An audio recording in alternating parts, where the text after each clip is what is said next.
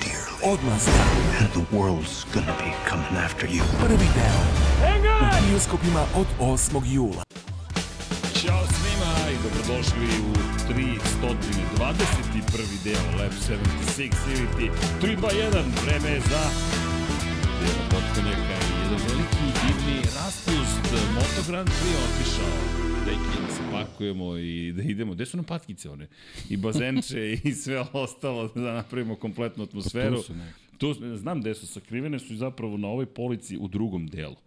Tamo su. Posle ćemo Pačiju brigadu da izvučemo i da obeležimo kraj prvog dela sezone, kao prvog dela sezone. Osmo trka od 20, ali ok. Tromesečje. Tromesečje. Ali, pre nego što krenemo, kao i uvek, molimo vas da vodite računa jedni drugima i vozite računa jedni drugima, ali pre svega da se mazite i pazite. Mazite se, pazite se i upisujte fakultete. E, Čestitamo našoj dragoj gošći večerasnoj koja sedi iza kulise koja je pisala drugi fakultet, čisto da kaže mi Miksa kada upišeš treći, kaže ne, jedan sam završila, jedan sad završavam, a treći sam upisala zapravo, to jest masteriram, ne znam više, ne mogu da povatam šta radi, ali čestitke i upisujte se ljudi, školujte se, Miksa, de, deki, ti si diplomirao ili... Nisam. Uf, teške teme za stolom na stadiju studiju na kraju univerzuma. Dakle, jedina osoba koja je diplomirala u ovoj prostoriji, imamo još jednu u drugoj prostoriji, da, okej. Ništa. Da. Zato stigao gostima, a mi Miksa i Miksa živeli u to ime popićemo čaj pozdrav i za Paju koji to je taj trend u svakom slučaju nemojte našim primjerima školujte se ljudi uh, malo je vrući čaj ali ukusan Dobro, sad ispada da se nismo školovali, okej. Okay. Ne, mi smo se školovali, samo nismo dobili diplom. I ne Let's smo se školovali. here, ajmo nešto drugo. Ajmo nešto bezmo iz ove teme.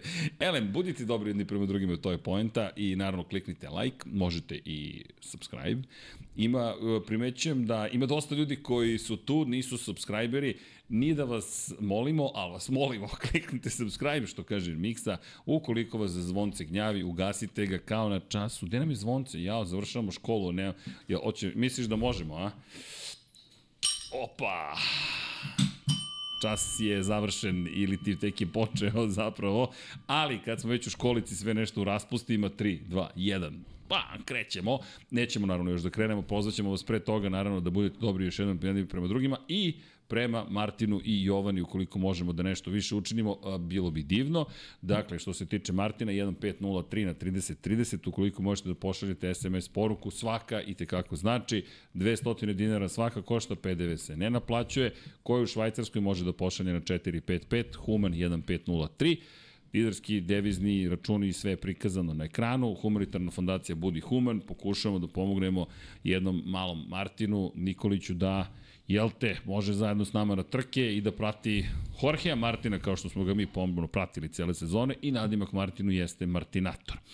I Jovanu naravno bismo da po- podržimo 1492, da znam da, da tražimo za dve osobe, ali tražit ćemo i za 102 ukoliko treba, ne, ne, ne zamerite na 30-30 ukoliko možete da pošaljete poruku, 200 dinara je i naravno PDV se ne naplaćuje ili Human 1492 na 455 u Švajcarskoj opet dinarski devizni računi su prikazani i humanitarna fondacija Budi Human stoji iza ove akcije, a stojimo mi prosto našim željom da pomognemo, da vas pozovemo, da svi zajedno nekako jel te uradimo taj neki mali deo koji možemo, što za Jovanu, što za Martina, ali za bilo koga ukoliko možete bilo šta da učinite, prosto lepša je planeta. To je neka naša univerzalna ideja i kada pogledate vikendi iza nas i Moto Grand Prix trke kako izgledaju u Moto dvojkama, Moto trojkama, Moto E klasi u Red Bullom kupu Novalija, sve što se dešavalo, pa ne možete, makar mi da nemamo osmeh na licu, pa eto taj osmeh da podelimo s drugima. Kad si srećan, aj ti pod...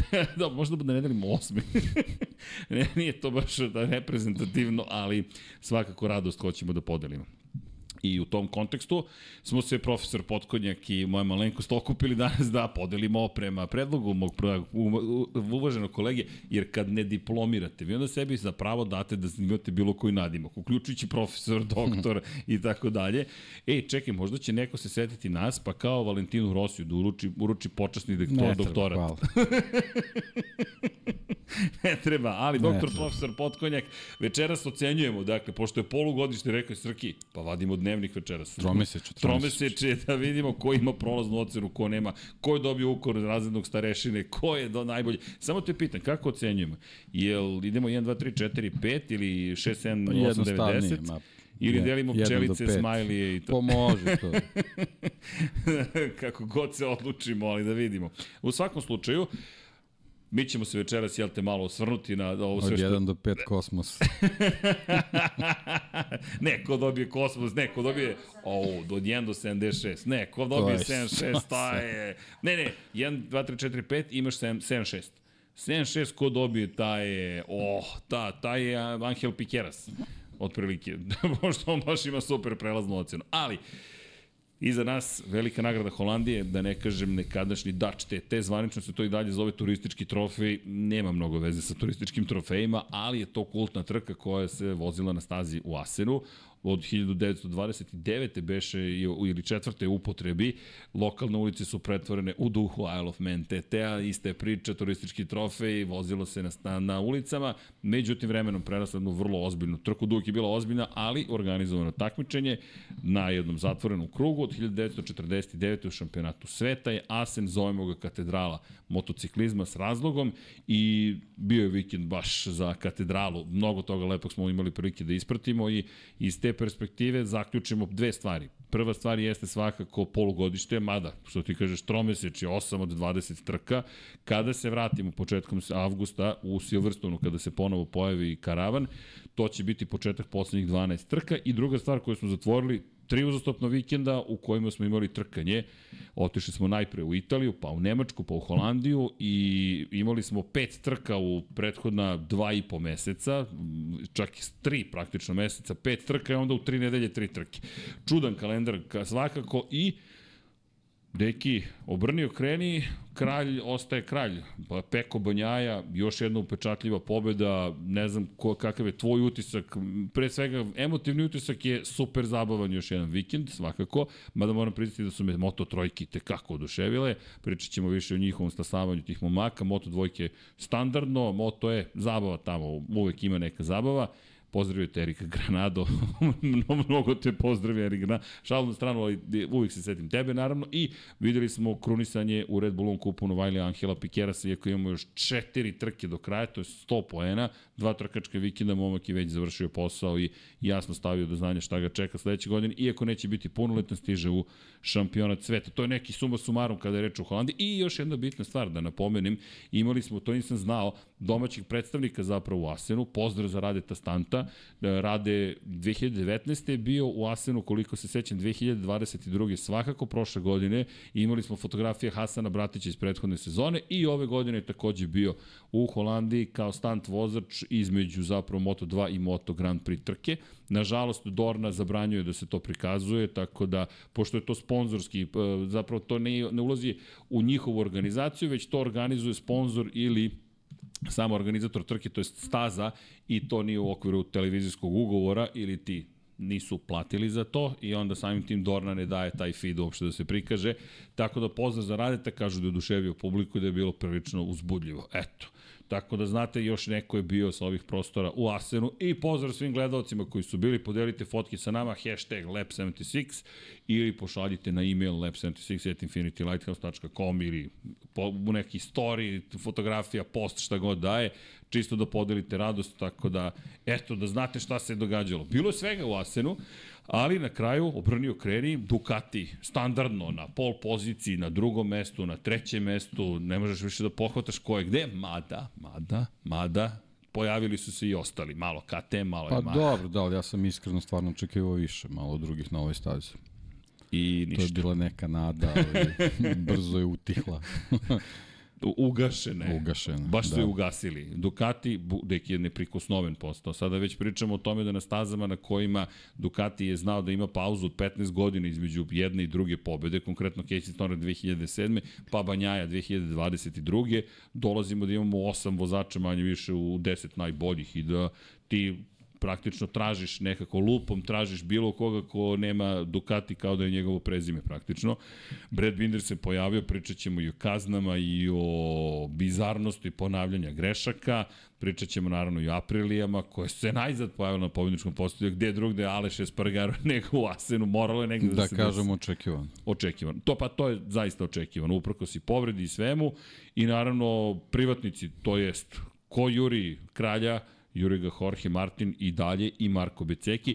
I što se mene tiče, aj pričat ćemo o svemu, i Asenu i zaključak da, po prvog dela sezone i ove tri trke, svakako prvi utisak rekao bih da mora biti ipak čovjek koji je na poziciji broj 1, jednostavno Peko Banjaja, nije sezona počela baš najjednostavnije, dva pada u dve glavne trke u prva tri takmičenja, ali kada pogledaš, moj utisak je da je iskoristio, ne iskoristio pauzu, nego se spremio za ovaj deo sezone, ključni deo sezone, najbolji mogući način. Ako pogledamo, dve pobede u glavnim trkama, jedno drugo mesto, u sprintu pečatljiv pobede u Muđelu konkretno. U sprintu, u drugom sprintu se našao na poziciji broj 2 i pozicija broj 2 ponovo u trećem sprintu teško da možemo tražimo više. Obarao je rekorde usput, najbrži krug ikada smo videli u Muđelu njegov, vozio je i ispred rivala, ispred Marka Markeza, ništa ga nije pokolebalo i u trkama, ja ne znam da li si uočio neku grešku, ja nisam moram ti priznati vidio neku vozačku grešku da je napravio, dosta je samouvereno delovao, eventualno u taktičkom smislu, ali ne vozački, da je negde bilo tu propusta, bar se ja ne Pa sjećam. da, sad kad si pitao, mislim, zaista nema nešto sad spektakularno mu se zameri posebno ova, u, ove, u ove tri da kažemo te vezane trke, ovaj bilo je tih nekih propusta ovaj eh, na početku sezone, ali da kažemo to su onako neki elementi vezani za neko zagrevanje i eto nešto što što ga i dalje karakteriše i što je ovaj praktično eto još jedini jedan element koji mora da, da na kojem mora da poradi da bi bio taj taj neki kompletni šampion, ovaj znamo u prošlosti dešavalo se stvarno da da neki veliki šampioni imaju gotovo savršene sezone bez, bez, bez nekih velikih grešaka i bespotrebnih gubitaka poena, ali eto nekako ta cela sezona se sad već ovaj razvija tako da eto te, te neke sitne pogreške mogu i da mu se oproste, a opet s druge strane ovaj poznajući ga iz prošle sezone stvarno može da se desi da je on na tim greškama i naučio da se možda više neće ni ponavljati što samo dodatno otežava posao ostalima opekli smo se prošle godine, ovo apsolutno nije trenutak da pričamo kako je sve rešeno, kako je sve, sve završeno, ali generalno ove tri trke ovaj, on je gotovo maksimalno odradio ovaj, šta, je, šta je trebao da, da uradi, ovaj, tako da skoro pa zaslužuje maksimalnu ocenu za, za učinak. Apsolutno čovek koji je kada pogledaš uradio, ja kažem, jedino što nije uradio je da ima maksimalne pobede, jednostavno još u sprintovima. Pa da je, dobro vidi, s obzirom je- da opet vraćam sam tu prošlu sezonu da je i to radio kad je bilo neophodno, verovatno je nekako trenutak da, da možda ne mora da, da maksimalno rizikuje, a to se, to se i vidi ovaj, iz njegove vožnje do duše ti neki brzi krugovi koji u nekim trenutima vrt, trenucima vrteo kad nije morao, stvarno pokazuje da je u odličnoj formi, da je, da je prilično samouveren, tako da da je potrebno, verovatno bi to došlo. E, dve pol pozicije u tri trke, čisto da pokrijemo sve i to, to meni, kada ga pričam pol pozicijama, možda statistički nije ni to toliko važno. Na kraju dana teško, redko kad sabiramo baš pol pozicije, makar ne u Moto Grand Prix, pa kažemo, e, znaš, ima toliko i pol pozicija, obično kada neko dođe do stadijuma da obara neki rekord ili da postiže nešto što dugo nismo videli. Ali suštinski kada pogledamo ono najvažnije, kada pogledamo da je to neki odraz zapravo stava, moje mišljenje, stava i pristupa celom trkanju i ovo što kažeš rizik. Nema potrebe ti da rizikuješ da dođeš do pol pozicije, nije da baš možeš tebe da programiraš, ali ne, ti ideš najbolje što možeš, to je prva stvar. I ovo što si rekao, praćenje u nekim momentima on je mogao i da odustane od bitke sa, sa Martinom, naprimjer, pogotovo u Nemačkoj ili od Becekija. Nije, on je konstantno tu i baš mi se dopalo što je baš šampionska vožnja, jer to je ono što je bilo potrebno. I nije upalio kalkulator. Još, iako kada pogledaš iz perspektive šampionata, on je čovek koji ima jednu lepu prednost i, i, i možemo da pričamo o tome da hajde, daleko od toga da je završena stvar, ali je u ove tri trke jedini bio na pobedničkom postolju sva tri navrata. Jorge Martin je bio blizu, ali opet samo jedan čovjek je uspeo i opet to je ta šampionska forma. Prvi, drugi, prvi, to je to. Ako i nije tvoj vikend, ti si na poziciji broj 2. Baš, baš moram ti priznati da me, neću reći iznenadio, ali da me obradovao što je tako napredovao, jer mislim da nam je potreban takav šampion, ono što može biti zabrinjavajuće, mada mislim da ne treba da brinemo kao u Formuli 1, mislim da ovde ima i alata, da ne kažem motocikala koji mogu da do, do, do, ne dovedu drugi do titule, a ima maka koji polako dolaze do tog stadijuma. Pa da, ali ovde, ovde nemamo tu superiornost, pre svega zato što su te mašine onako prilično slične i ovaj, ne može samo na, na vozački kvalitet da se naprave neke ogromne prednosti, ali što se njega tiče, ti brojevi govore, mislim, u osam trka, dva savršena vikenda i dva skoro savršena, tako da to je, to je onako učinak koji, koji ostali vozači ni, ni, ni blizu nisu, nisu ostvarili. E sad, ima tu ovaj, dve, tri trke koje onako nisu baš prošle kako treba i to je nešto što, na, na čemu on mora da, da poradi, bez obzira da li je, da li je njegova krivica ili ovaj, ili, ili jednostavno ovaj, se desilo kao splet okolnosti na koje on nije mogu da utiče, ali, ali generalno to su neke stvari koje, koje mora ovaj, da, da izbegne i mislim da, da ako u ovom tempu nastavi sezonu, znači apsolutno nije neophodno da, da njegovi vikendi budu, budu savršeni, već da ima ovakav neki ovakav neki fil ovaj, u, u toj svojoj torti, mislim da to može sasvim, sasvim dovoljno da bude, kažem, pre svega zato što ostali nisu ni blizu na, na tom nivou tih, tih ovaj, ostvarenja kako je on, iako, iako se dešava da, da poneko bljesne, više se ponavljaju imena kao Martin i Beceki od, nekih drugih, ali u principu to njemu savršeno odgovara. Što se više vozača pojavljuje u toj priči da ga prate, njemu je matematički jednostavni zadatak. E, ali kada pogledamo, na primjer, stanje u šampionatu sveta, kada, kada bacimo pogled na, mislim da imamo i grafikon koji, koji pokazuje upravo to, dakle, kada pogledamo gde se gde zapravo nalaze, možeš da, možemo da vidimo upravo to o čemu govoriš. Svi ostali su nestali, ali ova dvojica, moram da ih pohvalim, zaista, jer ako pogledamo poslednjih pet trka, pobjeda za Banjaju, pobjeda za Becekija, pobjeda za Banjaju, pobjeda za Martina, pobjeda za Banjaju. Ok, stalno je Banjaja taj koji se vraća i stalno je taj koji se drži, ali ni njih dvojica ne odustaju tako lako. 35 poena, to je 36, po novom računanju taj trkački vikend jedan i dalje za ostatka je tu, to jest manje od trkačkog vikenda. Ukupno 37 poena čovjek može da osvoji tu da, praktično, vikenda. praktično jedan savršen vikend prednost ima. Tako je. I sad kada pogledamo da su ovo neki novi momci, da je Martin prošle godine bio baš u problematičnoj formi po tom pitanju, gore, dole, gore, dole, gore, dole, ovo je nešto novo kod, kod Martina, a kod Beceke druga sezona u šampionatu, stasavanje koje ja moram ti priznati nisam baš očekivao ovakvo stasavanje. Sećam se pre početka sezone, pa kao možda Beceki jedna pobeda, Sad to nije više pitanje jedne pobede, on je momak koji sad pobeđuje u sprintu, momak koji pobeđuje u velikim u nagradama, osvaja pol pozicije, obara rekorde, to je sada već jedan vozač koji polako postaje kompletan. Vratit ću se na ono što ti često spominješ, a to je gledao sam baš neki video o Formuli 2, stanje u Formuli 2 i kaže Formula 2 je jednaka. Pa zapravo nije. Možda ćete dobiti identičnu šasiju, identičan motor, identične gume i kao pa sve jednako. Pa ne baš. Jer jedino velike ekipe mogu da dovedu ljude koji znaju kako da podese te bolide, kako da otključaju, kako da razumeju vozače i da naprave od toga taj takozvan jedan kompletan paket. I tu pohvale mislim da zaslužuju i Pramak kao ekipa. Dolazak Gina Borsoja deluje da je promenio način na koji se radi. Da li mnogo, da li malo, ne znamo, ali to uopšte nije jednostavno novi šef i odjednom uspesi su tu.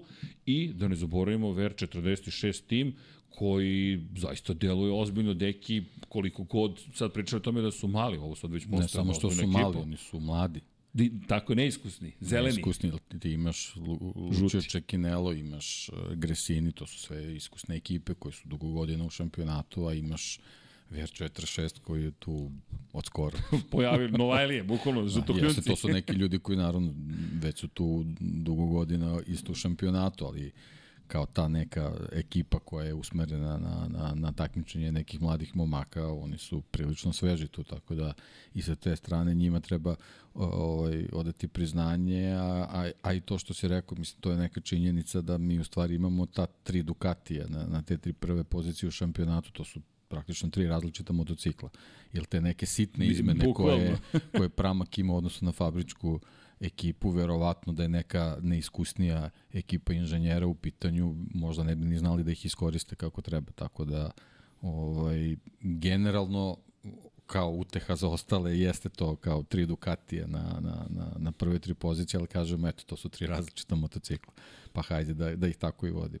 E, inače, e, šta mi je zanimljivo u ekipi VR46, ne znam da li neko zna, da li može da odgovori na pitanje šta je zajedničko Lorisu Capirosiju, Maxu Bjađu i Valentinu Rosiju i Marko Melandriju, a ne da dolazi iz Italije. Dakle, da ne, to, ne da dolazi iz Italije, a sada ta, ta, ta, ta, jedna, ta jedan imenilac postaje zajednički i za Marka Becekija i generalno za VR46 ekipu. E, dakle, probajte da, da, da odgovorite na pitanje, ali kada govorimo o zapravo, hajde, otkrićemo relativno brzo, kada govorimo zapravo o uspesima ove ekipe, moramo pričamo o Mateu Flaminiju.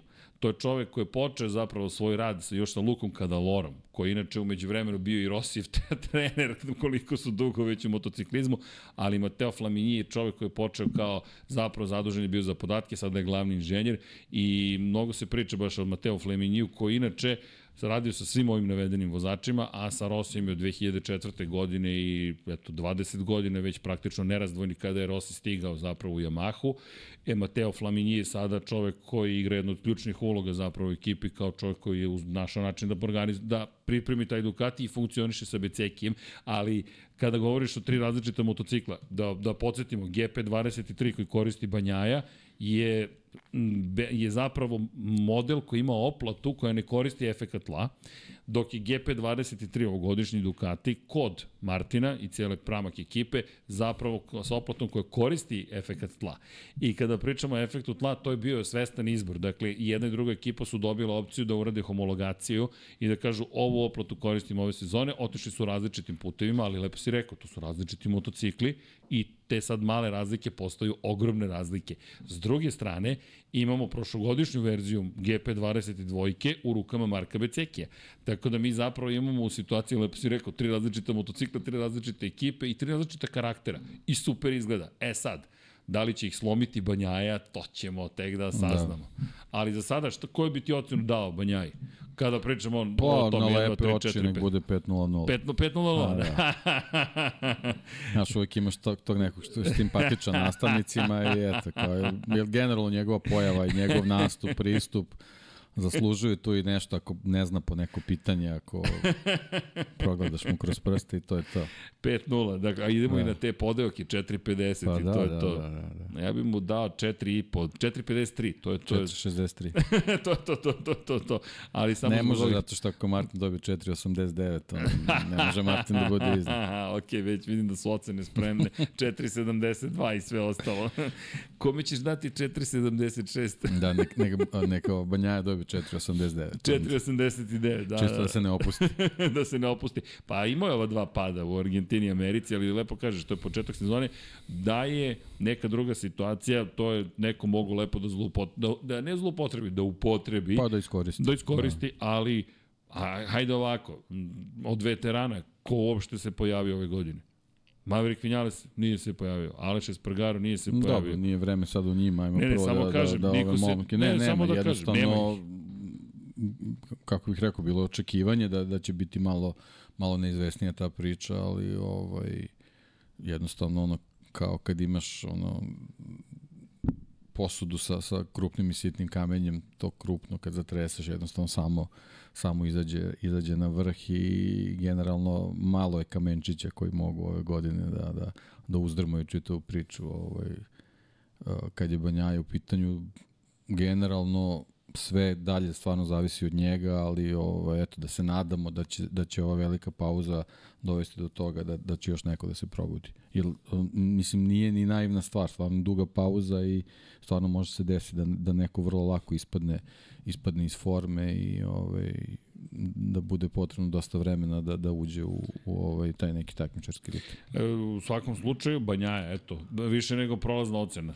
Ma možemo da mu damo i peticu, pošto je čovjek pa slomio otpor svih. Oči. Na lepe oči, slomio otpor svih i da, napravio dve greške, ni računamo ono u Francuskoj, to je, trkač, to je trkanje. To, da.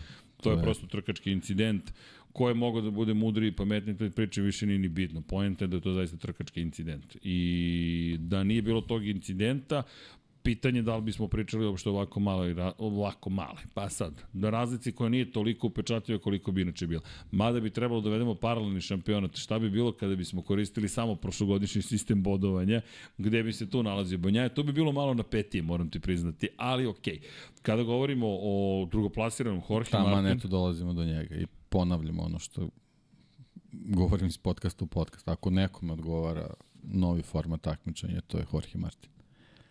sad još One sad, Lap Wonder je ali iskoristio je, maksimalno tu svoju brzinu, taj jedan krug je pretvorio u 7-8 dobrih i ovaj, Da, a njemu, 7-8 dobrih u njemu ta subota prija apsolutno i ovaj, sa dobrim rezultatom u subotu on je mnogo rasterećeniji u nedelju i bukvalno imamo vozača koji, koji ima a, dve taktike vožnje za subotu i za nedelju, on to savršeno koristi drugi mogu samo da mu pozavide i da probaju da, da ga kopiraju.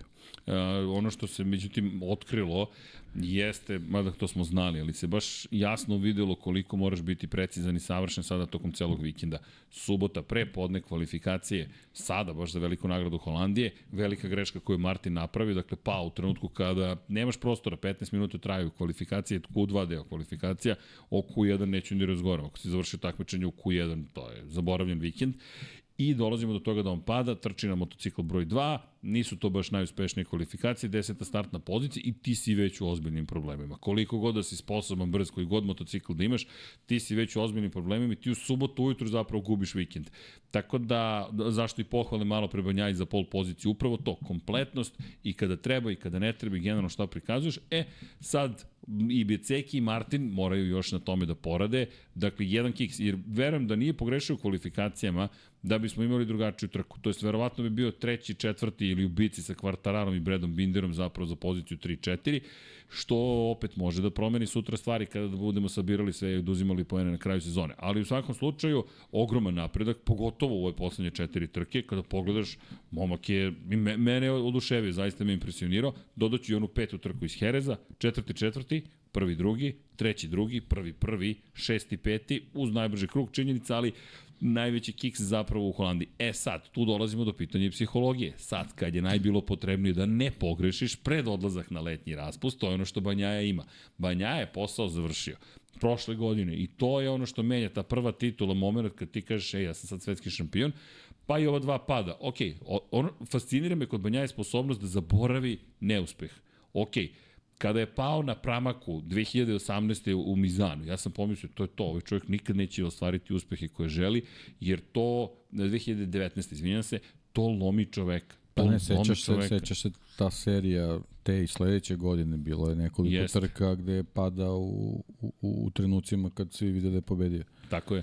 I sa Markezom i sa... ma- Mada, dve- uh, COVID je bila godina kada je predvodio 2019. stigao u šampionat i onda je imao padove u ranoj fazi karijere u Ducatiju, pa se postavio pitanje šta sad s Banjajom i onda sledeće godine vodio ispred Vinjalesa u Mizanu i onda 2021. je isto imao prvu pobedu u karijeri, pa vodstvo u Mizanu pa pada i ne samo tu, bilo je još tu još padova i opet je uspio to dosta iza sebe. I konačno Nemačka prošle godine, Pa dobro, to, To i je, ove. to je ono, stvar nadogradnje ličnosti. Jeste, tako jeste. da on bukvalno iz svake svoje greške uči, a redko kad ponavlja istu grešku sad naravno široki dijapazon stvari koje možeš, možeš da, da uprskaš tokom to- to- trkačkog da. vikenda, ali on je generalno neke stvari ovaj uspeo i, i, i ovaj na neki bezbolni način da, da, da prebrodi, da, da, da, da se učvrsti i kao ličnost i kao takmičar, tako da ovaj, stvarno se vidi da, da tu sve manje i manje problema ovaj, što se njega tiče, ima motocikl koji je veoma pouzdan,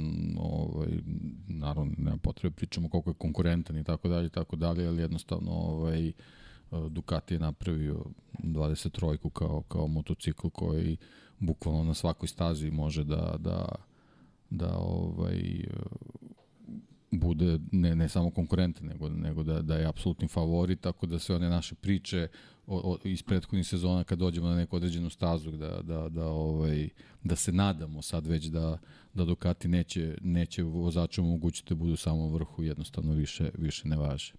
E, I pro, apropo te priče, sad Martin mora to isto da nauči i Beceki to isto mora da nauči i dopada mi se njihov napredak. E sad, ovo je test. Hoćete da skinete šampiona to je uspeo Banjaja prošle godine, skinuo je šampiona s vrha, to je težak posao. E sad još teži, uslovno rečeno, ne znam koji je teži, zavisi vjerojatno od ličnosti i okolnosti, kako god, da ostaneš šampion. E, na njima je sada novi izazov, ali mi se dopada što se razlikuju. Martin koji ima taj, ono o čemu smo pričali prošle nedelje, koji ima taj jedan super agresivan pristup i ne kažem da ne taktizira, ne bi završavao trke da ne taktizira, ali djeluje da baš mu živa vatra odgovara, to bum, bum, bum, samo da idu krug za krugom, krug za krugom, baš da je samo najjači mogući gas. Naravno što koje ti omogućava motocikl, gume i tako dalje. I dopada mi se što je takav i onda mi se dopada Marko Beceki koji ima popet neku treću vrstu ličnosti. Deki, ko, me, Beceki, ja, kako tumačiš njegove ne samo proslave, njegove način interakcije sada s publikom. Pa, Znaš, mislim da smo možda pre mesec dana to prvi put izgovorili da, da je on osoba koja će naslediti jednu ličnost po majicama, zastavama, kačketima i tako dalje, tako dalje. Nekako se uh, nenametljivo nameće. Ja, a ti deluje to da, da, da polako, apsolutno. ej čekaj, ja, ja, ja ću ovo da pri, ja prihvatam sebe, prihvatam ovo i to jesam ja i evo, ovo sam ja kao da jedna ličnost dolazi zaista do izražaja. Ja sam srećan, radostan, jednostavan. To sam ja. I to je to, da. I popeti se na toranj zapravo, izaći na skele koje su namenjene za, za snimatelja, je, to se ne planira. Ili ako se planira, isplanirao ga kako treba. Boy next door. The boy next door. I izlazi publika koja se odjednom spaja sa njime i izjava, ne znam da li si čuo, ja, ja sam moram priznati da mi se učinilo, ne, ne znam italijanski dovoljno dobro, Recimo da je na engleskom bilo bi cenzurisano, ali pošto italijanski još nije ni režija pohvatali, bio sam ubeđen da je spominjao polne organe, da ne zamere dame koje su ovde prisutne i koje prate pa, ovo. Alešova reakcija. Alešova reakcija koja... Govori da si upravo, ko, da. Ne, ja koji razmišljam, ok, ja neću ovo ni da prevodim, ne, ne želim da pogrešim u, u, u ne, de, delikatnom trenutku, ali se na kraju ispostavilo da je zapravo odgovor bio Marko Becek, oprostite, Francesco Banjaj, gde je Banjaj spominjao izbor guma i Marko koji mu kaže, pa izabrao sam pogrešnu gumu I ne, izabrao sam, kaže, i kaže mu Banjaj, dobro je da si izabrao ovu drugu gumu. Kaže, dobro je za tebe, inače bismo imali seksualni odnos. To ja bih s tobom seksualno opštio. I sad uh, pokušavam da zaista izgovorim, jer je to izgovoreno i Banjaja koji kao, uh, da, čekaj, to je svetski šampion, Beceki udara bez milosti, pri čemu ti to prijatelji iz akademije, možda se vi tako i šalite, ali tu su kamere, to je svetski šampion, tu je Aleš, koji, koji, kome voda izleće iz usta, čak ni ne glumi čovjek ne može da veruje šta ovaj rekao. I ti sad gledaš ga, ha, ha, ha, deki, tamo se ozbiljno zahuktava. Mi smo postavili pre, pre koliko, dva meseca pitanje kako će da se podeli grupa navijača koja podržava Valentina Rossi, koji dan danas najbrojnija. Na koju stranu? Crvena pa, majica mi, ili žuta mi da će, majica. da će izbor biti ovaj, sve jednostavniji. Da, mislim da, da polako, ali sigurno otima publiku. Ali sad već mislim da je vrlo svestan sebe, da. što mi govori da je siguran i u svoju vožnju dovoljno, da može da kaže, ok, ide mi na tu vrstu Megdana, I moram ti priznati da se zahuktava jedna vrlo zanimljiva priča. I Jorge Martin koji u toj priči nekako kao da je sa strane momak. Ok, ovo su neki momci koji su zajedno. Ne kažem da je outsider, nego da je sa strane u kontekstu interakcije koja postoji u VR46 akademiji. Jer ti kada pogledaš, to su klinci pa, koji dobro, su akademiji svega nije italijan. To je pre svega. To je, to je u toj nekoj interakciji s publikom, mislim da je, da je bitno ali isto tako govori na italijanskom, pošto su pa, svi zaposleni pa, u italijanskim da, fabrikama. Da, vidiš i Aleš isto i to je jednostavno ovaj španski italijanski vrlo lako. Da, vrlo da, vrlo lako, vrlo da, lako da, da, prebaciti se ovaj ali ali generalno ovaj upravo što se toga tiče, mislim mislim da Beceki onako baš um, kako bih rekao, delo je da, da je onako iskreno i nesvesno ovaj, grabi svoju ulogu, ali mislim da, da vrlo dobro zna šta radi. ne, imam utisak da, da, da. Pritom, je svest mora, moramo da spomenemo, cela ova situacija je za sve njih mnogo jednostavnija ovaj, izostankom Enea Bastianini.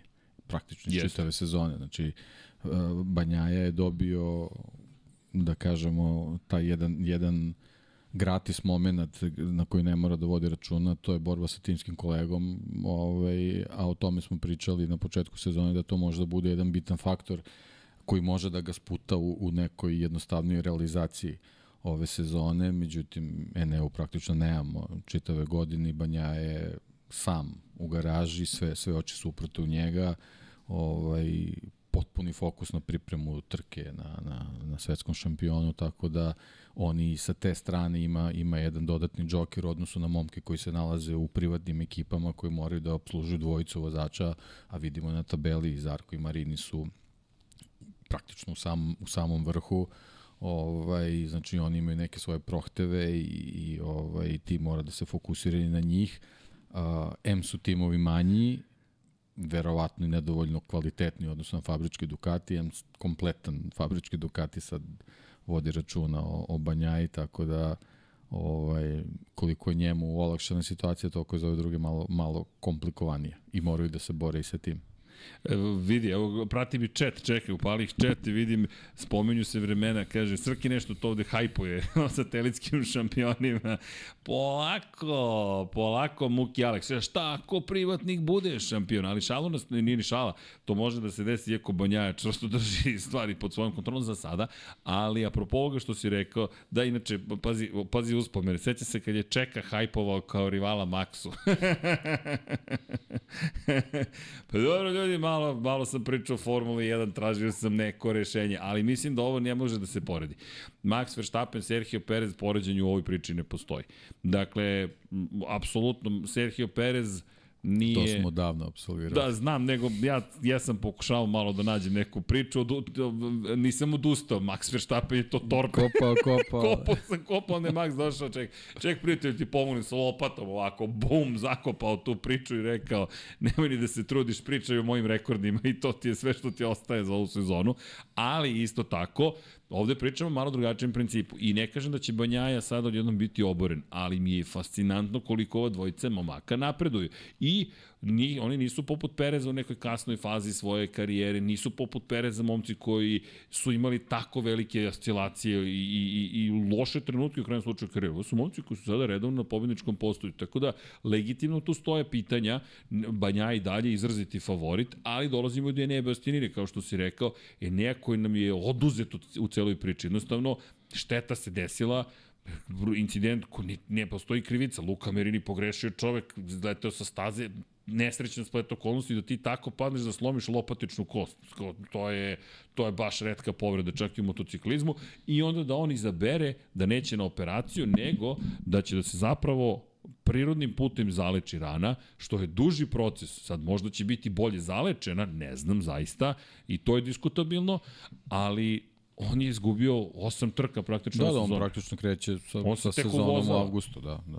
Ovo je, ovo je bio, bio trenutak zbog ovaj, učestalog broja trka da, da, da čisto uđe u neku formu, ali i to iako se vratilo sa pet nedelja pauze, praktično kreće iz početka gde neće imati priliku praktično sedne čemu? na Moto Grand Prix motocikl, tako da baš je, baš je nezgodno. Izvini, ali tu ima mnogo bitan detalj, ti stalno pričaš o tome, zato to te stvari koje govoriš, koji su detalji, koji su finese, koji su mnogo bitne.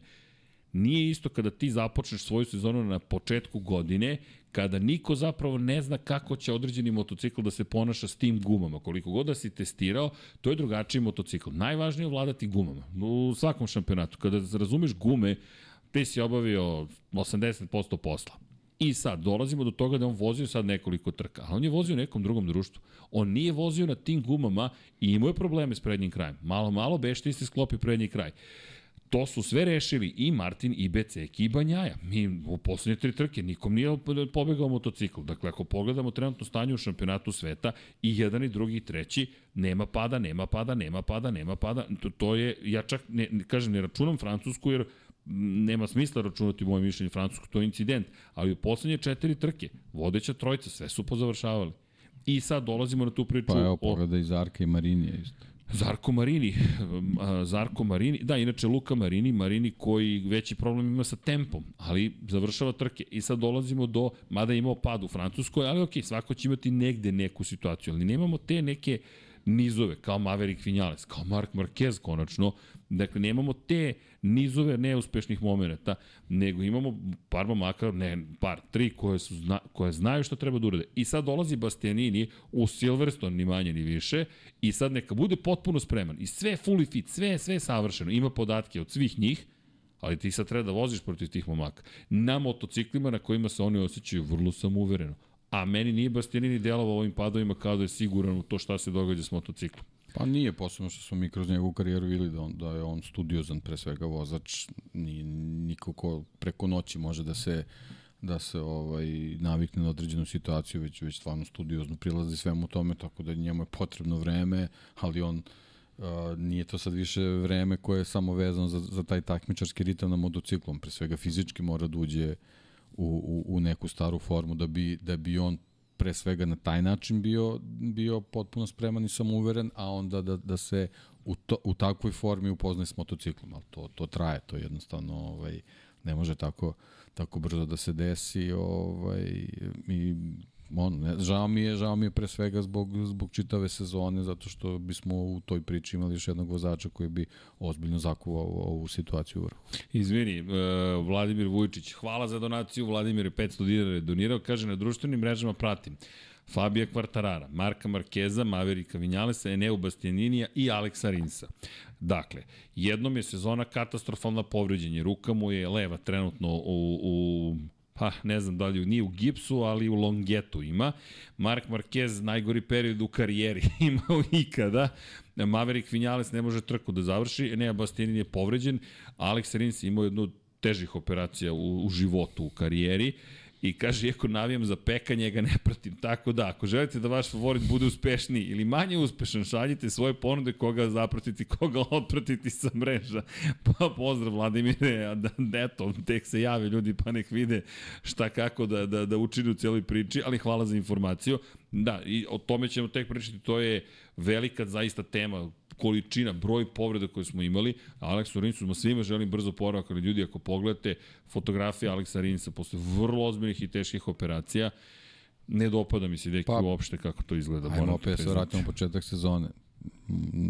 Pretpostavili smo da, da ovakav tempo može da, da uzme ozbiljan danak. I ovaj, nažalost, to se je obistinilo i imamo prilično krnju sezonu gde, gde ja ne znam da li smo imali jednu trku osim starta prvog sprinta gde su svi bili na na bukvalno na točkovima i to je bilo to. Da. Ne, na, ne, pa čak ne ni znam tada. Da, da mislim da ni, ni tada. Nije Pole Spargaro je već je, bio, nažalost, je, u bolnici. Tako je, to sam zaboravio. Već je da. bio u bolnici. E, ne znaš šta? Bukvalno ni, ne, eto, ni jedan start nismo imali sa, sa kompletnim gridom. Ne, ne, e, moram da proverim ovako na pamet, ne sećam se zaista ove količine povreda, da smo imali ovako ozbiljnih povreda u šampionatu sveta. I iz te perspektive, da, izgubili smo neke, ne samo to, point je da ti ljudi su povređeni, to je najgore od svega. I kažem, ne, ne volim statističku bilo kakvu analizu poređenja, da ne uzmemo podatke iz prethodnih sezona, pa ću se potruditi da vidim, da saznam Da li smo imali ovakve situacije prethodnih godina da ih da smo ih zanemarili, da smo rekli, a ok, to se desilo. Kao što je bio, na primjer, ne znam, pad Aleksa Rinsa dok je bio na Suzuki-u, kada je spašavao Jacka Millera, kada nije hteo da pusti motocikl da bi izbegao Australijanca koji je već bio van staze. Ne, te sezone ne mogu sad da setim ko je tu, pa se Marquez bio povredio te sezone. Hajde da uradimo neku vrstu analize, ali utisak ovako, inicijalni utisak, ja zaista se ne sjećam da oliko povreda. Miguel Oliveira dva puta je povređivan. Enea Bastianini povređen, Mark Marquez povređen, Pole Espargaro povređen, Aleš Espargaro povređen, Fabio Quartararo povređen, ko je još bio povređen? Pa evo, krenut ćemo Raul Fernandez operacija. Banja je vozio Banja je vozio povređen sa štakama. Dakle, a, Marko Beceki, ne, Luka Marini je imao prelom takođe. Alex Marquez je, da li je isto mu je članak ruka, nešto e, je Da, da, spomenuli smo Aleša. To je već 10 vozača od 20 i koliko ih 22 koje imamo. E, koga sam još zaboravio u celoj priči? Znam ko jedini je povređen srećem, Augusto Fernandez, čovek je najveći kralj svih vremena. On završava deki, tvoji, tvoji pikovi su... ne, ne, slušajte deki za Moto2 i Moto3. Kad izabere, verujte, odmah zaokružite tog čoveka i pratite. Ponovo svoju pojene, nevjerovatan je. Novajli je zaista nevjerovatan. Koga smo još imali? Nadam se da sam da, da se niko više nije povredio, ali baš evo sad već 10, jel treba još povreda? Ne, zaista ne treba. Pri čemu nekoliko, Alex Rins, 11. osoba. Mnogo je, mnogo je stresa, dve trke po vikendu, ovaj, stvarno ovaj, odnose danak na tom nekom psihofizičkom ovaj, aspektu, a imamo motocikle koji su sve snažniji, sve, sve moćniji. Pričali smo o tome da je neophodno da se fino i nežno voze, ali ti kad imaš ovaj, nekoliko sesija tokom vikenda gde, gde moraš ono preko 100% mogućnosti sebi motocikla da da ovo ovaj, iskoristiš, što ovaj, stvarno je tanka ivica gde, gde, gde svaka greška dovodi do, do nekih ovaj, nepredviđenih situacija, a onda sa druge strane moment koji je onako prilično neželjen za, ovu, za ovu sezonu, to su, to su nekonkurentnost japanskih motocikala koji ovaj, bukvalno teraju svoje vozače na, na, na stilove vožnje na koje nisu navikli, na, na neke možda i teško je reći nepotrebne rizike zašto su to sve iskusni vozači. Mislim, svi njihovi rizici su donekle sračunati, ali jednostavno u takvim situacijama ne, ne možeš ni, ni sve da držiš pod kontrolom i onda eto, dešava se dodatno, dodatni problemi se pojavljuju i onda imamo i pehove koji dolaze iz, iz nemoći i bez mogućnosti u stvari da budeš i konkurentan. I onda ovaj, uz, uz povrede koje do, dolaze zbog, zbog puke borbe u samom vrhu u takmičenju dolazi i povrede koje stižu tako i iz nekih nemoći, onda onda imamo taj taj zbir koji si koji si upravo naveo. Ima tu par stvari, dosta se priča Ducati, ne Ducati, tako da ljudi to je miks stvari. Ducati je apsolutno najbolji pripremljen motocikl. Tu ne, ne, ne znam ni šta bih dodao. Ima ih osam pritom. Dakle, duplo više od prvog sledećeg rivala. Pa Imamo... Ducati u ovom trenutku jednostavno prethodnica tog novog tehničkog tehničko-tehnološkog trenda u Moto Grand Prix-u i na drugima je da to slede ili je na samoj organizaciji da malo ovaj, pokuša da spusti loptu i da jednostavno ne, ne dozvoli da da ovaj, to prerasta u neku, ne, neku nekontrolisanu ekspanziju koju jednostavno ostali, ostali ovaj, proizvođači ne mogu da prate. Hvala, inače Bapa Grapa, znaš koga smo zaboravili? Imamo 11 vozača, ali nam nedostaje još jedan. Joan Mir. Deki, nisam čoveka da. čak ni spomenuo koliko ga nema na stazi, koliko dugo je povređen i koliko puta je pao ove sezone. Mi pričamo o povredama ko da radimo NFL, imam taj osjećaj miksa, kao da smo krenuli da nabrojamo roster koliko pa nedostaje jeste, ljudi. Pa jeste, ali ovo je, ovo je jedan tim NFL.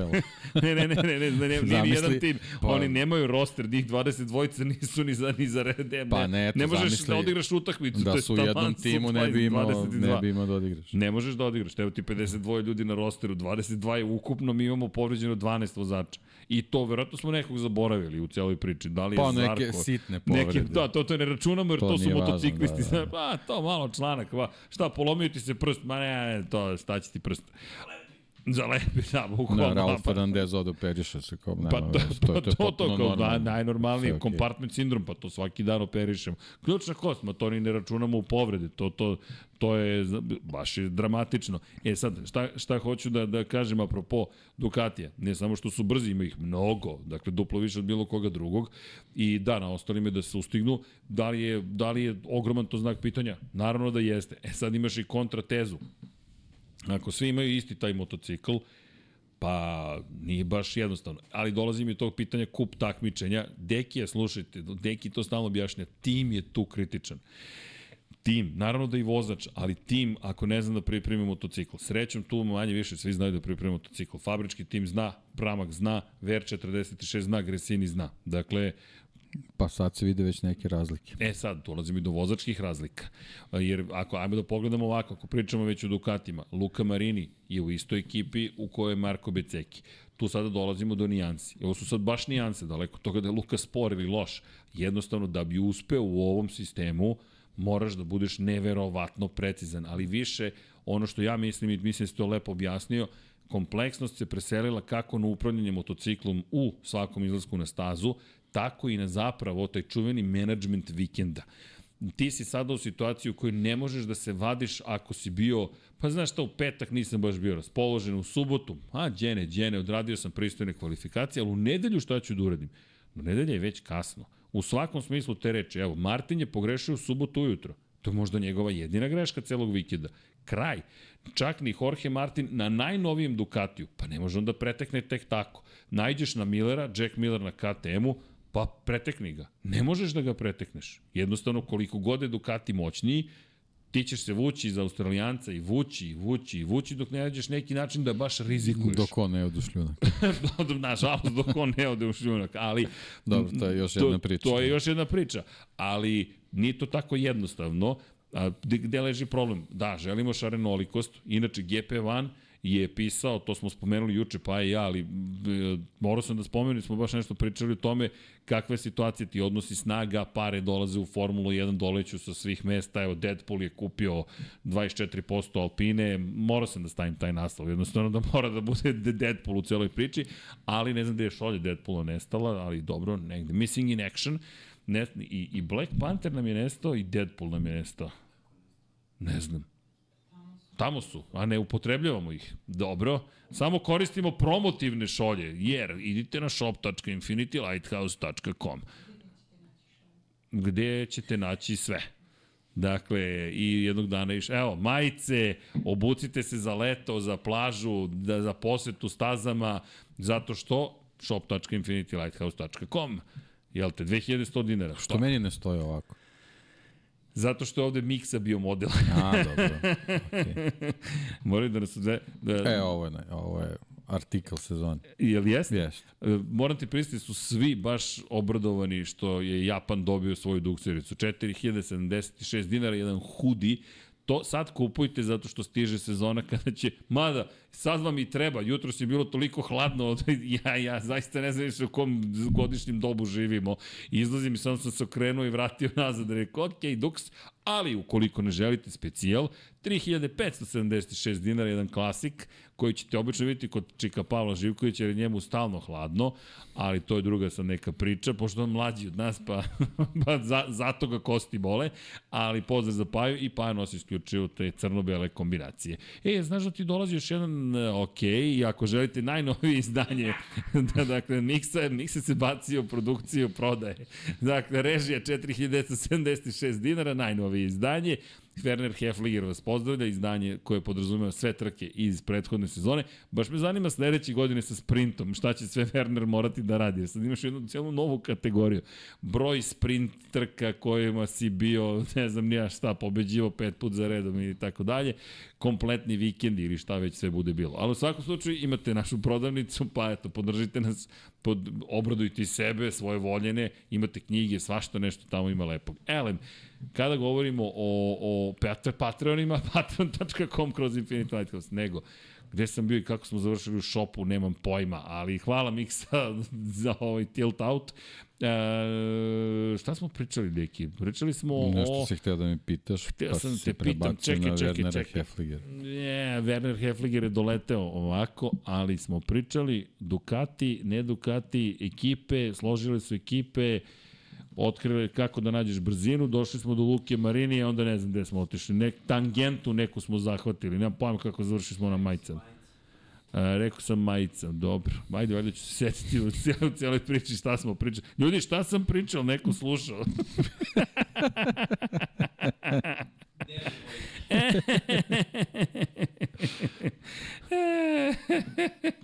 Ali dobro. Da, možda, će, možda je neko slušao u celoj priči. Pozdrav svima, kliknite like. Ajmo drugari, like kad smo već ovde. 283 ljudi, 91 like. Pa dajte ljudi, bar do stotke da dođemo da imamo. Miksa mi je zacrto sledeću stvar. Rekao je, moraš da imaš 50% odnos između broja ljudi koji gledaju i lajkova. Tako da, eto, to je, uveo je KPI-eve, popularne, Key Performance indikatore. Ajmo. Very Epi Studio, naravno da je Very Epi Studio, pa ljudi mora da bude Very Epi. Super Epi. Super Epi, Super Epi Studio. Elem, da se mi vratimo na jel te priču Srki, a Ferrari majica stiže, stiže Nikola Niksi. E, u svakom slučaju, iz te perspektive, dakle, tu se sad vide razlike. Krenuo sam da pričam o Luki Mariniju, zapravo, koji uopšte nije loš i pričamo o tome nijansama. E, da, setli sam se, a, zaradi glava ipak. A to je da ti moraš zapravo da imaš sada menadžment trkačkog vikenda. Što je postalo ekstremno važno uvođenju sprint trka. Ti moraš zaista da tačno znaš ceo plan šta ćeš da radiš. I to sam pitao Beštiju Bukvalno sam ga to pitao pre početka sezone. Rekao je, Neja, da li već sada trenirate kako ćete zapravo da se organizujete tokom trkačkih vikenda? Rekao je, ne, svi čekamo Portugal. Njegov Portugal se završio na najgori mogući način, povredom, a ostali su dobili priliku da testiraju upravo to. I ono što želim da pitam sada da, i Gina Borso i ostale, kako, koliko ste radili na, na tome da budete, na, moram pristati da mi se to ne dopada, jer nas gura ka tome da vozač, izvinjam se, ima sve manju i manju ulogu tim kompletan ima sve veću i veću ulogu, jer ti sada zavisiš od toga da svaki član te ekipe uradi posao na najbolji mogući način. Uvijek si od toga do nekle zavisio, ali sada nema više toga nedelja dva popodne, nešto će da smisli, pašće magija vozača.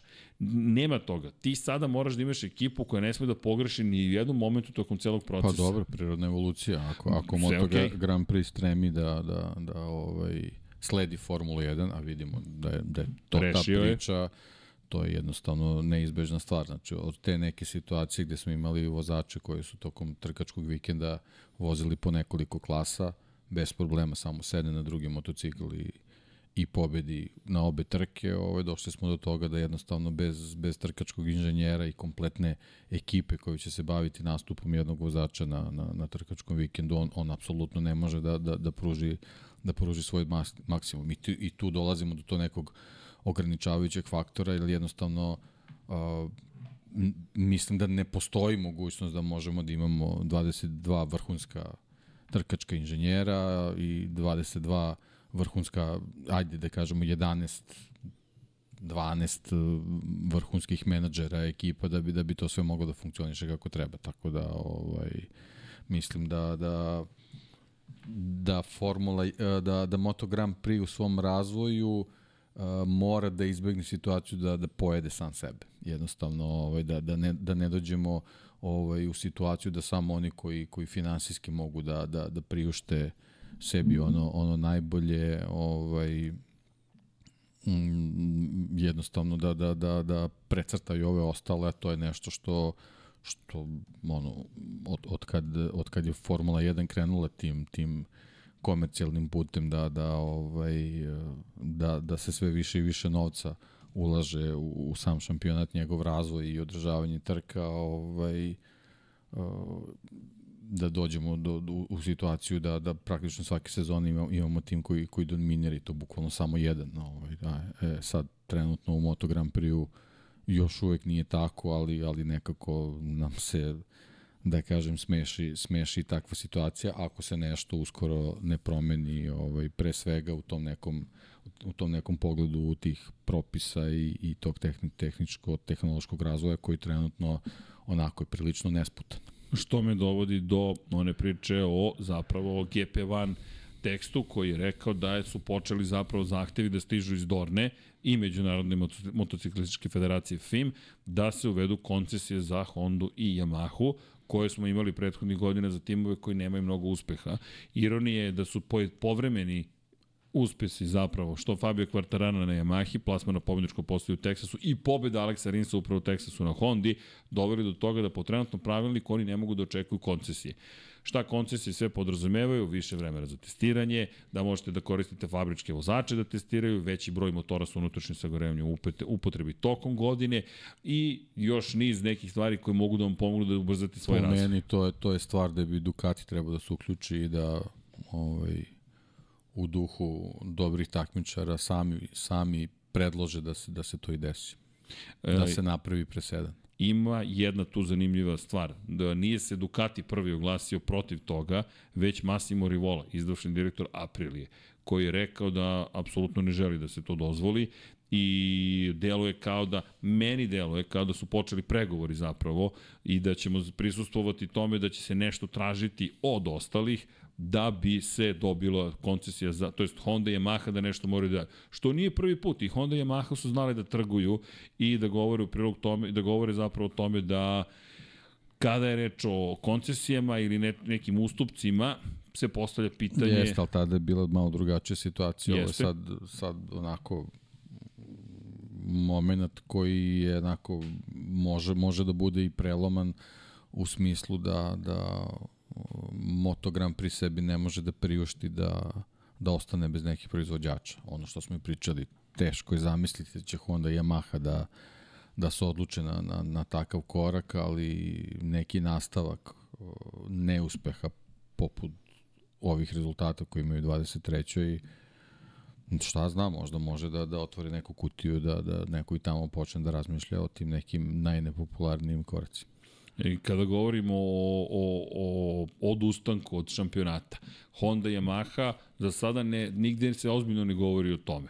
Deluje mi kao da je ovo početak pritiska političkog zapravo na evropske proizvođače, da pre nego što dođemo do zbiljnijeg razgovora, jer gde postoji problem koji za nas evropljane je porodično velika. To je zapravo nerazumevanje japanske kulture, pogotovo poslovne, gde neko zaista može na to, u trenutku da kaže ok, mi odustajemo od ovoga. E sad, iz iskustva sa Hondom i Yamahom, do sada su znali da znadaju signale ipak malo ranije nego, na primjer, Kawasaki ili Suzuki. Govorimo i o drugačijim odnosima u istoriji ovoga sporta kada je reč o Yamahi i Hondi. I inače, 2003. godine, kada je počela era Moto Grand Prix-a, pre dolaska Valentina Rosija u redove Yamahe, je postojala zaista mogućnost da Yamaha odustane od šampionata. I za njih je dovođenje Valentina Rosija bilo ili ili. Bukvalno su rekli ili ili, toliko su loši rezultati da ukoliko ovo ne uspe ili ukoliko ne upali eksperiment sa njim, to je to. Dakle, mi gasimo pa, ovaj program i idemo negde dalje nečim drugim da se bavimo. Drugo vreme, ali opet nije nešto o čemu ne vredi razmišljati. I slažem se s tobom, ako smo već imali situacije, da podsjetimo, 2012. godine, 11. 13. mi smo pričali o otvorenoj kategoriji, dakle o liberalizaciji elektronike, o tome da je Ducati tu dobio priliku da nešto svoje uradi, da razvije, jer Ducati nigde nije bilo, ne zaboravimo, 2010. su imali poslednju pobedu sa Casey Stonerom i onda su čekali 2015. godinu, pa, to su sada zaboravili. Vidi sad da se, da se razumemo na toj nekoj većetoj listi titula, Ducati ima samo dve titule. Mislim, oni su daleko, daleko od, od, od trofejnih ekipa koje su bile u, u Moto Grand Prix i MV Aguste i Yamahe i Honda. I, mislim, stvarno moraju mnogo, mnogo još da, da, da, da rade da bi, da bi, ga, da ih, da bi bilo ko ovaj, sastavu te, te velikane. Mislim, oni ovo, sad što rade, to je, to, to je taj, neki trenutni uh, momentum koji, koji stvarno ovaj, čini da, da, da oni Uh, da se uklapaju tu, u tu sliku naj, najmoćnijih brenda u, u Moto Grand Prix, ali, ali oni po broju tih nekih titula stvarno ne mogu ni, ni, ni, ni da priđu ni blizu ovaj fabrikama koje su koji su izgradile ove ovaj šampionate. Koliko god izgledalo fenomenalno sve u ovom trenutku, kao što si rekao, to je daleko od mi kada pričamo o Hondi, možete da izaberete gotovo bilo kog šampiona Honda ima više titula nego ceo Ducati u konkurenciji vozača. Dakle, Casey Stoner, Francesco Banjaje, to je to.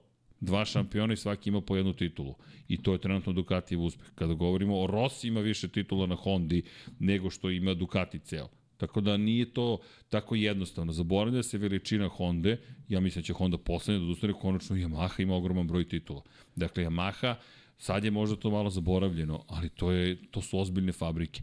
I da li treba koncesiju uvesti? Moje mišljenje je da generalno ako već ne možemo da izaberemo da napravimo pravu, pravu kategoriju prototipa i da kažemo ljudi razvijajte te motocikle, ajde da vidimo ko je bolji u razvoju, Ako hoćete neka ograničenja budžeta da uvodite, ne znam kako ćete ih implementirati, ili ok da pokušamo, ali ovo trenutno zaključavanje oplate, zaključavanje motora pre početka sezone, zaista mislim da je direktno suprotno zapravo interesu kompletnog šampionata.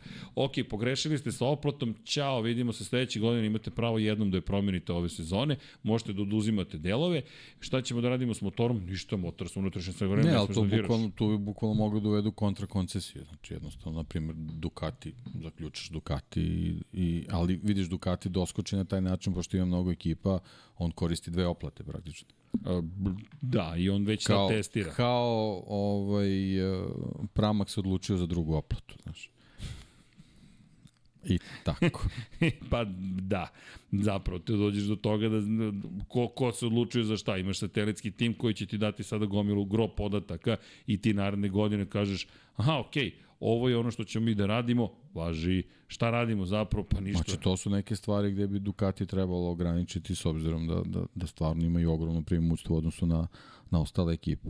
Posebno sa tim uh, mogućnostima uh, updateovanja prošlogodišnjih motocikla. To, to bi recimo isto bilo lepo, na primjer, zabraniti. Znači, prošlogodišnji motocikl je prošlogodišnji i, i to je to.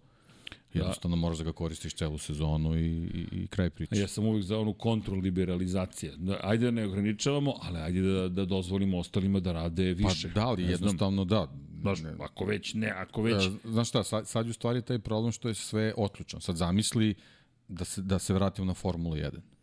Dobro. Kakav bi Red Bull imao bolid, ko zna šta je Adrian Newey nacrto da nema ograničenja. da, da, da, okej, okay, okej. Okay, Znaš, jednostavno, na šta bi to ličilo? Mislim, šta, da. deseti krug, uh, obilazak za čitav krug ostalih. Stvarno misliš da bi to napravio? Mislim, ne, pa on, pa, on. Pa, pa on je pokazao da, da, da ima u glavi koncepte ono, otključanih bolida. Mislim, šta to je... Da, da, zapravo mi ja Jednostavno mora, da, mora, mora ne, neko pravilo da postoji. Znaš, ovako sad, sad ovo, je, ovo je super i fascinantno je za, sa, sa tog nekog tehnološkog aspekta što radi Ducati, ali jednostavno ovaj, uh, situacija gde, gde, gde, gde su drugi potpuno zatečeni uh, s onim šta se događa nije, nije u skladu onoga što, što, što ljudi koji vole taj šampionat žele da vide. To je u stvari taj problem. A oni bukvalno sa osam motocikala mogu da rade šta hoće toliko su prednosti da, da a znamo, mislim, nije, nije, ne radi se samo Ducatiju, znači čitav jedan koncern stoji iza njih koji ima ogromni, or, ogromni marketinški interes da to radi na taj način i to nisu samo stvari koji su vezane za, za trofeje na stazi. I dođemo opet do toga da zapravo u celoj priči E, dobro, možemo da se igramo, igramo, igramo, igramo, igramo, ali u celoj priči mi zapravo dolazimo do toga da se vrtimo ka Formuli 1, što se opet, meni apsolutno pa da, ali, ali hajde tu napriš paralelu sa, sa, sa Superbajkom koji stalno spominjemo, gde je jedna dominacija Kawasaki prekinuta tako što je jednostavno motociklu uskraćeno da, da, da pruži ono što može da bi ponovo jedan Ducati pobedio. Je li tako? Mm, kada na primer, tako da, postaviš da uprostimo, kada tako da uprostimo. postaviš stvari je okej. Okay. Fakat što tako, tako da, ispada. Koliko bi trajala ta dominacija Kawasaki da, da, da taj motocikl može da pruži pun potencijal? Uh, deki. okej. Da, do, dobro. Kad tako postaviš stvari, Dobro, gde dolazimo onda? Dolazimo do toga da ko bolje lobira, opet ista priča Naravno, kao i svugde. Apsolutno, da, okay. apsolutno. Došli smo baš u Formulu 1, 1 na 1. Došli smo do, evo, 1 na 1. Pratite 1 na 1. Vidiš kako dobar naziv, pratite 1 na 1. Ali, pazi, vrtim po glavi s nadom da ću otkriti nešto, ali ne mogu da otkrijem ništa što ne ukazuje na to da ćemo otići u potpunosti u svet Formule 1. Jer kada pogledaš, ajmo, dotići ćemo se ove trke u Asenu kada reči o politici. Izvini, ali Pedro Acosta zelena se površina nije prikazala sudijama, ne razumem.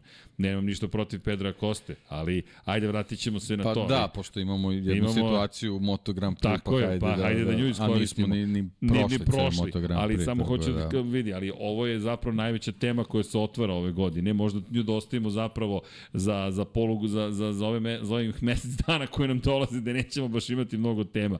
Ali činjenica je da zapravo mi imamo formulizaciju Moto Grand Prix. Pa I to da, što si upozorio. Je veliko pitanje koliko je Dorna dorasla tome. Ja mislim da nije dorasla. Ne, ona znači, ne razume u što se upliče. Taj, te 90. Formula 1 ovaj, impliciraju na Bernie Ecclestona. Jeste. Carmelo Speleta. Daleko je Bernie Eccleston. nije Bernie da. Ko nije radio s Bernie ili da, nije upoznao njegov modus operandi, to je. To je čovek koji, da, bio je ekstremno zahtevan u poslovanju, živio još uvek, možete svašta da čujete od Bernie Ecclestona, ali kada je bio reč o, kada je, kada je bilo reč o pregovorima bio je neviđeno težak. Dakle, nije pregovarao na nivou toga da da vi vodite neke poslovne pregovore. Vi ste morali da ga molite da vam izađe u susret, bukvalno to je bio zahtev, osim kad on nije morao da moli nekoga, ali to je sad čovek koji je rekao ja ću od ovoga da napravim čudo. A šta je napravio? Niste mogli, e, ja to stalno ponavljam, na Moto Grand Prix ćete videti kablove kako vise. U Formuli 1 nećete videti kablove. To, to je velika razlika. To ljudima izgleda kao, pa to je sve, pa kao kakve veze vise kablovi. Ne, ne mogu da se vide kablovi. E, to je Bernie uveo u Formulu 1. Preciznost izvršenja prenosa kod Bernie Ecclestona u nulti sekund. u nulti sekund. On je imao četiri stalno zaposlena u Formula 1 managementu i je honorarno angažavao sezon, sezonce. Sezona počinje Formula 1, možda počinje i 1. januara, možda ti se završa 31. ali ti nemaš stalni ugovor ti se nadaš da će te Berni pozvati i samo zavisi od toga da li si bio na nivou koji on postavio. Ja niti ga hvalim, niti ga kudim, samo konstatujem kako je to radio. Dorna nije ni blizu te organizacije. I ponovo ću reći, inače hvala vam, neko mi je spomenuo da za kup talenata Severa, na primjer, su dobre društvene mreže. Hvala na informacijama, nije moja pojenta bila u tome da, da znate kako, da društvene mreže moraju da budu dobre, svakako. Ne može sajt zvanični, korporativni, jednog takmičenje kod, koje je pod okrenjem Dorne ili Fima tako da izgleda. Ne, ne bi smeo tako da izgleda. I sad ovde dolazimo do to, radimo Formula 1. Formula 1 je 15 puta veća organizacija, koliko god to neko možda ne video. Ali to, mi, evo, juče smo gledali Paja Berzi. Trenutno je najveća cena akcije na Berzi ikada, pogotovo uz ulazak Hollywooda u Formula 1, 17 milijardi je procenjena vrednost Formula 1 Limited Liability Company. Dakle, oni su, oni su ljudi otišli, ne znam gde su otišli. Dakle, to, to su neke sume o kojima Dorna može samo da sanja. Bukvalno, jer udeo 24 od 100 koje je Ryan Reynolds kupio juče za 200 miliona dolara zajedno sa svojim konzorcijom investitora, bi kupio ne znam koliko timova Moto Grand Prix-a. On je kupio 24 od 100 Alpine, koja ne spada u grupu najvrednijih timova. Dakle, mi sada govorimo o, o potpuno drugim nivoima biznisa ne, i, i ne znači da je to dobro ili loše. I onda uvodimo tu neku priču u, u sve ovo što se događa u, u, u Moto Grand Prix-u. To je onako malo, malo zahtevnije. Dakle, dolazimo do toga da zapravo vodimo Moto Grand Prix ka klasičnom biznisu, show biznisu u krajnjem slučaju, ali to tako ne funkcioniše jednostavno. A ne samo to, nego znači, to sve što si pričao Berni, to, to, je, to je bio proces koji trajao godinama. Decenijama. Pa da, decenijama, ali ajde da kažemo godinama u nekoj prvoj deceniji, pa onda naravno kad se nešto uspostavi, onda to sve ide brže. A Formula 1 u Moto Grand Prix u jako kratkom periodu hoće da, da, da ovaj, nadomesti sve to ovaj, šta su gubili u, u prethodnim godinama i to je jako teško zato što ovaj može tu da postoji neki neki preslikani koncept i scenariju, ali kad kreneš u tu neku stihiju ti jednostavno nema, nemaš dovoljno kvalitetnih ljudi koji to mogu da urade i onda onda upadneš u, u te neke probleme na, na, na više nivoa, što tih nekih organizacionih na, na, na, na različitim nivoima i onda dođeš, što je najgore, do tih nekih problema koji se tiču samog takmičenja, a to je pre svega vezano za ta pravila i, i, i ovaj, te neke sudijske odluke koje onako stvarno ovaj ostave loš, loš ukus posle, posle svake trke gde u principu treba da se priča o tom nekom spektaklu koji imamo u takmičenju, a u stvari te, te neke odluke pokvare tu čitavu priču i, I to je nešto što bi trebalo da se izbegne, ali nisam siguran da oni uopšte znaju na, na koji način to mogu da urade u ovom trenutku. Ne, ja mislim to da su oni izgubili. U trku. Iskreno, ja mislim da su oni potpuno izgubili u tom kontekstu. I e, ono što je poseban problem je e, problem u kojem oni zapravo novine i dalje vide novinare kao neprijatelje i ne, ne, gde ne dozvoljavaju apsolutno nikakvu kritiku nego se dovodi do toga da ako kritikuješ, te dovedu u situaciju da se pitaš da li ćeš dobiti akreditaciju za sledeću trku ili ne. To je potpuno pogrešno. Treba da uče od NFL-a, gde je Roger Goodell kao komesar lige doveo sebe do stadijuma da na draftu mu vrište, bu, standardno se čuje bu, zvižde, a on to prihvata kao deo show biznisa. Nije rekao čutite, nije rekao spustite regler na, na mikrofonima da se ne čuje zviždanje. Ne, nego naprotiv, od tog zviždanja ću da napravim show E, a Dorna je raspoloženja. Šta rekli ste nešto protiv vas? Vi, oni, ljudi, dolazite u situaciju da se svađaju s novinarima. To, to, to ne možeš da praviš tako biznis. Ali, dolazimo sad i do sudija. Ja dekirano ne razumem. Ajde da, da ubacimo. Otišla je priča s Ducatija na ceo problem gde smo se susreli u celoj ovoj priči. Nastavit ćemo sa ocenjivanjem, ali volimo digresije. I sad dođemo u situaciju, prvo direktor trke koji piše takozvane notes, to je zabeleške koje svaki vozač dobija pred početak trke ili bi trebalo da dobije. Ono što je problem, mediji to ne dobijaju u MotoGP-u. Mi ne znamo šta piše dok se nešto ne desi u trci, pa onda se neko seti da kaže, e pa znate, to smo uradili zato što to i to piše. Pa dobro, kako iko od nas to da zna? Niko od nas nema pojma šta ste napisali u tome zato što to krijete. Zašto krijete? Pa lako je manipulisati kada sakriješ informaciju. Kada si ti jedini koji ima informaciju, dosta je jednostavno. Možda kažeš šta god hoćeš. Šta, kreneš uh, da gledaš futbol tako što ne znaš pravila? Bukvalno. Ali bukvalno, evo, i sad, mi- ajmo, mi sad gledamo i kao što se desilo? Nemam pojma, nešto se desilo. Aha, kad ćemo da saznamo? Pa kad neko neimenovani entitet negde to odluči. Pa dobro, kad će da odluči? Pa ni to ne znamo. Pa dobro, šta radimo ovde? Pa ništa, nadamo se najboljim. Nadamo se da će neko zapravo biti dovoljno, ne znam, savestan, profesionalan, nazovi to kako god hoćeš. Evo i gledam, dakle, zelena površina. Uh, zelena površina. Ok, samo na tom mestu ili ne samo na tom mestu? Ti ako tu siđeš i ne izgubiš tačno jedan sekund u odnosu na prethodno najbolje vreme, ti ćeš biti kažen. Dobro, kako ja to ljudi da znam u tom trenutku u žaru borbe i tako da. Drugo, ja se izvinjam, znam da je zdrav razum možda teško definisati nekim pravilnikom, ali ja zaista nalazim problematičnim da ti dođeš u poslednju krivinu, pogrešiš, ispraviš motor, izgubiš vreme i neko ti kaže nisi izgubio dovoljno vremena. Pa dobro, ljudi, aman, jesam izgubio vreme, jer to suština trkanja. Ok, pravilo je Čekaj, tako ti si sad otišao na kostu. Ne samo na Kostu, nego i na Bindera i na Ne, celu ne, ja, Ajmo na Bindera, meni, ajmo je, Bindera. meni je prvo to, Do, to mi je dokačio nejasna si zelenu situacija. površinu. I to je poslednji krug. U poslednjem krugu važe druga pravila. Dakle, Dobro. pravila važe da u poslednjem krugu kada nagaziš zelenu površinu, ti moraš da žrtvuješ poziciju. Moraš da izgubiš poziciju. Dobro. To, to jest, to jest ne moraš ako si Jorge Martin koji je sišao isto na To zelenu da površinu, pitam. Da. ali su njemu rekli verovatno, niko ne zna zapravo što, što ga nisu kaznili, za one koji ne znaju. Dakle, zelena površina postoji pokraj staze gde su senzori, kogod dotakne taj senzor, senzor kaže on je dotakao, ide prva kazna, druga kazna, treća kazna, to jest upozorenje i posle toga ide kazna dugog kruga. Osim u poslednjem krugu. Ako zakačiš u poslednjem krugu, moraš da daš mesto. Ako ne daš mesto, dobit ćeš ne znam koliko sekundi ćeš dobiti, dve ili tri sekunde će ti biti dodato na vreme. Šta se dešava u drugoj trci, ne govorim ni o sprintu, Binder kači zelenu površinu, posebna priča. Martin silazi na zelenu površinu, ali pošto je on poslednji u koloni, to je pretpostavka, mi ne znamo, nema kazne. Jer kao neće Pa dobro, znači ne, ne može da vrati, ne može da da poziciju, treba da dobije 3 sekunde, tako? Da, a on je 5 Što nije sekundi dobio, ispred. Pa, ali on nije dobio 3 Nije sekunde. dobio, nije dobio ništa. Ne, ne, niko ne zna zašto. Nismo dobili objašnjenje, niti će Ponovo nam niko pričamo o dati. tim nedoslednostima. Tako je, ne da su nedoslednosti, nego deluje kao da su sudije ne potpuno neprofesionalni u celoj priči. Pritom pritom napravljena je napravljena je ovaj e, napravljeno tako pravilo da gde bukvalno nisu pokrivene sve te situacije koje smo upravo ima, imali u ovom trenutku.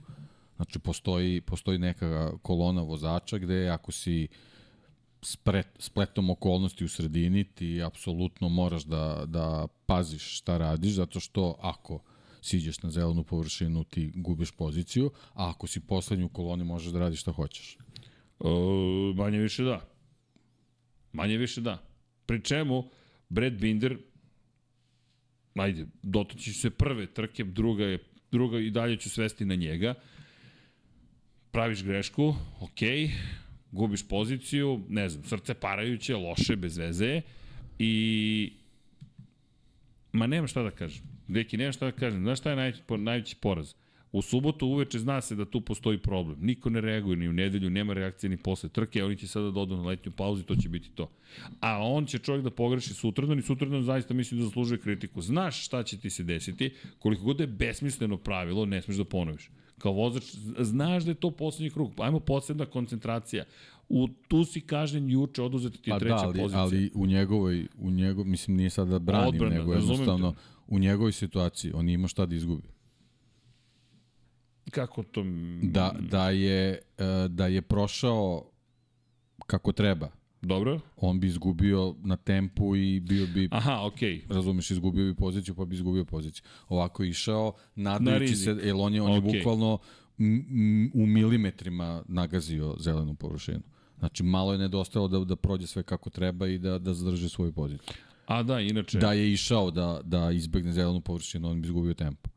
E, samo jedna bitna napomena u celoj priči, a to je, dakle, kada nagaziš na površinu, nagaziš na površinu, ti dođeš do toga da si zapravo, senzor je poručio da ćeš ti biti kažnjen, zato što je senzor detektovao da postoji neki problem. To jest on kaže to je problem. E, znaš da ne postoji senzor?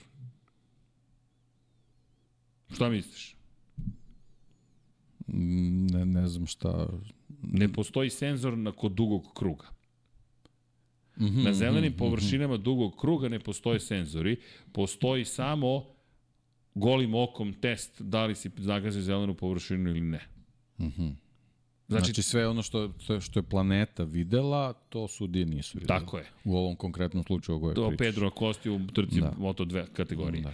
I, pošto nema senzora, nema dokaza neoborivog da je on zaista nagazi Dobro, za ali sad, sad preskačeš situaciju, zašto je uopšte došlo od toga da on, da on vozi Ne, ne, ne, krug? a to ćemo tek da, da dođemo, slažem se, nego samo hoću da kažem da je biz, da. na sve strane sve Ja bizarno. samo kažem, znači, poenta kazne u poslednjem krugu, kazne se dešavaju samo ako a, nam vozači priređuju spektakl i bore se za poziciju do poslednje krivine, ali tako? Da, Znači, ko se da. ne bori za, za poziciju, on uopšte nije bitan i može da preseče da, da recimo, vozi najbrži krug trke koji će ostati zapisan zato što ga niko neće kontrolisati kuda je prošao, ali tako? Mm, Na primjer. Sad sam malo iskarikirao, ali, ali, ali, ali recimo, okej, ali da. to je manje više to. Znači, pravilo koje je potpuno bezvezno i absurdno. Znaš, kao poslednji krug trke, šta sad, mislim, ne, ne razumem. Vidi, tako piše godinama. Kažu da to tako mora biti. Ne, ne, pa dobro, tako kažu, tako piše, to je to, ali na, na ekipama je da se ponu, pobune, znaš, taj KTM uh, ozbiljan novac ulaže da bi, eto, tek tako njegovi vozači gubili, gubili pozicije i, i bodove. I vraćamo se opet na spektakl. Hoćeš da naprediš spektakl, hoćeš da uradiš nešto što je, ne znam, vredno pažnje, pa eto ti prilika. Prilika ti da dovedeš u red sudije, koje nećeš uporno dovedeš u red. Zašto? Zato što će ispasti da su mediji i publika zapravo uticali na tebe. Pričam vrlo direktno, jer na kraju dana se svodi upravo na to. Svaki upit nas, novinara, na stazi, kada dođemo i kažemo možemo da pričamo sa sudijama, odgovor je ne. Neki u kojem to sistemu, osim diktatorskom, ti ne možeš da pričaš nekim ko donosi pravdu. Čekaj, ti si dužan da meni odgovaraš. Zašto? Pa zato što ja predstavljam publiku. Publiku zanima ko su ti ljudi koji odlučuju. Ne samo ko su, nego što imaju da kažu. Ne u svoju odbranu, generalno što imaju da kažu. Ne, kao ne možete vi da razgovarate sa njom. Kako? Pa postoji neko udruženje. Nešto. U NFL-u se oglase sudije kad se desi. Sutra ujutro, to veče moraju da se oglase pogrešili smo, nismo pogrešili, gledat ćemo reviziju pravilnika. I oni tako imaju da. putere na glavi. Imaju mnogo putera na glavi. Da, pogotovo kad je reč o jednoj Nećemo, ekipi. nećemo, nećemo. Ne, ali, ali činjenica je da, da, da se trude da, da se neke stvari promene. Ovde nema truda. Mislim, izvinjam se sad, otošmo, mi nemam pojma kako smo od, od, odlutali na sve strane. Ali vidi, Ali uvijek završiš na NFL-u, to mi je baš onako... Ba možda me inspirišeš ti, Fascinantno. možda me inspiriše, Ja, možda ja me imam veze inspiriše sa Miksa. Ne, ali, ali govorimo o nekim stvarima koje, ako već ideš ka tome, koje zaista onda imaju, imaju ne, ne mogu kažem smisla, ali, ali možeš da vidiš neki princip koji negde funkcioniše. Pri čemu? Ajmo sad ovako. Dakle, imamo situaciju u kojoj Honda i Yamaha se muče. Ok, muče se. Šta ćemo da radimo s njima? Niko ne zna. Znaš kako meni izgleda trenutno situacija u Moto Grand Prix? Uveli smo sprint, super. Ispalo je pozitivnije nego negativnije iz perspektive spektakla. Negativnije iz perspektive broja povreda, ne mogu dokažem da korelacija postoji, ali deluje da je zaista opterećenje ogromno na timovima i vozačima i da su rezultati upravo ove velike povrede. I ne samo velike povrede, nego veliki broj povreda. Imaš dominantnu ekipu, niko to ne želi da vidi. Dakle, to je ono što ti govoriš o Formuli 1. Do, doći ćemo do dominantne ekipe jer se sve više oslanjamo na tehnologiju. Pa, nemamo dominantnu ekipu. Ne ekipu proizvođača, izvinjam se, ne ekipu, proizvođača, slažem se da ekip treba biti precizan. Ono što je srećna okolnost, i to ono što smo pričali, zamisli da Red Bull mora da da svoje bolide još dvema ekipama. Kao što je, e, znaš, da smo to ustanovili prošle, prošle nedelje, Sebastian Vettel, Znaš sa čim bolidom je pobedio, vjerojatno znaš, ali okej, okay. znaš sa čim bolidom je pobedio u Toru Rosso? Prva pobeda koju je u stvari Da, da, da, da, pa da. Adrian Newey je dizajnirao i taj bolid, zato što Toro Rosso nije imao svog dizajnera i onda je dobio Red Bullov dizajn. Zapravo je Adrian Newey odgovoran i za tu pobedu. Dakle, čak i Toro Rosso, jedinu tu pobedu kao Toro Rosso, pošto ona sledeća bila kao Alfa Tauri, zabeležio zahvaljujući Adrianu Newey-u. Čovjek je ne, neuništiv, čovjek je genijalan potpuno. I sada, apropo priče, sad zamisli Red Bull ove godine da mora da podeli, ili da Mercedes mora da podeli svoje bolide nekom drugom. To je srećna okolnost. Ali, kada govorimo o ostalim stvarima, dakle ti imaš kompletnu jednu situaciju u Moto Grand Prix gde koliko god se sa sprintom trudili, rekordne brojke, šta mi se ne dopada, niko ne kaže kolika je posećenost u nedelju, kolika je u subotu, kolika je u petak, to smo prethodnih godina mi dobijali.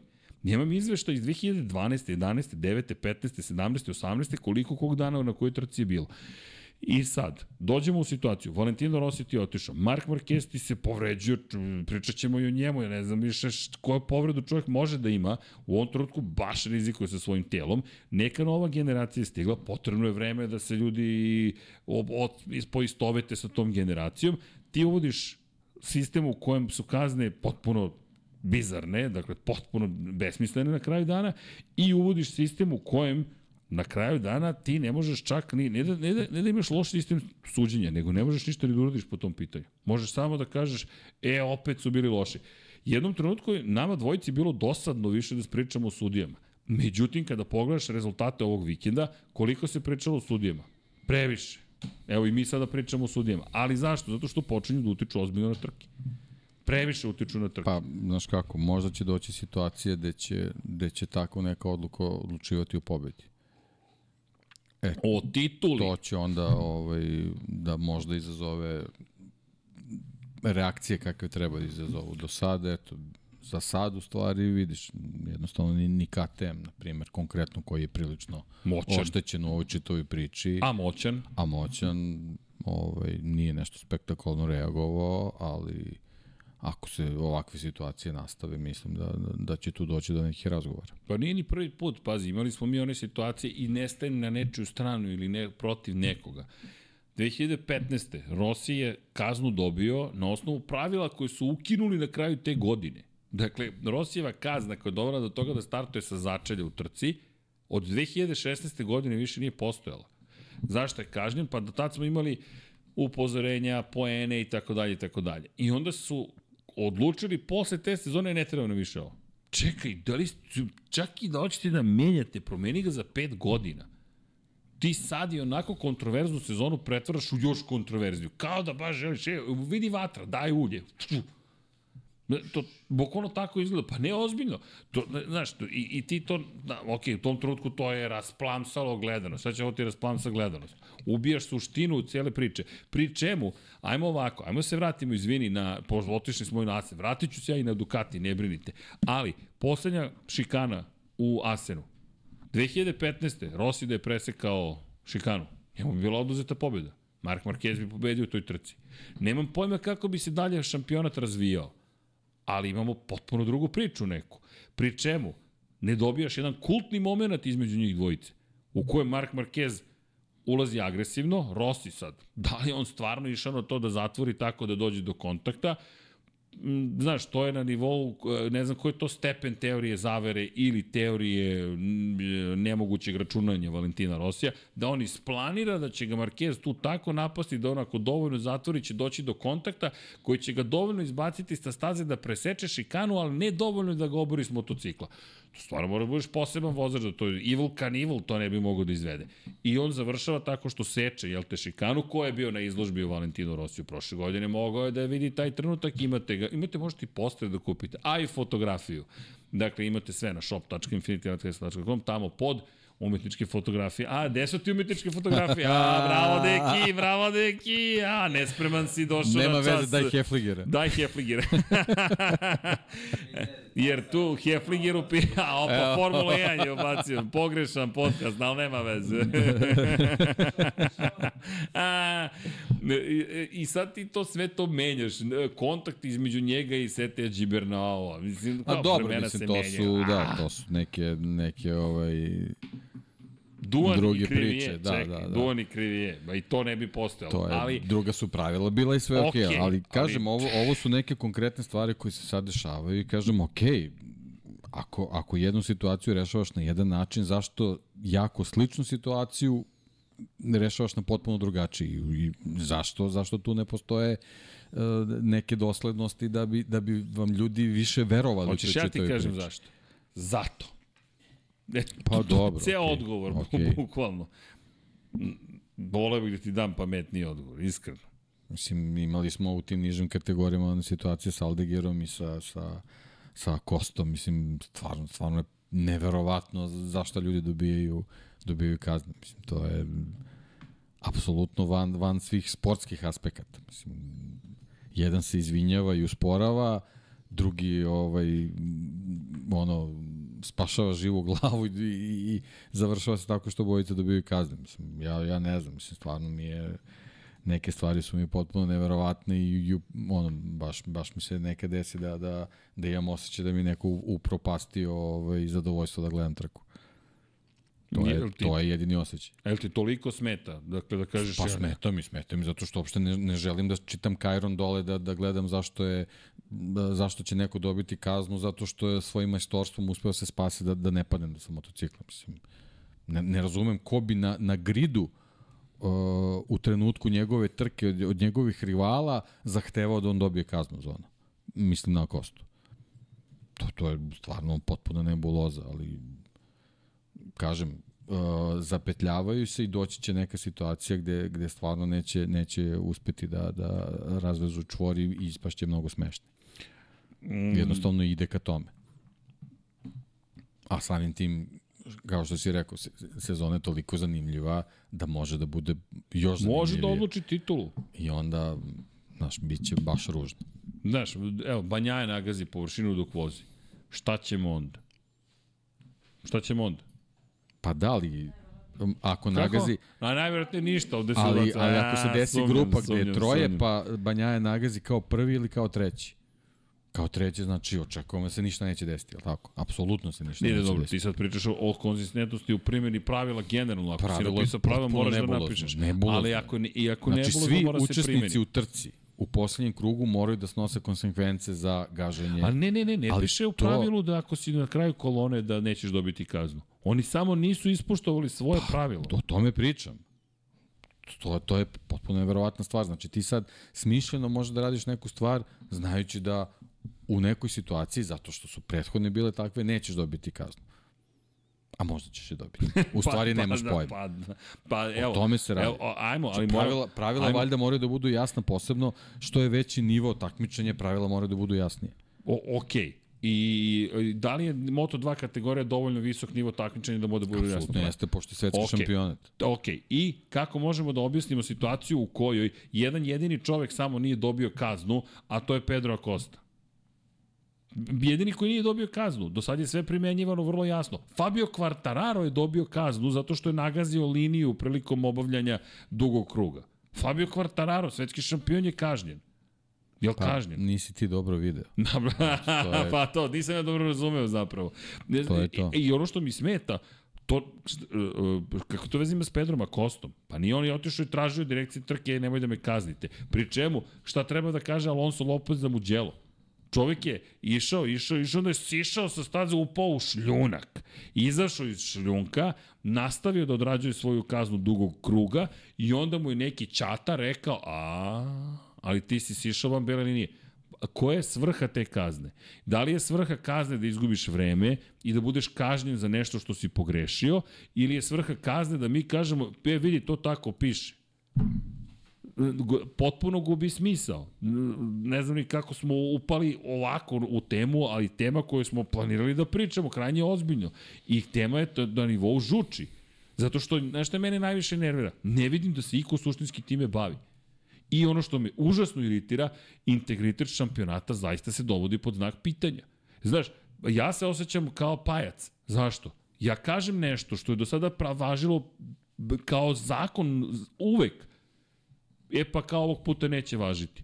Pa čekaj sad, zamisli nekog novog gledaoca koji je došao, neka devojka sela i kaže, ajde vidim šta je ovo, neki momak seo, neka baka, neko seo i rekao, čuj, ovo možda je zanimljivo. I onda čuješ, e sad će dobiti kaznu jer po pravilniku treba da se desi ovo. Uh, pa možda i neće dobiti kaznu. Pa šta je ovo? Takmičenje u lokalno koje sam ja iza zgrade organizovao. Može bude, ne mora da znači. Pa to, to je potpuno Ja ti neozbiljno. kažem, cela situacija s Pedrom Akostom je bila takva da nije trebalo uopšte da se desi. I to je, to je glavni problem, što su napravili farsu koja je trajala nekoliko desetina minuta. ali, o tome se ali, radi. Ali, ali, a gde ti počinje farsa? Onda kad je podigo ruku i kada su ga kaznili iako je izgubio vreme, ili ti farsa počinje u trenutku kada mi govorimo o tome da zapravo imaš situaciju u kojoj je neko otišao, pogrešio kada je određivo kaznu, treba da bude kažnjen, ipak neće biti Ne, kažnjen. farsa počinje u trenutku kad se, on, kad se on borio da, da ne padne s motocikla. Ok, dakle, u posle, kada dolazimo to je 16. počela 17. farsa. 18. krivinu. Gde oni slepo poštuju neko pravilo da je on presekao krivinu. I nije dovoljno izgub, nije dovoljno Nije izgubio izgubio dovoljno vremena. vremena. Pri čemu, uh, gde opet imam problem. Evo ja ti govorim kao neko ko treba da poveže sport i publiku. Mi ne znamo da je pravilo postoji da on mora da izgubi jedan sekund. Mi to saznajemo tokom prenosa. Mi, mi, nigde ne postoji informacija da je koja je na nama na raspolaganju da mi znamo šta će se desiti. I onda neko odlučuje da kaže, e, e, e zato što nije uradio to, to, to, to, to, to, to. Kao da moramo sada da operemo sudije, a ne da informišemo javnost šta se zapravo dešava. I onda, povrh svega, potpuni nonsens, svako iole, iole zdrave pameti, kaže, teško je zdravu pamet, zdrav razum do, izmeriti, definisati, ali dolazi u situaciju da kaže, čekaj, ja sad gledam nešto, momak je jedva se spasao, wow, šta je izveo, ostao je na nogama, živ, zdrav, prav, čitav, sišao je sa staze, izgubio je poziciju, pogledao iza sebe, ne sećam se da li se izvinjavao ili nije. Ne, ne, ne, uh, o, o, um, Aldegir se izvinjava. Aldeger se izvinjava. Ali je dobio on Ali je dobio kaznu. Još je digo ruku, pustio, izgubio pozicije i idemo da te kaznimo. Z za šta tačno? Za šta tačno ga kažnjavate? Jer neko je arbitražno rekao, e, moraš izgubiš jednu sekundu. Sad zamisli u sledećoj trci, u vožnji na ivici, kakva je, kakva je svaka njihova trka. Znači oni, oni voze na maksimumu, on mora da, da se napregne, da, da se koncentriše, da razmišlja o tome, jer može da dobije kaznu koju možda neće zaslužiti, a koja će mu propastiti trku. A inače, o tome smo pričali još pre par godina, samo što su nas navikli zapravo da, da došli smo do stadijuma da mi zapravo m, prihvatamo neprihvatljivo, pokolno to kod resura, prihvatam neprihvatljivo, jer šta, znate sami šta će se desiti, gde ti da bi se izvukao iz, iz, iz problema, da ne nagaziš zelenu površinu, ti ćeš doći u situaciju da si potpuno van ravnoteže. Ti se boriš s motociklom na potpuno neprirodan način, ali ne hoću da izbegnem kaznu, a kazna je uvedena zato što šta? Bezbednost, fair play, čemu pričamo? Sišao je sa staze, ok, sišao je sa staze, dobro, šta ćemo sad? Hajmo da uvedemo pravilo, sišao si sa staze, zloupotrebio si ograničenja staze, pusti poziciju. Ne znam, ali ne pusti poziciju ako imaš prednost od 7 sekundi, kao što su Jonasa Folgera u Mizanu terali 2018. To je isto bizarna scena. Aha, i onda se moraš budiš kao moraš da vratiš poziciju, jer piše u pravilniku kada siđeš sa staze moraš da vratiš poziciju. A on 5,5 sekundi ispred čovjek. Pričam o Jorgeu Martinu. Da, da, okej. Upravo to. To, to, Znači okej. on ima 12 sekundi prednosti. Šta, Jeste. šta treba da izgubi poziciju? Da, to je to ne zapravo Ali nije. zapravo da ali ne. Ali ne. Dobit daćemo ti vremensku kaznu. Ali Pošto ne pošto nas mrzi da ti izdamo kaznu, pa ako si ćata, ostani ćata do kraja. Upravo Nemam to. ništa protiv ćata, Tako odmah se razumemo. Ali ako si ćata, budi super ćata. Onda ga uradi kako I onda treba. lepo kad se završi trke nemamo pojma koji su plasmani, nego ćemo sačekati PDF, Super pa ćeš čatu. ti možda u nekom informativnom programu da saopštiš ka, ko je u Zube stvari zeleni. koji na, na, na trci. Zube zeleni. Kino operater. Kino operater. Predstava je otkazana. Ali to je to. To je to. Iznervirao sam se ponovo. A, a pritom moraš da ostaneš dovoljno skoncentrisan. I to imamo u Formuli 2 i Formuli 3. Pavle ja više ne odjavljujemo da kažemo ovo je konačni plasman. Mi kažemo, dragi gledaoci, sutra ćemo saznati koji je konačni plasman. Što potpuno besmišljava celu priču. Zašto? Pa ne znamo šta će sve da nađu, da, da, da kažu da je to prekršaj, ovo je prekršaj, ovo je prekršaj. S tim što, u Formuli 3 kad se desi prekršaj, mi znamo da to isto neće važiti u Formuli 1. Saudijska Arabija. Ne sjeća se koga su kaznili u Formuli 2 ili 3, Alonso to isto uradi. Fernando Alonso sa, sa, sa svojim Aston Martinom isto to uradi. Ništa, nema ni istrage. Ništa. Ništa, show must go on, nema ništa.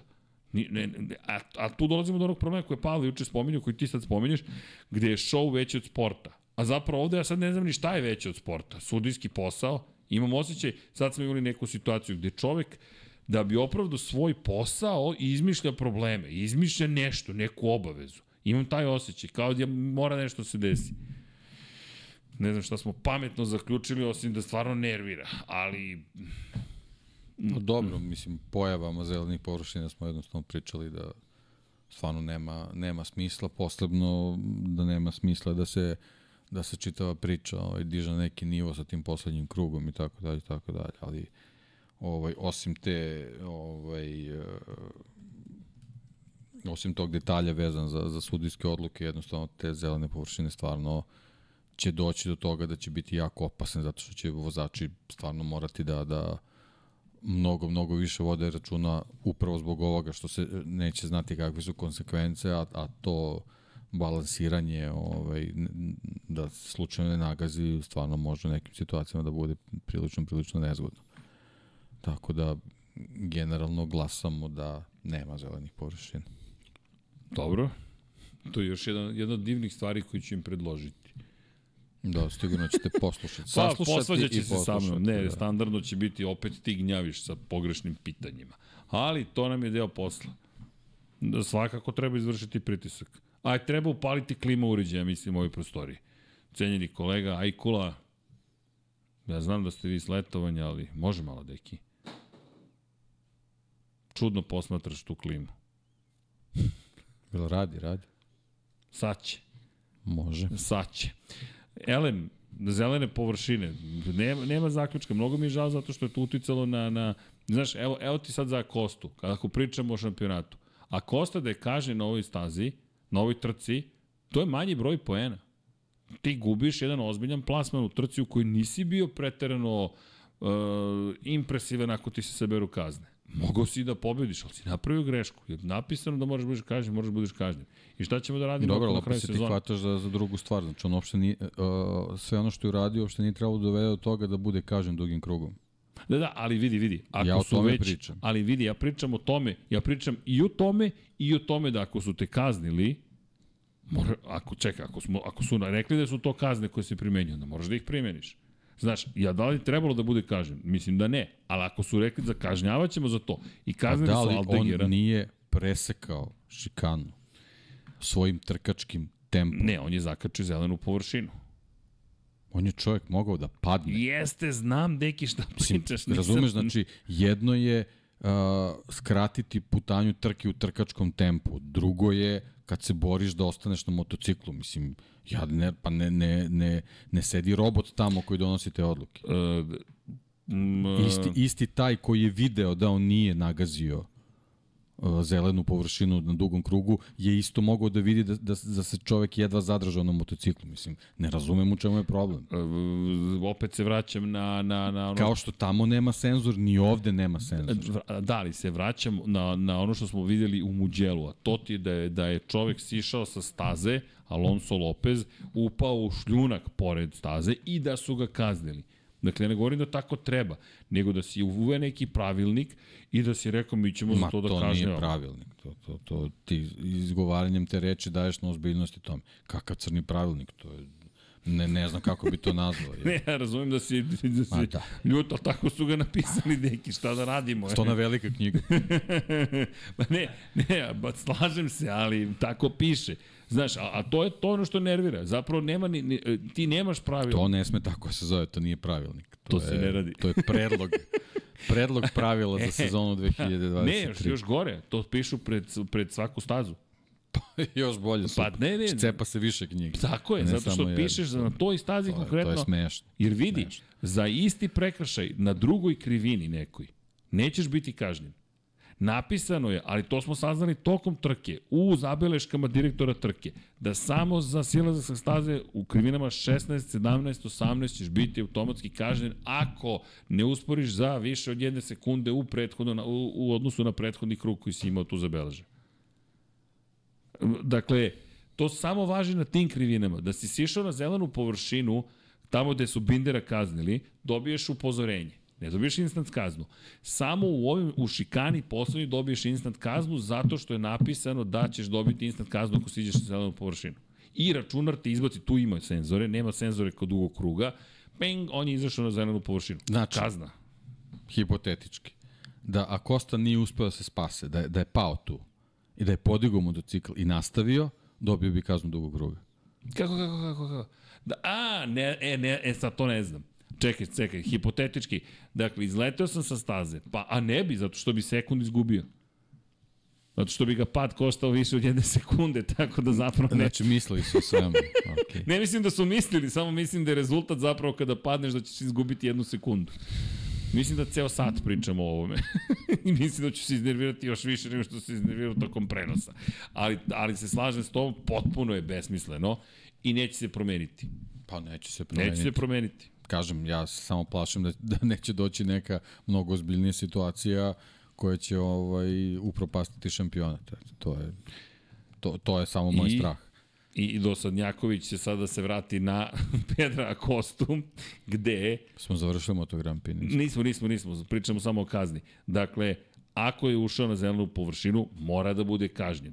Ali, pošto nije bilo senzora, a nećemo koristiti ove super moderne tehnike da uveličamo, ali e, juče sam pričao s znaš da je na, na Twitteru zapravo ekipa koja vodi društvene mreže Dorne izbacila fotku gde se vidi kako gazi površinu i kaže da li će biti Pedro Acosta kažnjen.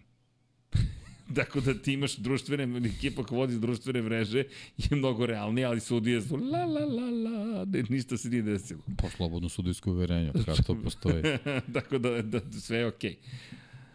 Ja mislim da, da li osjećam ovde var takođe emociju u ovome, da li tu negde leži? Da, ide, ide ka tome da će to da bude. Možda će biti crvena zastava dok se ne, ne donese odluka, pa kad se donese odluka onda se nastavlja trka, može i tako. Ne, ne, ne, ne, ne, gledam miksu kad je već tu NFL-a, ti sada kao, kao menadžer ekipe baciš crvenu zastavu na startno ciljni pravac i kažeš ulažem žalbu, zaustavite trku dok se ne pogleda sporna situacija. Ok, Kažem, može i tako. Suviše je zastrašujuće ovo što sam izjavio, ne bi me čudilo da se na kraju desi nešto slično. Ali dobro, Ka, ne, da slažem se, nemoj molim te, neko će možda da čuje ovu ideju. Ne, znate što je tu problem, što televizija neće da plati dodatni termin, tako da neće, toga sigurno neće biti. A, a, a, ali da. Dobro, a, deki, nemam pojma gde smo stavili, dakle smo počeli. Znam gde Pa smo kod stavili. Bindera. Kod, ne, kod Marinija. kod Marinija smo još bili. Krenuli smo od Marinija. Da li Marini treba da bude zabrinut u ovom trenutku? S obzirom na činjenicu da je prva pol pozicija u istoriji ekipe zahvaljujući Marku Becekiju. Prva pobjeda na velikoj nagradi zahvaljujući Marku Becekiju. Po kiši. Po suvom Marko Beceki. Najbrži krug u trci Marko Beceki. Pobjeda u sprintu Marko Beceki. Vođstvo u šampionatu Marko Beceki. Pa sudeći po njegovim izjavama kako će provesti ovih pet nedelja, mislim da uopšte nije zabrinut. Ko? Luka Barini? Da, ide dva puta na, Ibi, na Ibicu, uh, venčaće se, je li tako, Da. i ići će na Capri. Tako da mislim da Misliš da ga uopšte Da ne potresa cela problem ova da. situacija, da. da, ja, bi, ja bih verovatno rekao ne, trenirat ću pet nedelja. Ovako, s obzirom da nema ni to treninga, ovaj, mislim da, da veruje da su sve stvari pod kontrolom. Ma, Verovatno dolaze njegove staze. Da, da li ti djeluje da su stvari pod kontrolom? Pa to njega moraš da pitaš. Pa, ja pa, ne znam. Da, ja, da, okej, dobro pitanje je šta želiš. Fakat. I to je pitanje šta zapravo želiš u celoj priči. Dobro, ali ja mislim da on ima razloga da bude zabrinut, najiskreniji. Zavisi naravno šta želi da postigne, ali deluje mi da, da, da, Da, možda... vidi, Marko, Marko ima 60 bodova više. Ja, ja bih se zapitao kako to može da bude. Hvala, deki. Hvala, deki. 60 bodova, ozbiljna razlika. Pazi, to su skoro dva puna trkačka vikenda posle Dva osam trka. idealna trkačka. Dva Ajde, idealna da trkačka zovemo, vikenda da. posle, Da. posle osam trka. Da. I, Kao da nisi bio na dve trke. Tako je, i sad, ok, ti si brat vlasnika, ti si brat Valentina Rosija, ali da li sutra kao ekipa ti gledaš nekog drugog, ne nužno za sledeću godinu, ali za 2025. S obzirom na činjenicu da imaš neke ozbiljne ambicije. Vidim, uvek može da vozi 24 sata spa. Ma, Imaće mesto, mesto je Mesto zagarantovano. mu je zagarantovano. mesto je zagarantovano. Ali sad uopšte nije obzirom šal. da već vozio ima licenci za to, tako da nije problem. I iz perspektive, pa i to možemo da pričamo i o tome, zapravo čime se ti u suštini baviš u celoj priči. Šta je tvoj fokus, gde ti je fokus? je. I da li postaješ polako vozač broj 2 u suštini? U smislu da Pa, ekipa vidi može da kaže... kad se tvoj timski kolega bori za titulu, naravno da si vozač broj 2. Vidi, ali razmišljam na sledeći način. Sutra dođe poziv Marku i kaže neko, ej, fabrički tim te zove, da li može Luka... Jer pazi, Luka Marini je bio dobar mentor, to je ono što je meni fascinantno. On je bio dobar mentor Marku. On je Marka bukvalno uvodio u celu priču. On je bukvalno Marka uvodio u celu priču. I došli smo do toga da zapravo kada pogledaš Nije za- prvi put da je učenik bolji od učitelja. A, idemo reči, mudrosti Smanjuj pada. svetlo. Smanjuj, smanjuj, to, to, to. Čekaj, on će to ozbiljno da uradi. Dakle, ali mislim da će on surovo samo da ga ugasi. Ali fakat, pazi, Luka Marini, moje mišljenje je da ima svoje mesto upravo u toj ulozi. da može da bude dobar čovek koji će da prihvata nove talente, a da će doći njegovih 5 minuta. Ne mislim da će osvojiti titulu, ali da će kao u Moto2 kategoriji se složiti par vikenda u kojima je dobar. Samo iznosi moje mišljenje. Ne verujem da mu je to želja.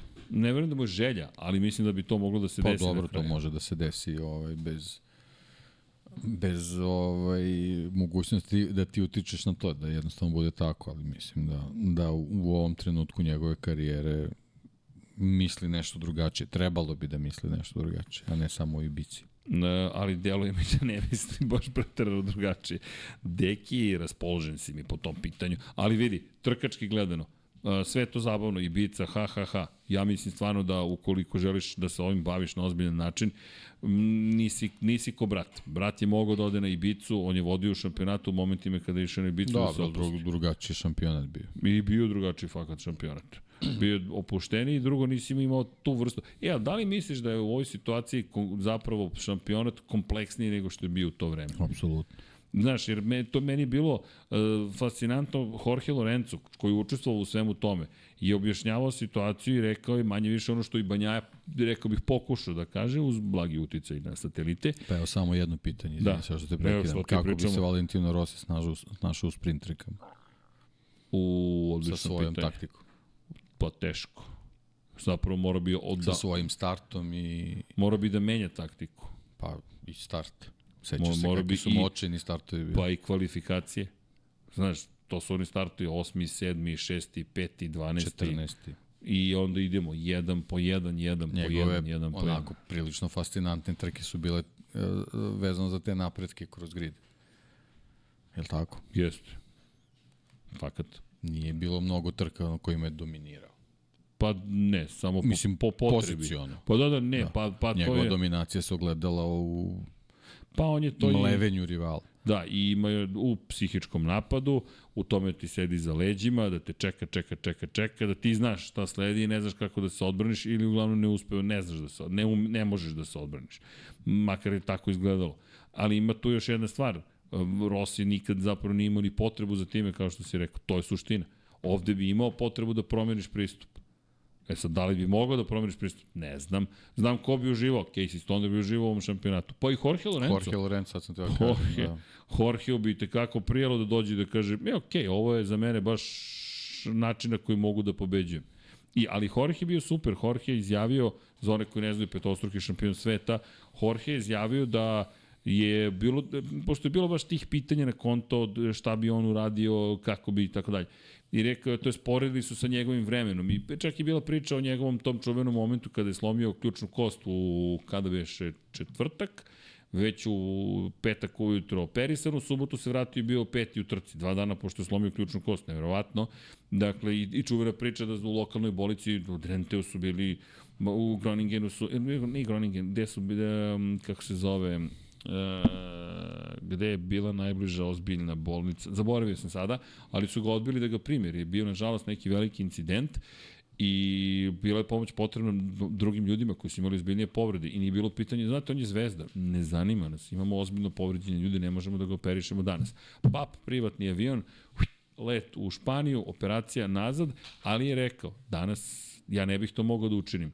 Ja ne bih mogao da dođem do pete pozicije ovako konkurentnom Moto Grand Prix.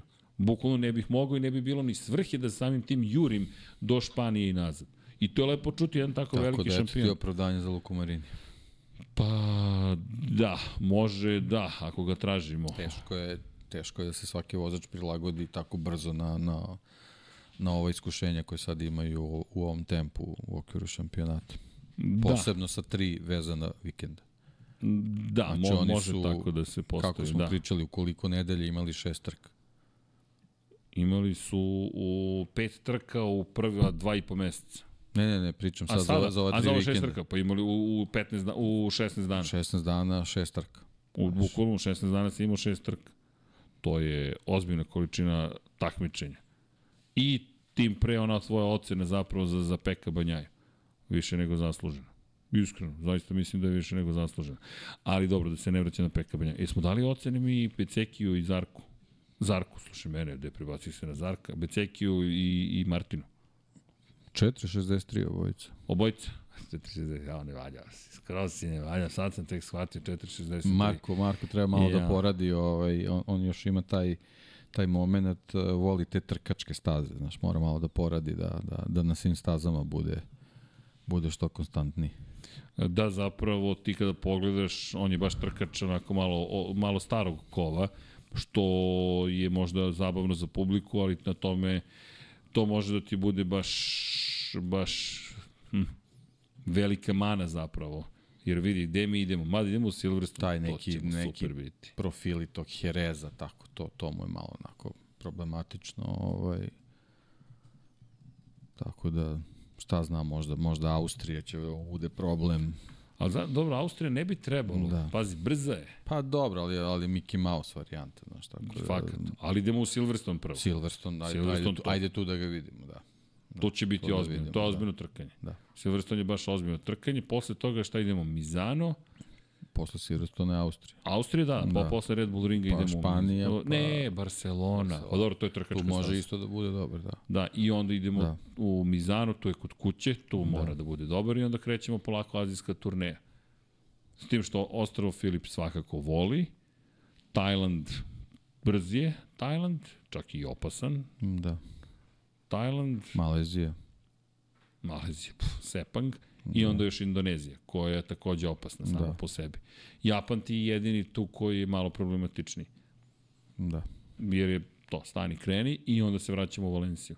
Pa dobro, I ne izgleda... Katar. I Katar, jo, Katar sam zaboravio, Katar, koji je opet trkački. Katar, duge, brze krivine, Pa dobro, eto ima više od 50% staza gde, gde bi trebao da, da, ali to je njegov problem, on na tim staza mora da bude dobar, znači tu ne da, sme da, da, mora, pravi mora, mora. Tako da sad je, ono, već smo pričali i, i duga je sezona i ovo, ovo sad VR e, ekipa se sluše, susreće sa onim e, s čim se Gresini susredao prošle godine. Znači moraju da daju podršku do kraja sezone, a sezona praktično ovaj, tek počinje. Kako smo rekli, 2, 4, 10, 12 trka. 12 imaš trka, ne, ne, da. 12 trka do kraja. Dobro, znači Evo Beceki ti mala digresija, da. Da, Da, 4,63 za obojicu. to obojice. Da. Dobro, dok sam shvatio još... Pre 60 godina. Dobro, To je znači 63. Prvi put smo imali 12 trka u, u šampionatu. A, Do tad je okej. bilo manje od 12. Znači, eto, kao, kao pre 60 godina sad nas očekuje ovaj, da kažemo ne možemo da kažemo tromeseči. Dobro, imamo mini Malo šampionat. više mini šampionat imamo. Dobro, ali, imamo ali mini tu je interesantno, ovaj, znači imalo je 12, 12 trka, 63. godine u šampionatu, ali je na samo 8 vožena klasa od 500 kubika kao najjača. Nisu na svim stazanama vožen, voženi, ovaj, vožene sve, sve kategorije. Bile su kategorije 50, 125, 250, 350 i 500. I prikolice. To su bile trke u okviru šampionata i onda su mešali. Ali praktično je sezona počela 12. juna za 500 kubika i trajala do 6. oktobra tu su bile vezane, vezane ovaj, osam trka. Između ostalih Ostrovo Man je bilo u, u šampionatu. Spa je bio u šampionatu. Dobro. Od nekih egzotičnih staza Tampere se vozi u Finskoj. A ovaj a pobednik u 500 kubika, pobednici u 500 kubika su bili, jel mogu ko ti? Ajde. Mike Haywood, Mike Haywood, Mike Haywood, Mike Haywood, Mike Haywood, Mike Haywood, Mike Haywood. A, dobro, neki... E. dobro. To je, to je tako izgledalo, ovaj, tako izgledao šampionat u 500 kubika. Na jednoj trci pobedio John Hartle. Sve ostale trke dobio Mike Haywood koji je na dve trke u Sachsenringu i u Tampereu pobedio u 350 i u 500 kubika, a na, na trci u Sachsenringu je pobedio u 250, 350 i 500 kubika. Lepo. To, apropo te priče, vozači, timovi i tako dalje. To je dovoljno bilo da budeš Mike Haywood, da sedneš na bilo koji motocikl i da pobediš. Danas to ne može tako. Moraš bukvalno da, da, da imaš sve oko sebe kako treba da funkcioniše i ti da iskoristiš to da najbolje Da, moguće. I onda način. kažeš, dosadili su me motocikli, ide malo u Formulu 1. Uf, misliš, pa u to vreme. Da, da, da okej, pa dobro. Mike the Bike. Ali da. tako su ga zvali, ali da, bilo je dosta prelazaka zapravo ljudi koji su vozili u, u motociklizmu, odu u Formulu Pa 1. da odu na, sa opasnog da pređu na malo Na bezbedno. Imaš kožnu kapicu. to, to, da. I, i naočare. To, to je bila formula. Ne, tad, tad zapravo, ali nisi odlazio bezbedno. To je možda bilo za nijansu bezbednije. Odlazio si takođe na smrtonosan Nije, šampion. da, nije, nije šalim se ja, Ne, ne, ne, ne. nije to bilo, nije to bio razlog, jednostavno izazov je bio. Os- Osvojiš u motociklizmu sve šta si mogao da osvojiš, naravno da želiš da se probaš, oprobaš u Formuli 1. E, i to ne da se oprobaš, nego da budeš prilično dobar u formuli. Ali dobro, to, to je sada na nivou bukvalno nemogućeg. Poslednji čovek koji je zaista imao šansu to da učini bio Valentino Rossi. Što ga i čini opet toliko neverovatno. Ali zato će voziti 24 časa spa. Tako je, i vozit će sledeće godine 24 časa Alemana i to ćemo i tekako da pratimo. Jesi spreman? Znaš, znaš šta ćemo da slažemo sledeće godine? 9X8. BMW je pobedio BMW. u Hipercar klasi u Americi Da, i dobro. Valentino Rossi će nastupiti na 24 časa Le Mana, tako da BMW i Valentino Rossi se spremaju za sledeću godinu. da uđu u Superbike sa toprakom razgatli oglom. pa kad već idemo, vidi ako razmisliš, Toprak će biti klubski kolega Valentina Rosija. Čovek je... Pa dobro. pa, pa, se- gde je rupa u mom razmišljanju? Ajde, gde, gde, gde je nedostatak? Ne neki? mogu se. 23.01. Čekaj, ali budi realan. Dakle, mi imamo Valentina Rosije koji je pokrio Apriliju, pokrio je Hondu, Yamahu, Ducati, Mm, otišao je u Audi, dobro, to je bilo očekivano, pošto je to zapravo Ducati, vratio se ok u Yamahu, zatim je sada potpisao za BMW i manje više pokrio je, nije baš sve, ali pokrio je dosta toga. Čekaj, od postojećih u šampionatu sveta, Rossi je vozio za Apriliju do je pre nego što je ušlo u MotoGP. Aprilia je pokrivena, Ducati je Yamaha pokrivena, Honda pokrivena. Pet proizvođača samo za KTM nije nastupao. Dobro, Suzuki, Da, nema dobro, Suzuki, da, da, nema sorry, Suzuki, nema da. Suzuki, Suzuki, čao. Dakle, Suzuki je sam izabrao da izađe, ali od pet proizvođača u Moto Grand Prix jedino za njih nije vozio. I sad je predstavnik safety bajka, pošto je BMW, jel te, snabdeva safety of cars, to je tam vozila bezbednosti obezbeđuje BMW, što na dva, što na četiri točka. Deki, ovaj podcast je dobio čudan twist, u nekom trenutku smo tangentirali u ne znam nijak gde, odavno nismo Kao ovako... da nije vožen na trk. Kao da nije vožena, kao trka je preozbiljno vožena. Mi se izvinjavamo, ali se i ne izvinjamo, jer ovo smo mi i prosto večeras je tako nekako čudna emisija. Da probam da nas malo resetujem. Dakle, desila se velika nagrada Holandije na pobedničkom postolju za glavnu trku, to jest na glavnoj trci smo imali pobednika Francesca Banjaju koji je bio kraljevski raspoložen, Poziciju broj 2 je zauzeo Marko Beceki, treći je bio Aleš Espargaro posle kazne Breda Bindera, koja je zapravo rezultat jednog bizarnog incidenta. Zašto bizarnog? Zato što je zakačio zelenu površinu u poslednjem krugu i taj pravilnik postoji, oduzeta mu je treća pozicija, dobio je Aleš Espargaro. Gde je bizarnost celog incidenta? Što i dalje mislim da koliko god da je jurio tom putanjom i da si u pravu, da ipak morao da bolje isplanira taj poslednji krug. Samo okej, moje mišljenje, okej. ali dobio kaznu, prethodnog dana izgubio poziciju 3 u sprintu, malo su bile drugačije pozicije, Marko Beceki je slavio u sprintu, poziciju broj 2 je zauzeo Francesco Banjaja, treći je bio neverovatni Fabio Quartararo na Yamahi, ni manje ni više na Yamahi, nažalost nije se desila ista situacija sa Fabijom Kvartararom u samoj trci, prvu trku koju nije završio, nažalost u zavoju je ruka leva, ozbiljno je ugruvan i povređen.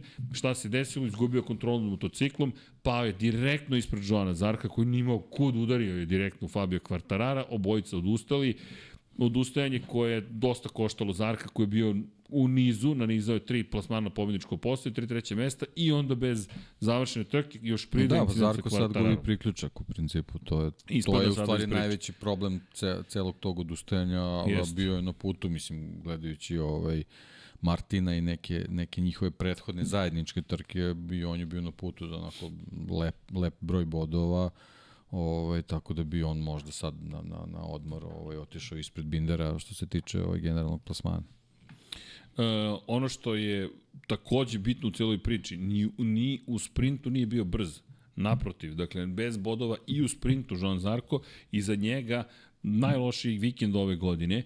Jedan sličan je imao u Španiji kada je bio osmi u sprintu nije završio trku, ali sada uz ova dva nezavršena trkačka vikenda bez većeg plasmana od treće pozicije. Ne, bio drugi.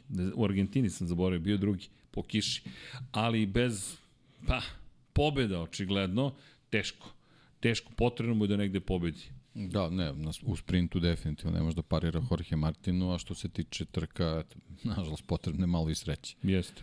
Sad je baš potrebno sreće. nekako poslovično nije, nije baš miljenik, tako da, o, eto.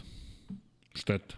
Šteta u kontekstu toga što je bi bilo lepo da imamo i njega u celoj priči, ali okej, ovo su stvari koje se dešavaju. Što se tiče Fabio Kvartarara, na trenutak ih je ogrejalo sunce, ali mnogo ljudi se javilo i Očekivali reklo... smo Asenu, ali Ali čak ni nije to, to ta nije... sezona. Ne, ne, ne, ne, nije to to. Nema Nije, ovde nije, ničeg. nije. Ovo je ljudi za zaborav, ovo je sada bukvalno rad na ovo je tome. bila, bio tračak kao, ajde, kao Rins of Texas, nešto da se desi, ali Ali znaš šta je najnoviji trač, izvini? Jake Dixon da će da dođe u Yamahu. pa dobro, to smo rekli u prošlom podcastu. Ko je to bilo? rekao? Ko je to rekao? Tako je, molim vas, kadar na gospodina Potkonjaka, lepo si prognozirao šta će Dixon se desiti. Dixon, Acosta idu dalje. Zašto? Jer logika je, kao što smo rekli, Velika Britanija mora da ima vozača u Moto Grand Prix klasi Da, i nije mogu da samo bolji to. trenutak. Ovo nije samo to. Mislim da stvarno o, da je momak kome treba jak motocikl.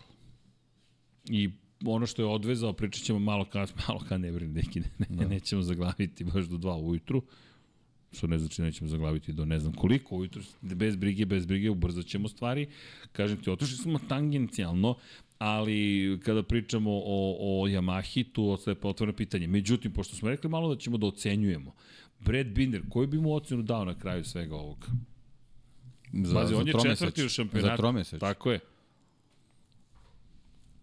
Pa dobro, jako vrlo dobar. Vrlo Ako je dobro. četvrti u šampionatu. 4-2, 4-1, 4 0 3.70. 4.33. 4.33, o, si izdašan, ja bih volio kod tebe da sam bio, da si mi ti profesor. Ta, To bi bilo Važno je top. bre da deca idu samo dalje. Da, da šibaju kroz život. Tako je. Mikse, si ti imao ovakvog profesora? Ne, ti samo strogoća. Samo jedan, samo jedan i može da bude deki, tako je. Ali dobro, e vidi, na kraju dana, slažem se, vrlo dobro, dobra ocena. Četvrti si u šampionatu, iskorišćene Ne, neke ne, prilike, pazi, ima ga, tu je, on, on je praktično na svakom trkačkom vikendu tu. E sad, Ja sam očekivao već da će da bude, bude negde gore, ali imam osjećaj da je Ducati napravio I znaš šta, Pomak. pohvala za, za, za KTM, za izbor vozača koji se pita za sve. Stvarno je pokazao da, da, da je o, onako pravi vođa ekipe i čovek koji ovaj, ne pravi mnogo grešaka u smislu tih nezavršavanja trka. On kad ima priliku da uradi nešto dobro, on, on to iskoristi. E, ovo mi je i zato bolan vikend, da, Da. ti napraviš tu vrstu. Jer, Jeste. Kažeš, Ali nekako, nekako je sad, sad je prvi pik što se tiče kazne i mora stvarno da vodi računa. E, Jeste postao miljenik, da. bukvalno je postao čovek koga, koga sudije baš onako lepo posmatraju. Pa, pa ne, jeste. ozbiljno. Znaš, ovo, ovo čak nije više ni šala, da čovek je kažen za sve i za sve što je moglo da se desi kad vidiš da je Binder učestvovao, odmah možeš da očekuješ kaznu. Ali vidi, s obzirom na prošlu sezonu, da je na početku ove godine neko KTM-u rekao je imaćete vozača na četvrtoj poziciji pred pet nedelja pauze, oni bi rekli, ma, okej. Znaš, tako da Slažem se. gleda se. to iz, iz više uglova. Tako I da, opet se vraćamo, izvini na to da je KTM izabrao Breda Bindera, ko je opet najbolji na kraju balade? Brad Binder. U kontekstu toga ko je osvojio najviše poena, ko se najviše Jeste. nametnuo, koliko god Jack Miller bio super zabavan, miljenik publike, privlači pažnju, Mislim, Jack znaš, je ovakav, trebamo, onakav. trebamo i to da gledamo. Znači, evo sad gledamo ovaj, te njegove, njegova ostvarenja. Znači, on ima jedan vikend sa 32 bode. To je, to je skoro pa maksimum. To je sjajan vikend. Odradio je super posao. I to nije nešto što, hajde, svetski šampion, nije nešto što, što se dešava slučajno. Zato sam ja i tipao u jednom momentu da ćemo imati priliku da vidimo zapravo kako uspeva da dođe do toga da, da, da se bori za titulu šampiona konačno. To je bilo zaista moje mišljenje. Da ćemo videti čoveka koji će se boriti za titulu šampiona. Kada kažem titulu, ne da će možda do kraja godine biti u igri, ali da će u jednom momentu doći do toga da može da ugrozi. Nije još tu. Niti je on tu, niti je motocikl tu, niti je ekipa tu. To se to kažem, motocikl je tu sad Ključan faktor. Da, da, i, a nije još uvek spreman. Još uvek nije spreman za borbu protiv Ducatija. To se baš jasno vidi. I vidiš da, se, da tu još uvek postoji mučenje i kod njega i kod Millera i koliko god on bio agresivan, e, neverovatni su im startovi, ali čak ni to ne mogu da iskoriste. Ducati, koliko god pričali, kako, znaš šta je Ducati uspeo da uradi ove godine? Moje mišljenje je najveći napredak, to je ono što Bastianini trenutno zbunjuje, a to je da ti u zavetreni i u vrućem vazduhu i dalje možeš da pretičeš i da ti odjednom imaš mnogo bolju kontrolu prednje gume nego što si imao ranije. Šta god da su uradili, ti gledaš kako Ducati suštinski nema problem u preticanju. I nije to samo pitanje maksimalne brzine, pitanje je toga kako kontrolišeš motocikl na kočenju, na ulazku u krivinu, da. na izlasku iz krivine, sve. Što se tiče KTM-a, ovaj, pohvala za, za ubrzanje koje su dobili na, na motociklu i pohvala za, za krilo. Jeste. Za, za rešenje za koje je onako prilično neobično, ali očigledno da radi posao. Radi, to je ono što da. ti je najvažnije. Na kraju dana bukvalno radi. Ako je Binder učestvovao u, u, u, u razvoju toga i da kažem neko, nekoj, nekoj, nekom zelenom svetlu da se to stavi na motociklu, onda svaka čast i njemu. Da, i dobro, čekamo da vidimo majstora svog zanata u Mizanu, Danija Pedrosu. Da. Pošto je to potvrđeno takođe da će se pojaviti. Ej, Mika Kalija. Mika Kalija, moramo spomenuti. Mika, Ka, Mika Kalija nikada ne spomenuti. Jel će posle Mizana opet biti testiranje? E, da, posle Mizana su pa, testovi. Zato, zato je Pedrosa tu. I, I to čekamo. Što me dovodi kada već da. spominjemo da. Danija Pedrosu? KTM, Mark Marquez. Daje mu prem, primutstvo u odnosu na ostale iz dva jednostavna razloga. Čovjek ima osam titula šampiona sveta i čovjek je zvezda. I ne možemo da pričamo zvezda, ne, pošto je na dnu sad tabele, pa ćemo tad doći do njega. Ne može hronološki da se ide. Mark Marquez, deki, ogromna je tema. Slažem se s tobom, ono što smo rekli prošle nedelje, sačuvajte, zapamtite datum, bukvalno zapamtite dan kada se vozila velika nagrada Nemačke 2023. godine, trenutak kada se on naslonio na odbojnu ogradu pored onog veštačkog jezera, akumulativnog jezera, akumulativnog malo jezera koje služi za tehničku vodu zapravo za celu stazu.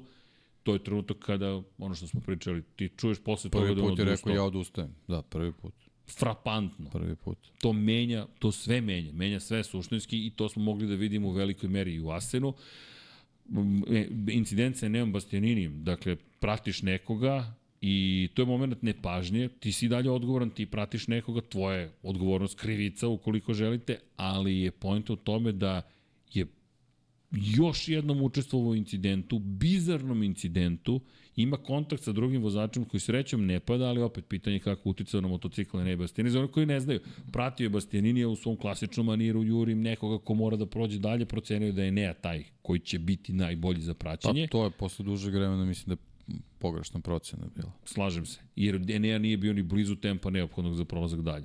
Možda mu je bilo potrebno samo da nekog prati pa da on bude bolji, ali ono što je dodatni problem i iskreno, um, razmišljao sam baš, žao mi što nisam izgovorio, ima tih nekih situacija koje se svetim, što nisi izgovorio ovo? Zato što mi deluje kao da ću da odem u spekulaciju ali sam bio siguran da će Sebastianini osloboditi Markeza na ovaj ili onaj način. Nisam očekivao kontakt i ne kažem da to je ne uradio da bi se desio kontakt, ali sam bio ubeđen da će naći neko rešenje da se oslobodi Markeza I taj moment kada obojica usporavaju, sklanjaju se sa idealne putanje, gde Marquez prvi počinje da gleda unazad, Enea u tom trenutku tek počinje, ali Enea pušta gas, koči šta god da radi i Marquez koji ni ne konstatuju uopšte da se nešto događa. Pri čemu periferni vid tu ne igra tako veliku ulogu, jer ste vi u kacigi. Dakle, vi ste spakovani i iz te perspektive... Dobro, oni da su toliko... koji sa vidom ima poseban ima, problem, tako, tako je. Tako da, ima tu još element. Tako je. I onda dođeš do toga dok je on pogledao napred, klasičan saobraćajni incident. ti si u saobraćaju, neko ispred pustio gas, ti si očekivao neku konstantnu brzinu, nije bitno što je niska brzina, bam, još jedan pad. I u tom padu ti dodatno povrediš već polomljeno rebro, koji inače, koji, ko, ako neko ima ugruvano rebro, Ljudi, nagnječenje rebra ako ste imali, znate koliko je bolno. Dakle, želiš da si negde drugde, ne da dišeš otprilike, ali želiš da dišeš da bi preživeo, jel te? I on čovek koji kaže... U... Jesi, jel ti se desilo to? Jeste. Ne želim ponovo. Dakle, mnogo toga mi se dešavalo. Šta ti se desilo? Da, dobio sam udarac na malom futbolu. E, ja isto mali futbol, padam, pošto sam branio, Dobro. ruke su sa loptom, da. čovjek pada preko meni kolenom me udarila. Pomrčenje potpuno. Pomrčenje, to, to pa bol. To je to. Znači, Ne znam, 15 dana. To, to je to, to je to. Udišeš na rate, da, ono, da, da, da. to je to, to, to, to, to. Ne, ne, ja sam dobio... Ne, ne, da- mislio sam da, da je sve popucalo. Stvarno sam imao taj osjećaj da, ono, vozite me Jesi kolokaram. osjećao da su ti se spojila dva rebra? Ne, imao sam osjećaj da nemam ovaj deo ovde, da, da je nestalo sve. Evo ga miksa. Da se pretvorilo Vidi, u kašu. Vidimo, vidimo oblik. U, cool. Ajmo sad kao Cool, da pokazujemo cool, da. cool, šta te beš, Ledl Wet. Da, da, da, da, da. Dobro, pokazuju sad vidi, ovaj takmičenje, to, znaš, kao, Da. ko, fo, A vidi ja. A vidi ja, a, ja, A vidi prst, le prstić. A ne, ovo su mišići, izvini. Ali vidi, imaš, Dobro. imaš još jednu stvar u celoj priči. E, Ne, s Markezom ne može niko se takmiči. Ne, ne može čovjek da se takmiči, pri čemu je on uspeo da slomi palac. Dakle, on ne znam šta sve zgnječi rebra. Dodatno ih povredi. Ima povređenu nogu. Ima četiri operacije ruke.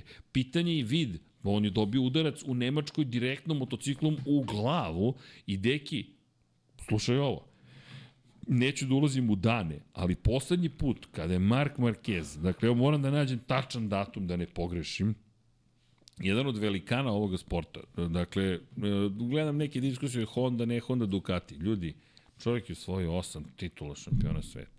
85 pobjeda. 85 pobjeda. Šest titula Moto Grand Prix. Ako iko zaista misli da se to osvaja tek tako, ja ne mogu ni da, vam, ni da pokušam da vam objasnim koliko grešite. Dakle, čovjek je legendarni vozač. Poslednji put kada je završio trku je bilo u Maleziji prošle godine kada je bio sedmi. Deki, to je bilo 23. oktobra 2022. U Valenciji nije stigao do cilja, u Portugalu nije stigao do cilja, u Francuskoj nije stigao do cilja, u Italiji nije stigao do cilja. Nije započeo trke u Argentini, Americi, Španiji, Nemačkoj i Holandiji. Trenutno je čovek na 15 poena u šampionatu sveta i jedine trke koje je završio Trenutno su je tri čovjek sprinta na raskrsnici. na raskrsnici. Ali mislim da je na ljudskoj raskrsnici. Ja moram ti priznati, Pa, profesionalno i profesionalno ljudskoj, da je neko, neko me pitao da li mi gledamo od kraj karijere Marka Markeza. Znaš, da, da li je tu? Ja se nadam da ne. I želim da verujem da će i on tokom ovih pet nedelja reći ok, here we go again, idemo ponovo. Ono što je pitanje, gde ideš ponovo? Hoćeš ponovo na Hondu i vratit ću se ponovo. Čitali smo prošli put iz knjige Valentina Rossi receptura i, i neko mi je rekao, ja mislim da mu ovo je bio 13 ili 14. pad ove godine. Prič, čitali smo da je Rossi imao 12 padova otprilike u sličnom periodu te godine. Nevero, fascinantno je koliko se stvari neke poklapaju. I ne znam šta da ti kažem, spekulisali pa, smo... kako, za, za takve šampione lek je samo konkurentan motocikl, a ja, sad ne vidim ne vidim taj lek. Gde su vrata ta koja će da. se otvoriti? Znaš. Gde, ko ti otvara vrata? u Ne, trenutku? ja, ja još uopšte ne, ne razmišljam o toj špekulaciji, znaš, o, o prelasku u neku drugu ekipu, kao, znaš, dižem ruke i ja sad tražim, on sad možda više nije ni u situaciji da, da traži idealne uslove. Jel te ponovo podsjeća On na... ima 30 godina. Tako je. Punih i ispovređivano telo. Ispovređivano telo. Da, pritom on, on nema ne, ne, ne znam sad šta je u stvari pravi termin, on nema a, sponzora koji je o, ekskluzivno vezan isključivo za njega. On, on se nalazi u jednom velikom konglomeratu gde on u stvari samo jedan Od. od iznad jeste iznad, ali, ali se nalazi u velikoj masi, tako da veliko je pitanje uh, koliko su stvari skoncentrisane na to da, da on dobije šta mu je potrebno. To je, to je ovaj, taj trenutni problem, tako da ovaj, prelazak na neki motocikl koji deluje da je konkurentniji za njega nije dovoljno da bi se to prelomilo u, u ovom trenutku. Razmišljam Red Bull, niko ne pravi piće, to jest ukus u Red Bullovom sistemu. Dok u Monsterovom Valentino Tako je. Rossi i Lewis Hamilton imaju svoje serijale. Lewis Hamilton sad je izbacio najnoviji ukus, koliko znam. Valentino Rossi ima svoj, onaj žuti čuveni ukus. I oni imaju signature serije, zapravo serije koju su oni potpisali. Mark Marquez to nema u okviru. Red Bull ne pristupa tome tako, to su one čuvene i, i poređenje Pepsi i Coca-Cola. Pepsi je i uvijek išla na poznata lica, a Coca-Cola je uvijek išla na, na, na opšte lice, generički da. ljude i tako dalje. Pa dobro, da, sad, sad već nije. Sad već Sad- kreću ne, u okej. neku drugu priču. Da, Ali, ali, to je bio neki u princip. nekim početcima Jest. kad su imali veliki rivalitet. Da, to su bili principi i sad razmišljamo još jedna stvar.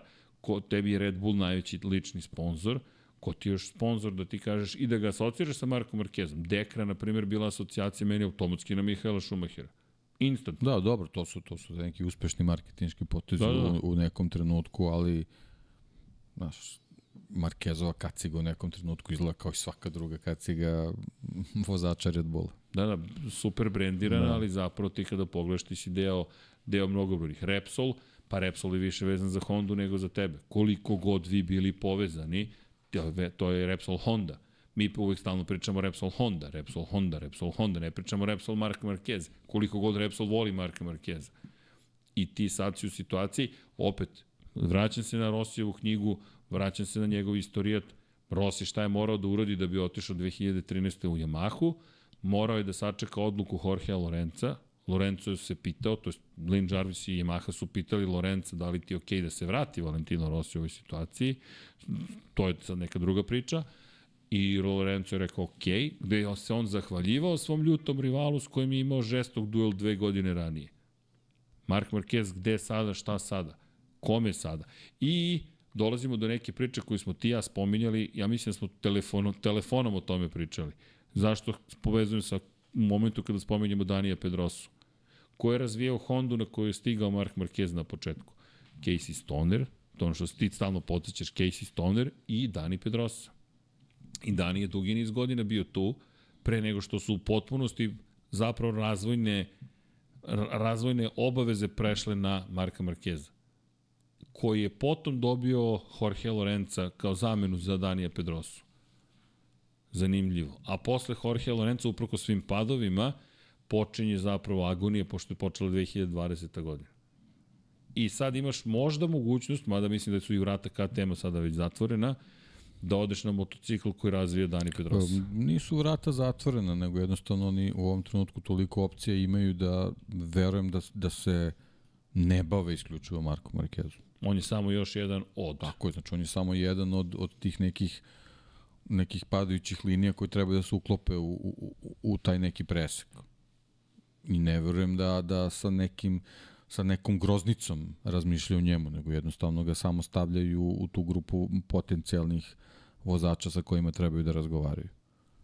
Ne verujem da, da, da, da neka presija postoji kod njih da moraju po svaku cenu da, da, da odluče šta će, šta će da rade sa Markom Marquezom. Albert, Albert, Al- Albert Puđ je rekao, Alberto Puđ, je rekao da menadžer ekipe HRC Honda Racing Corporation, to je Repsol Honda, da je svaki čovjek slobodan da radi šta želi, da Mark Marquez ima ugovor za, do kraja 2024. sa ekipom, ali da ga svakako Honda suviše poštuje i da mu neće stajati na putu ukoliko on bude želeo nekim drugim putem da krene. Pa to je poruka iza njega. To je poruka iza njega. Slobodno si da ideš. Mi te nećemo zadržavati. Ne po svaku cenu. I mislim da su došli do momenta kada ni neko tamo u korporaciji ne može da prihvati ni ono što vidi na, na televiziji. Jer ceo menadžment je došao da lično priča s Markom Markezom, da mu da uverenje da žele da rade na tome da će sledeće godine biti bolji motocikl. To je njihov način da kažu, ej, veruj nam, bit će bolje, pitanje je da li treba ili ne treba da veruješ, ali s druge strane njegov stav, to jest pogled, pretpostavljam da je 30 godina, mnogo operacija, mnogo propuštenih godina, teško stanje na motociklu, povrede i to čuveno pitanje.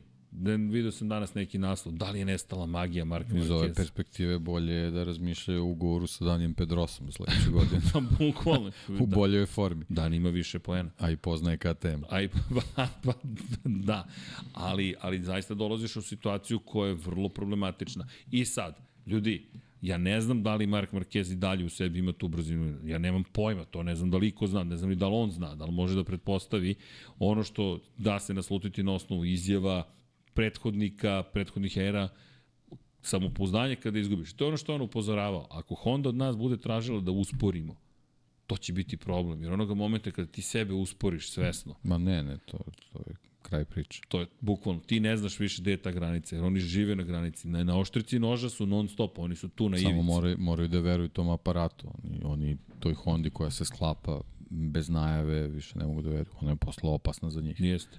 Pa jedan je teško operisan, drugi čeka da se Pa oporavi. eto, ja se sad šalim sa ovom pričom Marini i Bici i to sve.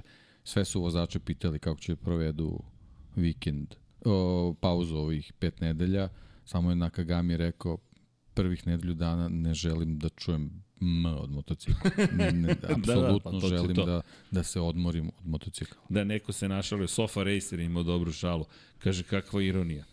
E, Takaki Nakagami ima najbolje rezultate i jedan i redovno dolazi na posao i on da. Će dobiti otkaz, ali to je surovo. što se usporio. Zato što se usporio, tako je. Zato što se usporio i rekao, ok, ja neću stvarno da, da, da rizikujem više život na ovom motociklu. I sad dolazimo do toga, šta god da se desi u budućnosti s Markom Markezom, neverovatne priče prisustvujem istoriji. Zaista prisustvujem istoriji. S jedne strane može biti veoma loša istorija, dakle dode čovjek u penziju, tako rano sa 30 godina. S druge strane može biti neka neverovatna istorija da pokuša nešto novo, čak i da se ništa ne desi, to je opet neverovatno. I imate taj ekstremni drugi moment, zamislite da uspe da se vrati na vrh. Posle ovoliko godina Pa odsustva. četiri, četiri teške sezone. Da, četiri teške sezone. Samo što opet ista priča, ovo nisu oni stari šampionati. Nisu. Nisu. Ti sada da bi uspeo, uf, ti moraš da znaš. I to je ono što ja mislim da njemu, da on ne može još uvek da ovlada tim sistemom. Mislim da je suviše naviknut na sistem u kojem je on kao vozač mogao to. Nedelja je, to je moj dan, gde, je bilo loše prethodno dva, ma nema ništa da brineš, to je u mojim rukama. Sada više nije samo u njegovim rukama. Sada je ovo šampionat u Znaš, kojem nije ti... dovoljno da briljantno izabereš gume i da pobediš sa 15 sekundi prednosti. Ne možeš. Ne, ne, ne može, Ne može. može. ne može. ti moraš da odradiš prvi trening dovoljno dobro da pripremiš motocikl, zatim moraš da odradiš dovoljno, drugo, do, dovoljno dobro drugi trening da uđeš u Q2 direktno, zatim moraš u Q2 da budeš bez greške da dođeš do visoke startne pozicije, zatim moraš da odvezeš sprint bez greške gde On imaš sad bukvalno nema, zveri oko nema sebe. luksuz da može sebi da priušti ono što je ranije radio, da proba limite. Ne možeš. Nema. Ne možeš. Jednostavno to ne postoji. Ne možeš. Ne, ne, Mislim, pričamo o idealnu situaciju. U ovoj situaciji, ako probaš limit, pao si. Mislim, to, to se vidi. to je način. ne možeš da probaš limita da, da, da se vratiš u pit lane. Ima i njegova knjiga, savršena je zapravo, a, zapravo knjiga koja meni postaje sve bitnije bitnije u kontekstu razumevanja Marka Markeza. Jer vraćam se na nju, ti si mi skrenuo pažnju, Srki, pročitaj šta piše. Dakle, ti si, ti, si taj koji je istakao u njegovim rečima iz te prve sezone u Moto Grand Prix-u i ne samo to. Sada kad preslikaš na način na koji on pristupa vožnji, taj način je zastareo zapravo. Ne kažem da je to dobro ili Pa loše. ne pita se samo on. Tako je, to je to. Nema, ne, ne, nisi samo na tebi. Imaš veći broj rivala, konkurentnije motocikle s druge strane. Zato je dolazak Da. da. Kena kao učije delovao kao nešto pozitivno, zato što on već a, sa, sa, Sa sa Rinsom i, i sa Mirom imao a, priliku da ih on instruira kako trebaju da funkcionišu. Zato što je njima bila neophodna informacija sa, sa inženjerske strane da bi, da bi mogli da funkcionišu. I, I to je donekle bilo, bilo i uspešno. I nekako njegov dolazak je delovao da, da, da će on moći vozačima da prenese šta je, šta je potrebno da bi se ovladalo tim motociklom, ali očigledno da suviše elemenata na, na toj Hondi ne funkcioniše I- da bi uopšte moglo da, da se radi na taj I način. pitanje poverenja. Um, to je čovek koji tebi nov u celom sistemu.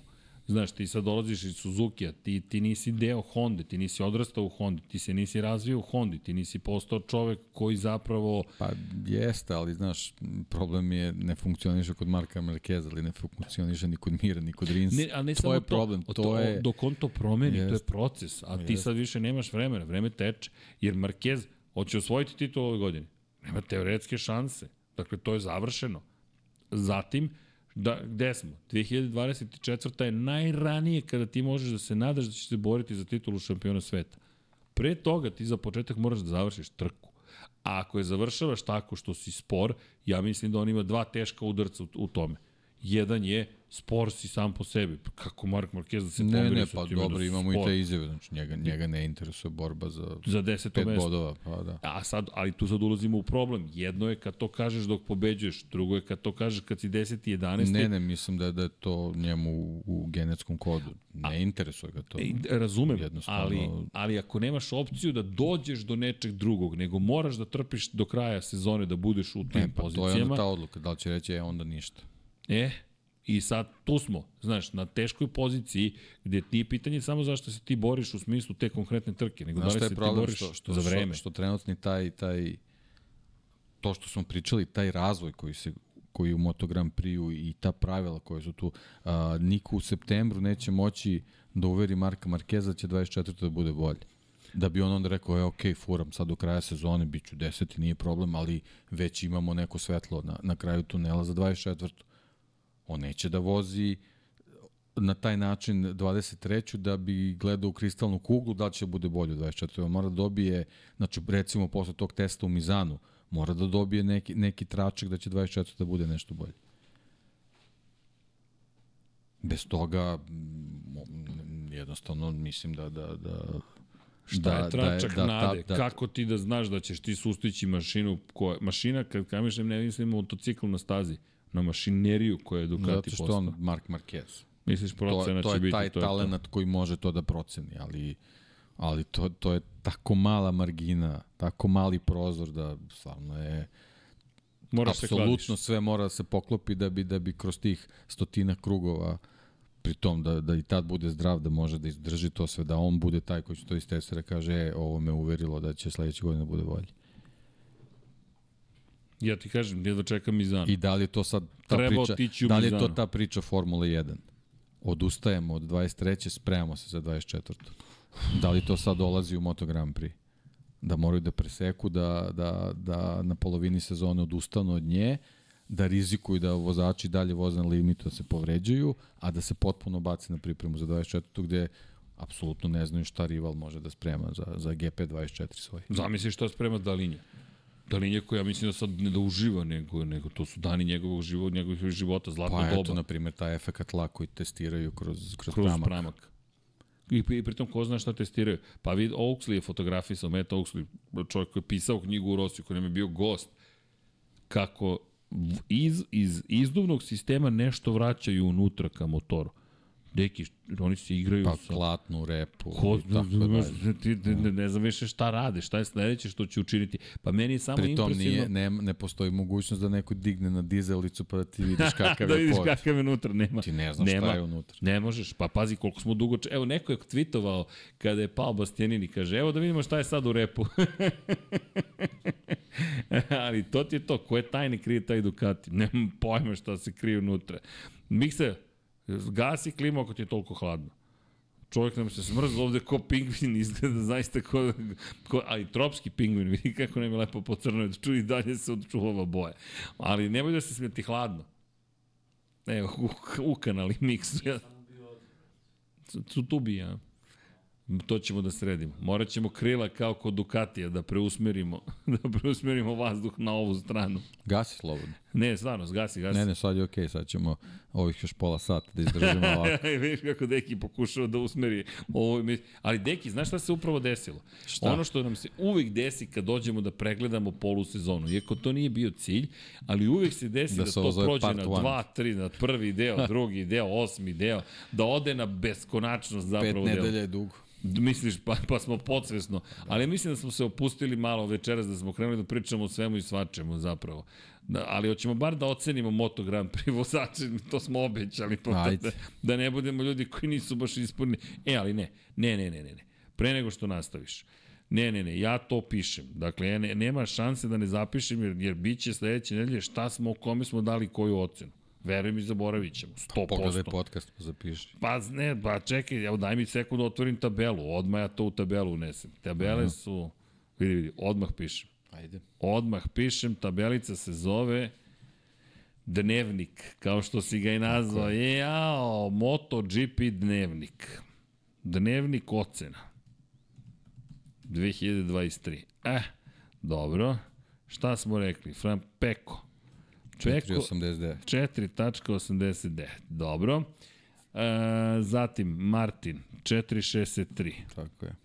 Zatim Becek isto. Bec 4.63. Šta smo dali Bredu Binderu? 4,33. B. Binder 4.33. Tako je. Nema, profesor Potkonjak, to sve šakom i kapom. Nisu oni meni tako lako provukli ovde, ali ajde sad. Pa dobro, moraš da imaš, pazi, imaš jednog odličnog odeljenja. Strašno. Tri imamo. Dao si 4.63, A da, 60, nemoj 63, dao da, si da, da, 3. ne, već se prebacio na Bindera. Zaboravio sam ovo dvojicu. Čekaj da dođemo do ovih što imaju Da, da. dvojke. Tri odlično, pa to je okej. Koliko ih ima u razredu? 22. Ima ih više. 22. A ne, imamo A i ove više, vozače. Da, da, da. više. Ali ajmo brzinski. Brad Binder, dakle 4.33. Koju ocenu dajemo Žanu Zarku? Žan Ža Zarko. Zarko. 4.20, 4.0. Mm, Gde smo? 4.05. Plaču ovde navijači. 4.05. 4.05. Dobro, deki, osvajamo na keca. Da, I, e, pa, loša je ova trka bila, da. Stvarno sprat nesrećnih okolnosti, nije do njega. I, I ne bih mu nešto mnogo zamerao za njegova očekivanja, to je sasvim okej. Okay. Luka Marini, e, tu nemaš preko 4. 3.85. Mada, meni to strogo. 3.46. 3.4. Dovoljno mu je, dovoljno mu je. Šta mu je Mora dovoljno? bolje. 3.46. U, a čekaj, ali čekaj, da li su nam ocene Pa evo pogledaj da li, da li je to ok razlika između Zarke i Marinija za performanse Jeste. u ovom delu sezone. Da, ne, ne, okej. Sa Ali to višom znači ocenom bi bio mnogo blizu. da će Augusto Fernandez dobiti bolju ocenu iako ima manje poena. To je, to, to je sad ok. Sad To- idemo, sad gledamo, bravo, sad deki. gledamo ove momke koji su recimo Bravo, kažemo u prvih. 10. Ajde. Na primjer, eto. Šta nam je ocena za Jacka Millera? Uf, Trojka. da. Trojka. Da. Dobro je krenulo, I ali to mu ti daješ trojku. ja, pa, više od toga zaista ne može. Ali ti bi mu dao manje. Da. U koliko bi mu dao? A nije baš za dvojku, deki. Vidi. Ma, dovada tri pada. Znaš, samo gledaš timsku kolegu. Znači, skoro, skoro pa 2,76. duplo. Da, skoro pa, 2,76. skoro pa duplo. Ne, 2,43. Da, to je okej za njega. A smo ga na gradizmu Da, čeka, da, da. ali okej. Ovde si strog, imam osjećaj da je ovo bilo baš strogo. Ćemo da vidimo kako će napravi stazu, pošto on na pauzi ide da, da pravi moto, ovaj, motocross stazu na ranču svom.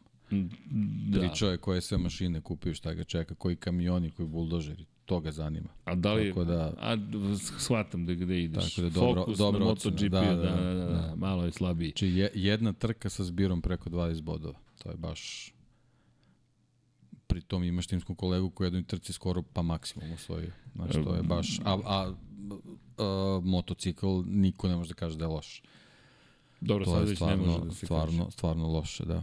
Dobro, deki. Dobro. E, Poštujem, više nego što poštujem. Moram ti reći da mi zvuči baš kao način, dobar argument kako zapravo su i formirao ocene.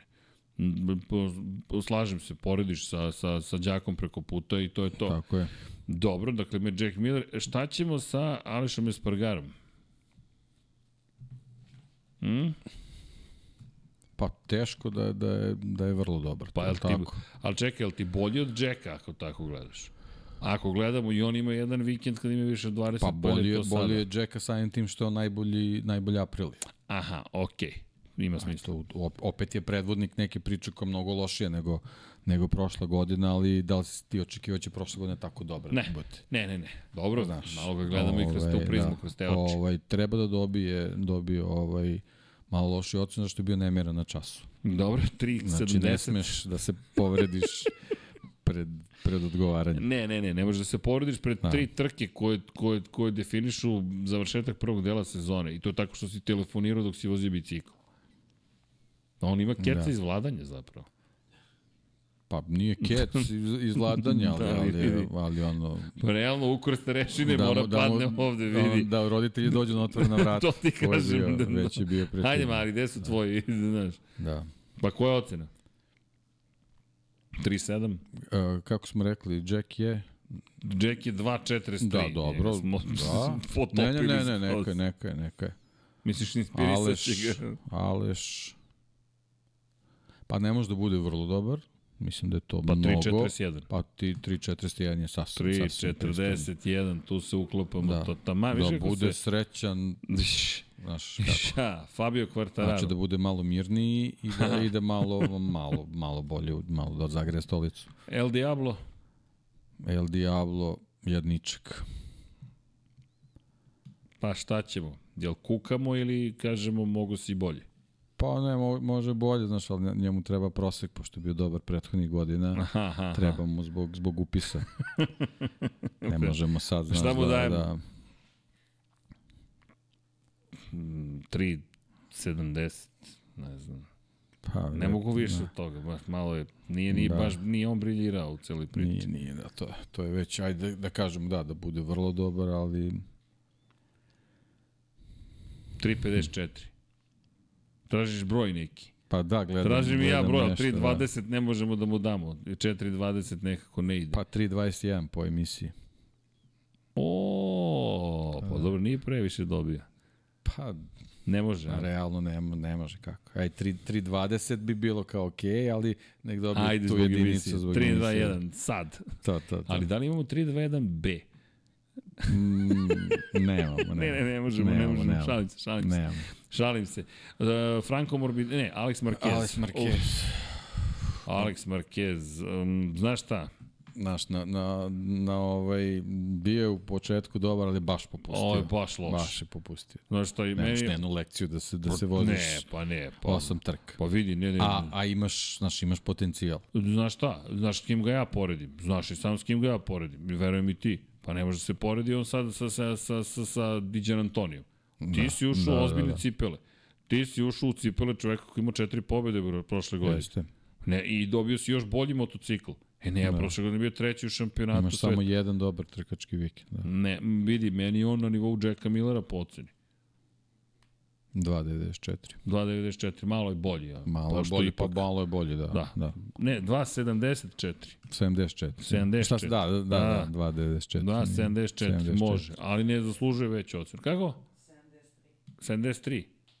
A dali smo mu malo. 73. Dobro, ajde, ja sam ga na Dajđira kata posle. Ajde. Dobro. Dobro, dobro, njegov broj, slažem se. Može, može. Može. Ja sam kad to Čekaj, izovo, umastio brno sam im sam brojeve. laptop, Hvala. ne mogu lepo da dođem. Umastio da. si laptop, dobro. Vidi. Šta je, dobro. Franco Morbidelli, Šta smo Fabio dali? 57 poena. Fabio Quartararo ima 64 poena. Pazi, samo 7 poena manje Da. ima Franco. Da, pa Obrni i okreni. da, prilično je, prilično je blizu, ali nekako ovaj, nema želju neku, ne, opet nešto tu ne... Pa nevidljivi. Da, Meni je nevidljiv. Dakle, kao da čeka da prođe. da, ništa, nek bude ta nijans, 3.20, samo nek zamene brojeve. 3.20. To, to.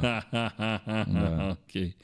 Mada dobro, ali da, mora da dobije veću ocenu Fabio zato što je ipak uspešniji. E, šta ćemo sam... E, e, e, ovde te čekam. Maverick Vinales, da li je prvi đak koga obaramo ove godine na, na popravni Pa ne možeš na tromesečju. Na tromesečju, ovaj, ali keca možemo da mu damo, vidi.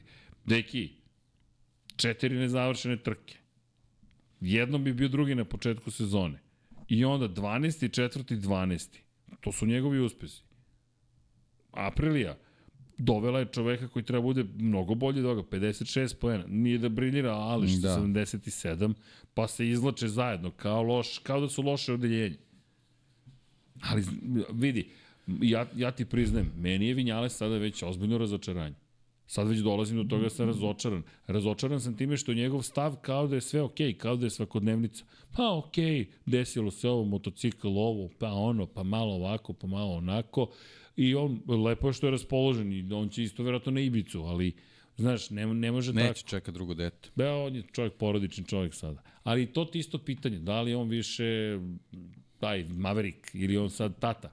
I to je okej. Okay. Pa dobro, vidi, kod mnogih vozača se to promeni. Sa, sa Promeni se, u redu je. Izgubi se Pa ja brzina. mislim, iskreno, A ja ako mi- nemaš neku veliku brzinu, onda... Ja iskreno mislim da, je i Rossi rekao u tom trenutku, ove ljudi, kraj karijera, stiže, stiže dete, man, šta, šta sad, nema potrebe dalje. Da. Ali Vinjales generalno, ja, meni, meni čak Vinjales najlošiji u celoj godini. Iskreno, meni je najlošiji Vinjales. Možda su moje očekivanja prevelika, zaista sam očekivao da, da, ne znam, možda Marquez dobije, ne čak manju ocenu, ne znam kako bih ocenio Marquezu u celu sezonu. Ali Vinjales je meni baš bio loš. Mislim, Ne, posebno što je stagnacija, znaš, vidiš šta je taj prvi vikend je bio, je. ne, ne da je obećavao, nego je prvi vikend bio onako baš, uh, ne znam, baš je, baš je teško. Ne može bude bolji od Jacka Millera. Da, šta smo njemu dali? Znaš šta će dobiti? 2,1. Obrnut ćemo mu broj. Da. Baš je dvojka. Možda sam preagresivan, ali stvarno mislim da mora bolje od ovoga. Alex Rins, Ne, nek bude, nek bude dovoljan uh, zato što je poklonio Salamov motocikl porodici. E, to je, to je, to je, to je, to je mnogo gest, lep, da. to je lep gest. Jeste, kupi. On je Samo dobar, zato nije dobio kecu. da, samo da se razumemo, Maverick je dobar čovek, ali ne ocenjujemo ljudskost, nego Ne, ne, ali okej, vozio. ovo, ovo čisto Da, da, da. da obeležimo Ne, samo sezone, kažem da, da, da, ne, da neko pomisli da kritikujemo njega. Nego, niko ne On je divan što da, divni ljudi. On je baš divan. Da. Ali trkački to nije Što to. ga ne abolira. Tako je. Šta ćemo sa Aleksom Rinsom? Pa sad, mislim, on je imao opravdanje. Dakle, jel doneo, jel doneo lekarsko opravdanje? dakle, doneo. ili dono pobedu u Hondi jedino. Pa to, 4.20. uf, A, pa 42. ma nije bio na, na pola časova. Na, pa okej, 3.5. Ovdje je strog Ček deki. da ček da vidim Znaš šta sam primetio Miksa? Oprostit će ovima što se pojave na časovima. Ali ovi što izostaju, to je onako... Razredni ispit.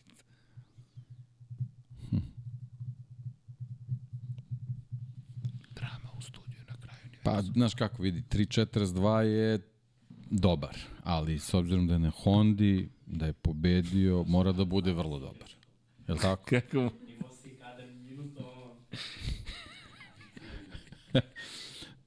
Mora bude vrlo dobar. Ali bukvalno, mm, profesore, e, vrlo dobar. Da, Pa šta, šta mu dajemo?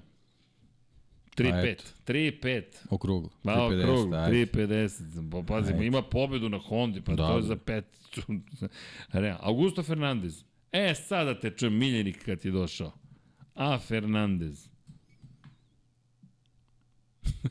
Smeti se Pa bak. 3.70. 3.70. Pa da, logično. to je logično okej. potpuno. Nisu dovoljno Mislim, dobri. da- je aktualni svetski šampion, tako? Jeste. Pa, Dobro, dobro, pošteno. Fabio Di Gian Antonio. Aj, Fabio. Aj, Fabio. Šta ćemo s Fabio? Fabio ni ovu trku nije završio. Znaš kako, nije više ni početnik. On je trebao da se nametne ove godine ispred Aleksa li tako? Tako je. Tako da ne može da dobije bolju ocenu od Aleksa. Aleks je dobio... Šta smo dali Markezu? Aleksu smo dali 2.73.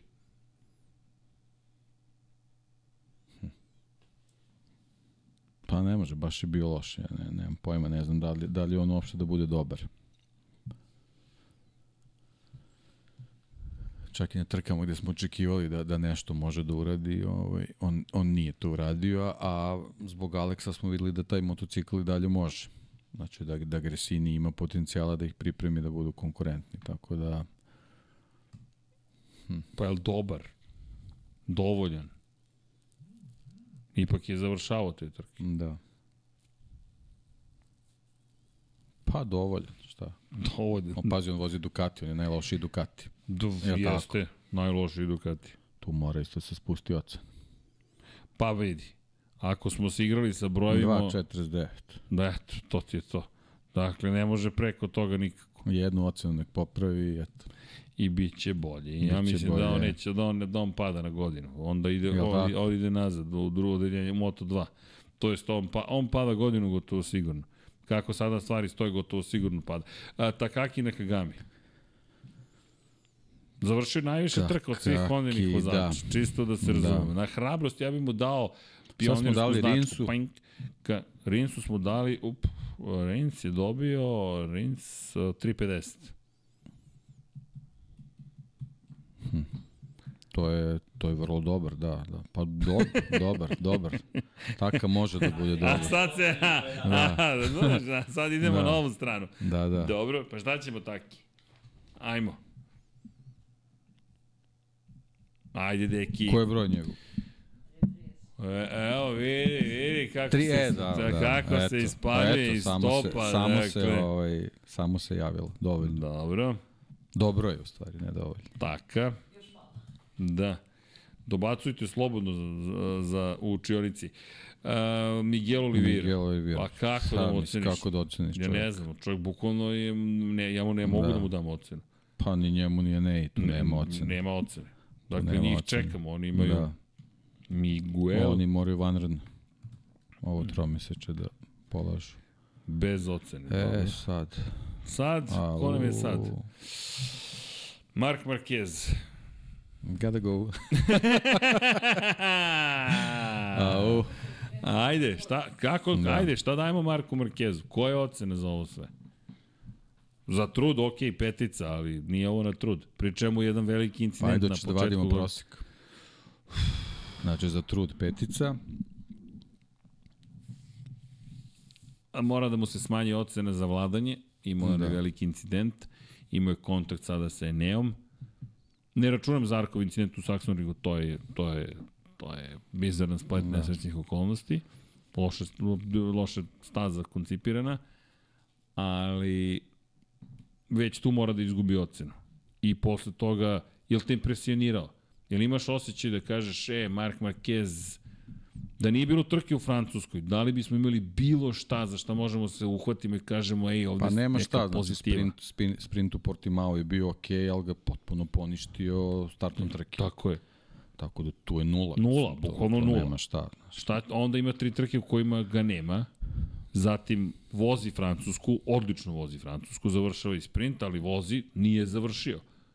Odlično, bilo bi super da je završio, nije završio. Ne, koja je ocena tu? Dvoj, dv, trojka, dva. Da.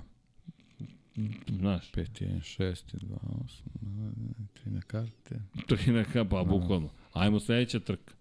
Nemačka. Nije završio koliko Ne puta može, je pao. znaš od, od, od, od odlikaša si došao do... Dvojke. Da. Bukvalno. Znaš, koliko god da tu trud 1.93. Pa, e, wow, dobio najnižu ocenu od svih. O, dobro. Pa dobro, mislim šta, to je oč, očeku, ovaj, ocenjujemo nastup. Nastup, tako Pa, je. Da. Dani Pedrosa. E, Da. De, Dani Pedrosa. A, ne, ovde mora padne jedan poklon. Mora poklon, deki. Mora neki, ovo, ovo je odlično. Hoćemo, hoćemo peticu jednu, a? A? Pa može. Može. Šta, de, don čovjek gostujući student. malo, malo da popravi Malo. prosek razredu, popravi vidiš da prosek, su katastrofa. Bukvalno. Pa, Pa da. realno, šesti u sprintu, sedmi u glavnoj trci, čovjek koji je penzioner, pa to mora za peticu da bude. Lorenzo Da. Savadori, u ove tri trke dva puta osvojio poene, ba, Pa dobro, da li, znaš, to su sad poeni koji Ja se osvajaju, to odustajanjem drugih. pa odustajanjem drugi sad. da. I on i Folger, Piro, sad ne znam da li oni trebaju da dobiju ocenu Ne, ne treba. uopšte. Iskreno ne treba. Da, zato što tu između njih imamo momka kojeg moramo da ocenimo, to je uf, baš teško. Jonas nije ocenjen, ko nam još nije ocenjen? Um, uh, Raul Fernandez. Izvini, ja mislim da moramo da oborimo nekoga. Da. Pa Raul i, i, Fabio su, Diđan Antonio su ono momci koji su ove sezone već morali malo, malo više da, da, da urade. Jer znaš, Miguel Oliveira u ovoj situaciji kakav je, ima skoro tri puta više bodova, u stvari više, tri puta više bodova od Raula Fernandesa.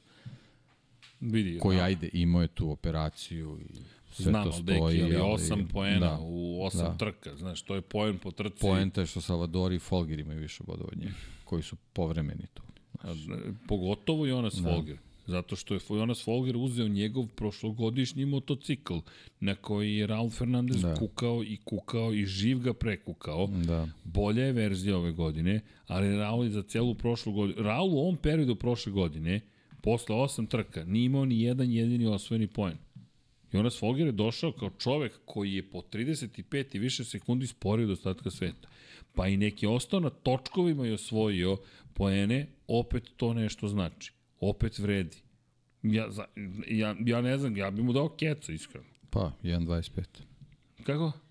Šta si ne, šta da ba, ko da, kako? Kako ti nije žao? je? Kako mi nije, evo, hoćeš 1.52 da mu damo. da, da, kao, da. Možeš i 1.86, pošto Je- 186 bodova zaostaje za prvi. E, Ili, a hoćeš da bude dovoljan ili da nedovoljan? ga propustimo. Hoćeš, pa nema šta tromeseče čoveče. nema- Aha, može još da se- 1.25 onda, inspirišemo Da, ga. 1.25. Pa mo- mora malo i sovjetski metod, pa ne- znaš, mora malo da, da, da bude, kažu, čeka, ostaću bez posla.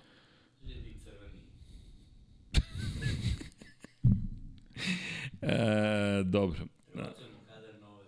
Samo da ti kažem, Raul Fernandez je trebao da bude šampion sveta pre samo dve godine. I odvezao jednu od najboljih sezona koju smo ikada da. videli u Moto2 klasi.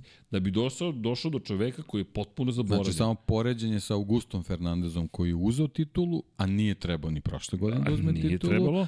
A i ove godine trebao da igra neku sporednu ulogu Potpuno u, nevažno. u, u ovaj Moto Grand koji Prix. se bori i osvaja poene da. u svakoj trci u kojoj, kojoj učestvuje. Šta smo mu dali? Diži ocenu. Čekaj, šta smo dali? Dali smo, evo, Augusto Fernandez dobio, dobio 3.70. A, da, ne, to je okej. Dobio To je 3.70, okej, izvini, da, da, da. deki, pa čekaj, Da, pa da, da, nemoj, da, pa, to je skroz pa ne, okej. pa nema smisla. Skroz okej. Šta ćemo s Pirom? Ništa. Pi, Pa ništa Piro, ne, ne neocenjen, da. ocenjujem. On je iz druge, eh, drugog odeljenja. E, Piro, Danilo Petrući isto. Danilo, ne možemo da ocenjamo čovjek. Da. Mada bi oni dobili, po, pogotovo Danilo. Joan Mir. Pa neocenjen. Kao, Ja ne znam kako da ga kao, ocenim. Kako da ocenimo čovjeka. Kad bude dolazio, to, to. Da. Štefan Bradl. Pa Ništa. isto ništa, Lekuona ništa. Leku, Nema šta. ona, ništa. I ko nam je ostao? Čekaj. To je to, ja mislim. Pole Spargaro. Pola, pa šta? Ne Pola spomenjamo čovjeka. Ne samo, ne, imali, imali smo 29 vozača Da. ove godine. Koji je, pro, koji je prosek? Odeljenje, katastrofa. Ove, ove neocenjene nemoj da računaš. Da, evo sad ću da vam Samo kažem. bez, bez neocenjenih. A, prosek nam je, čekajte samo sekund. A, average nam je 3.38. U, pa dobri su. To je sasvim, uopšte, sasvim okej. E, a? Miksa, Mi smo dobro ocenili, Miksa. imamo četiri. Četiri, Četiri, odlično, odlično. od, 22, od 29. Dobro. Pri tom imamo 23. 10 neocenjenih. Kako? Standardi su bili drugačiji. Miksa, ovo je ozbiljna škola. ovo je naučni metod ocenjivanja je bio krajnje... Ej, vidi, uopšte nismo loši sa argumentacijom. A, Znaš šta ćemo da uradimo? Spremit ćemo knjige neke za odličan uspeh i primjerno mladanje. I to ćemo sve da im popunimo i da im poklonimo kad ih budemo sreli. Neće imati pojma o čemu se radi. Nije, to ti je dobra ideja. Da. Ali stvarno to je dobra ideja. Ali ne, ne, ne, ja znam šta ću da im poklonim. Knjige Dejana Potkonjaka. Jao, jao. To je, znaš, ono kad ostanu, tako, tako smo mi u školi da je bilo, jedno što su ostali u magacinu. Ne, ne, Da. ne, autor lično vam šalje por, s porukom, Ne, ali- ja sam dobio, stvarno sam dobio lepe knjige. pa i ovo su lepe knjige. Tako da i oni samo neće moći da pročitaju. Ali, okej, nema veze za ne gledaju slike, a da. A, Oh, wait. ima nekih, ali nisu Slike su za zid, nisu za knjige. Dopunjeno izdanje. Ne, imam ja neke ideje, samo Deki još ne zna. Bolje. bolje, bolje. Uh, hoćeš da učenjimo konstruktore? Šalim se, šalim se. Ne, ne, ne, ne, ne, ne. Vrlo je lako. 5, 4, 3, 2, 1.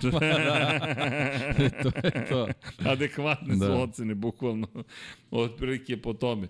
Pazi, samo dva proizvođača imaju pobjede, Ducati i Honda. Pazi ti Ducati, samo u dva navrata nije pobedio u sprintu kada je Binder pobedio. I samo jednom nije pobedio u glavnoj trci. Čuti ne govori.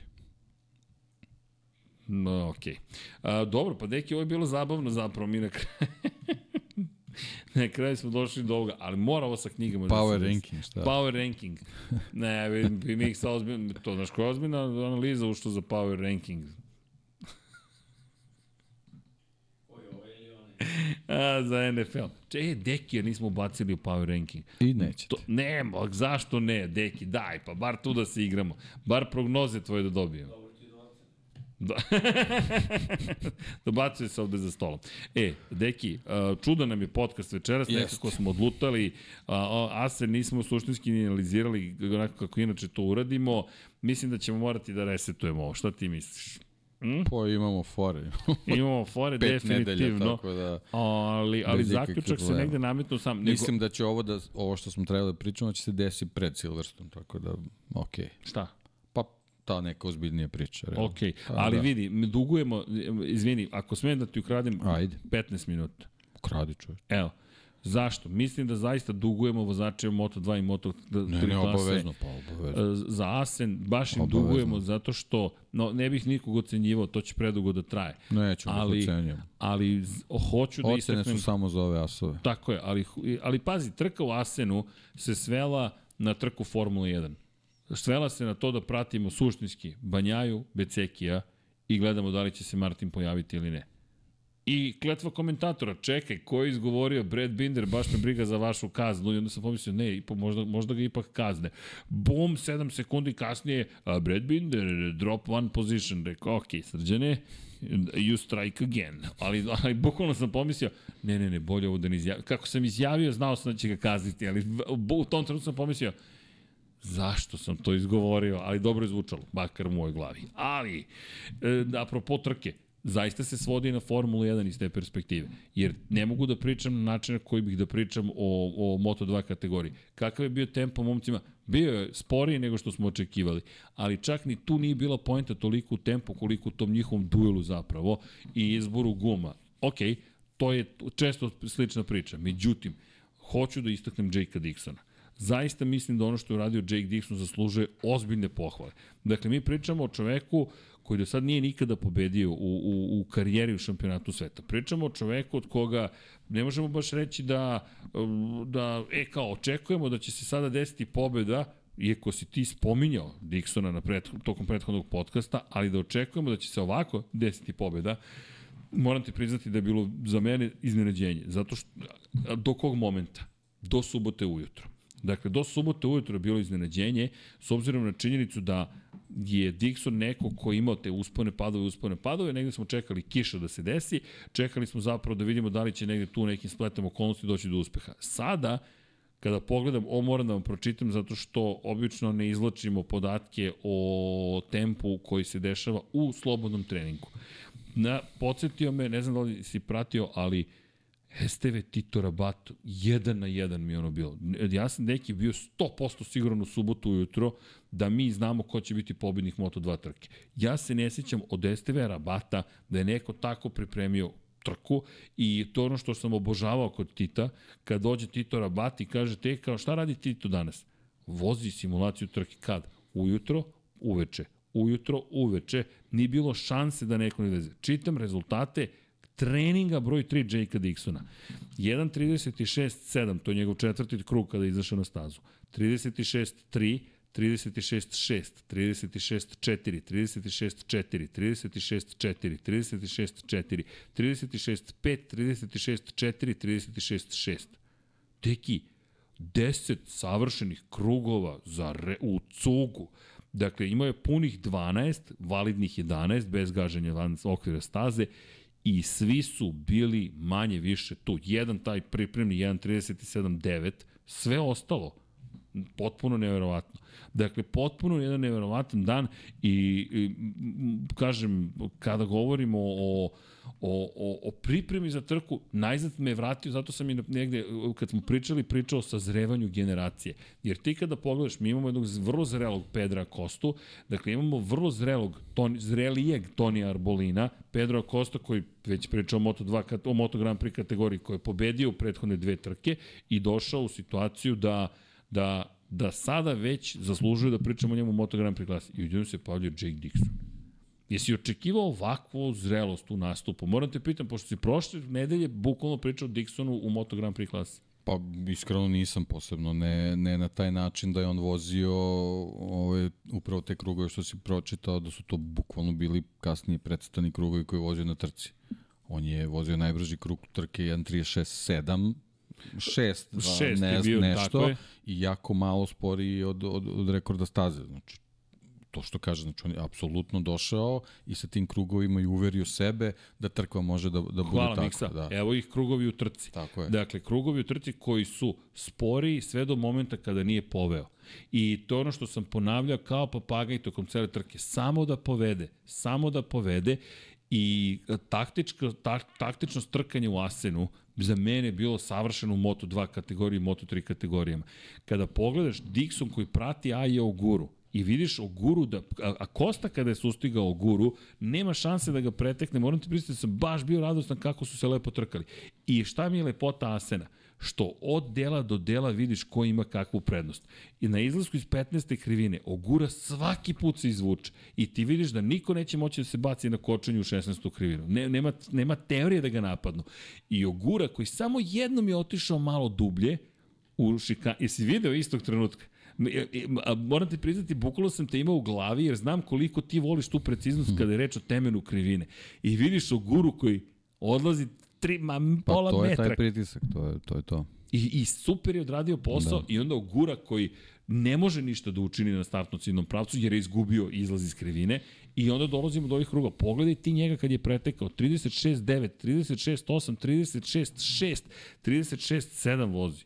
To, to je fantazija kako je dečko odvezao. I onda jedan 36-9 i na kraju kada se već osvrći iza sebe on vozi 37-3, 37-2. Što da, jeste malo spori tempo, ali i dalje na, na odličnom nivou. Ja sam samo tu, tu, tu sam se plašio te, te, tog nekog razmišljanja, ali evo sad i on to prelomio i ova, ova pobeda, nadam se da će biti poput osvajanja svetskih šampionata u Moto Grand Prix gde se, gde se neki vozači potpuno rastearete. Njemu ovo stvarno bilo potrebno i to ne traje ovu sezonu, već da, bukvalno do onog pada u, u, u Le Manu Jeste. to je baš trajalo i trajalo, međutim on je, on je pokazao da vremenom sazreva i ovaj drago mi je što se ova trka de, desila, jer sad njega treba pratiti da, da vidimo u stvari kako s, rastarećeniji Jake Dixon ovaj, nastavlja sezonu, posebno što je u dobroj ekipi, apsolutno nema, nema nikakvih razloga da, da, da, da ne nastavi sa ovakvim partijama, osim što eto, može da se desi taj pritisak ovaj odlaska u Moto Grand Prix, ali ja, ja se nadam da će to samo pozitivno uticati na njega. Ja mislim da će pozitivno, jer ako pogledaš Fabio Quartararo, njegov veliki drugar, iz perspektive poznanstava još iz Petronasa, oni su zajedno vozili u Petronasu, dakle, ne samo oni, a Jumu Sasaki koji se pojavljuje takođe da čestite, su njih trojice bili u Moto3 Moto2 kategorijama u Petronasu i u Moto Grand Prix klasi. I oni se znaju iz ekipe Razlan Razalija, koji sad vodi, vodi RNF ekipu u Moto Grand Prix i to drugarstvo meni mnogo, mnogo mi je lepo, ali ono što je suština u ovoj celoj priči, kada je reč o ekipi, on je čovjek koji spašava sezonu ekipi. Izan Givara je doveden iz Moto3 klase da bude zvezda za Jorge Martinez za Spara i za Gas Gas kao robnu marku. Jake Dixon je tu kao neki kamen temeljac, kao neka stabilnost koja ima iskustvo, dovoljno dobar, uvijek se desi nešto pozitivno. Pa dobro, to je taj neki princip koji, ovaj, koji sad i, i, i Jajo recimo ima ovaj, u, u timu da imaš recimo stabilnog vozača. Arenasa, da imaš Augusta Fernandeza, tako ne, nešto, nešto poput toga kao što ne znam Mark VDS ima Sema Lowsa, to je to je otprilike nešto na taj način, jedino što Jake Dixon je tu koji e, još uvek nije bio taj profil. E sad sa ovom pobedom, sad se već situacija menja i on, i on ali, je to, to sidro koji će držati tim. Ali pazi, Jake da. Dixon prošle godine šesti u šampionatu, jeste, jeste, pazi, šesti da. u šampionatu, da. pri čemu šest puta je bio na poziciji broj 3. Šest pehara je on doneo ekipi. Albert Arenas mu je bio klubski kolega, ni jedan plasman na pobedničkom postoju. Albert Arenas je nekadašnji šampion sveta Moto3 yes. klase. I ti sad tu na tom poređenju kažeš čekaj Dixon, zašto bih ja otpustio Jakea Dixona? Da sam Jorge Martinez za spar. Ček šest pehara, 168,5 poena, nije loše. Previše padova, to mu je bila najveća mana, što zna da zaređe sa padovima, jer on serijski pada. Nema jedan pad. Pri čemu ima onaj pad i u Indoneziji prošle godine, pol poziciju kada je osvojio. I onda dolaze padovi Portugalija, Španija. Ok, bizaran incident u Portugaliji i pred kraj sezone u Mizanu i Aragonu, taman kad je počeo da niže i pol pozicije plasmana pobjedička postolja, pad. Jedan drugi. E sad, sad pričamo o Jakeu Dixonu koji je, pazi, spominješ rekorde staze. Ajmo da pogledamo rekord staze. Rekord staze je Raula Fernandeza iz 2021. Apropo Iz one lude sezone, da. Iz lude sezone. 1.36.690. Ako pogledamo ponovo koji su njegovi krugovi bili u trci, vidjet ćemo da on čovek u završnici vozio koliko? 1.36.9.7 1.36.697. Dakle, 7000 tinki spori od rekorda staze. A pre toga imaš krug koji je 36.8, 36.9, pa imaš 36.6, 36... Čekaj, to je, to je spektakularan Znači, tempo. da, znači na, na nivou Remija i Raula da kad su se borili za titul. Tako je. I sad, kako je bila, i, i pritom je to isto uradio dan ranije u treningu. To kad ponoviš, to je jasan da. znak. I, I njegove suze radosnice i način na koji stavi. To nije čovjek koji je rekao, sad ću da plačem zato što je kamera tu. Ne, ti vidiš nekog klinca koji kaže, ja sam samo momak koji ko, bukvalno sebe... Iz Dovera? Iz Dovera, jeste. Ka, da, da, to je rekao. Da, ja sam momak iz Dovera, inače Kent, engleska, za one koji ne znaju eventualno, i kaže, ja sam samo klinac iz Dovera, evo mene kako pobeđujem na Grand Prix trci.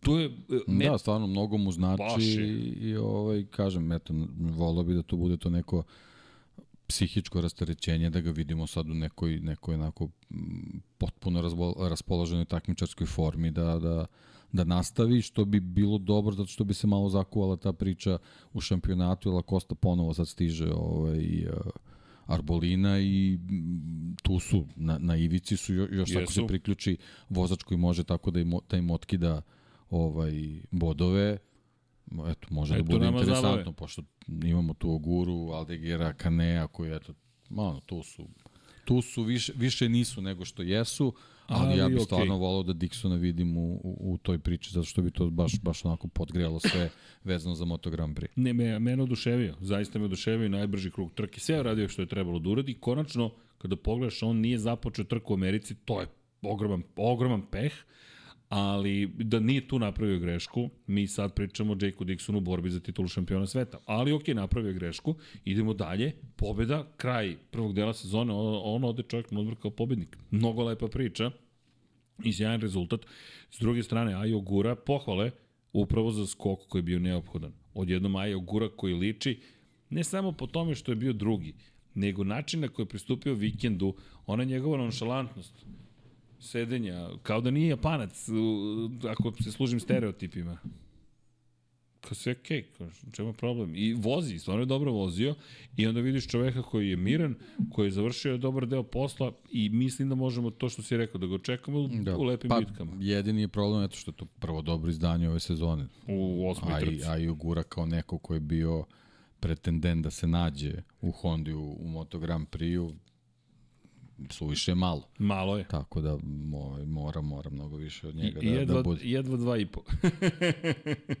ali, ali je lepo bilo vidjeti ga u toj borbi. I Pedro Acosta na kraju ta pozicija broj 3, koja zaista može biti mnogo velika, da sad ne ponavljam priču o kaznama, nekaznama, ali Pedro Acosta je na kraju trke u Moto2 klasi bio na koliko, nekoliko hiljadi tinki ispred Fermina Aldegera, da je dobio kaznu, možda završava čak i na poziciji broj 5. Pa da.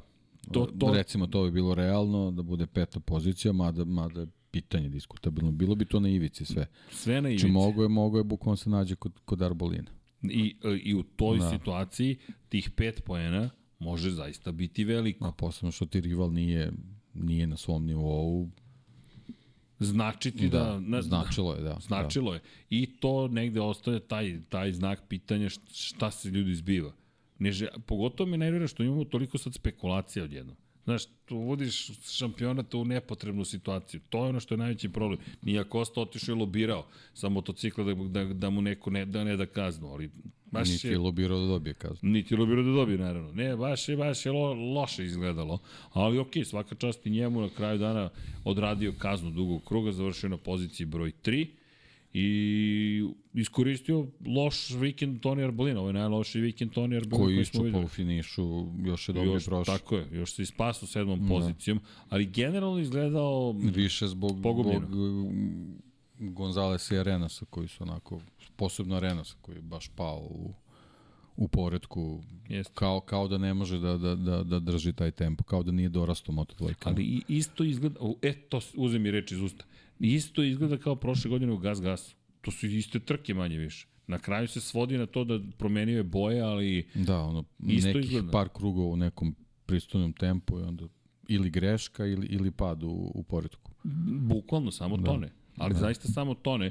I apropo Alberta Renesa, ok, ja dosta verujem zaista tvom sudu, ali isto tako se pitam eh, šta, da- da li je Arenas lepo si rekao taj, da li zaista on može da upravlja motociklima u, u moto dvojkama. Sad već postavljam pitanje iskreno.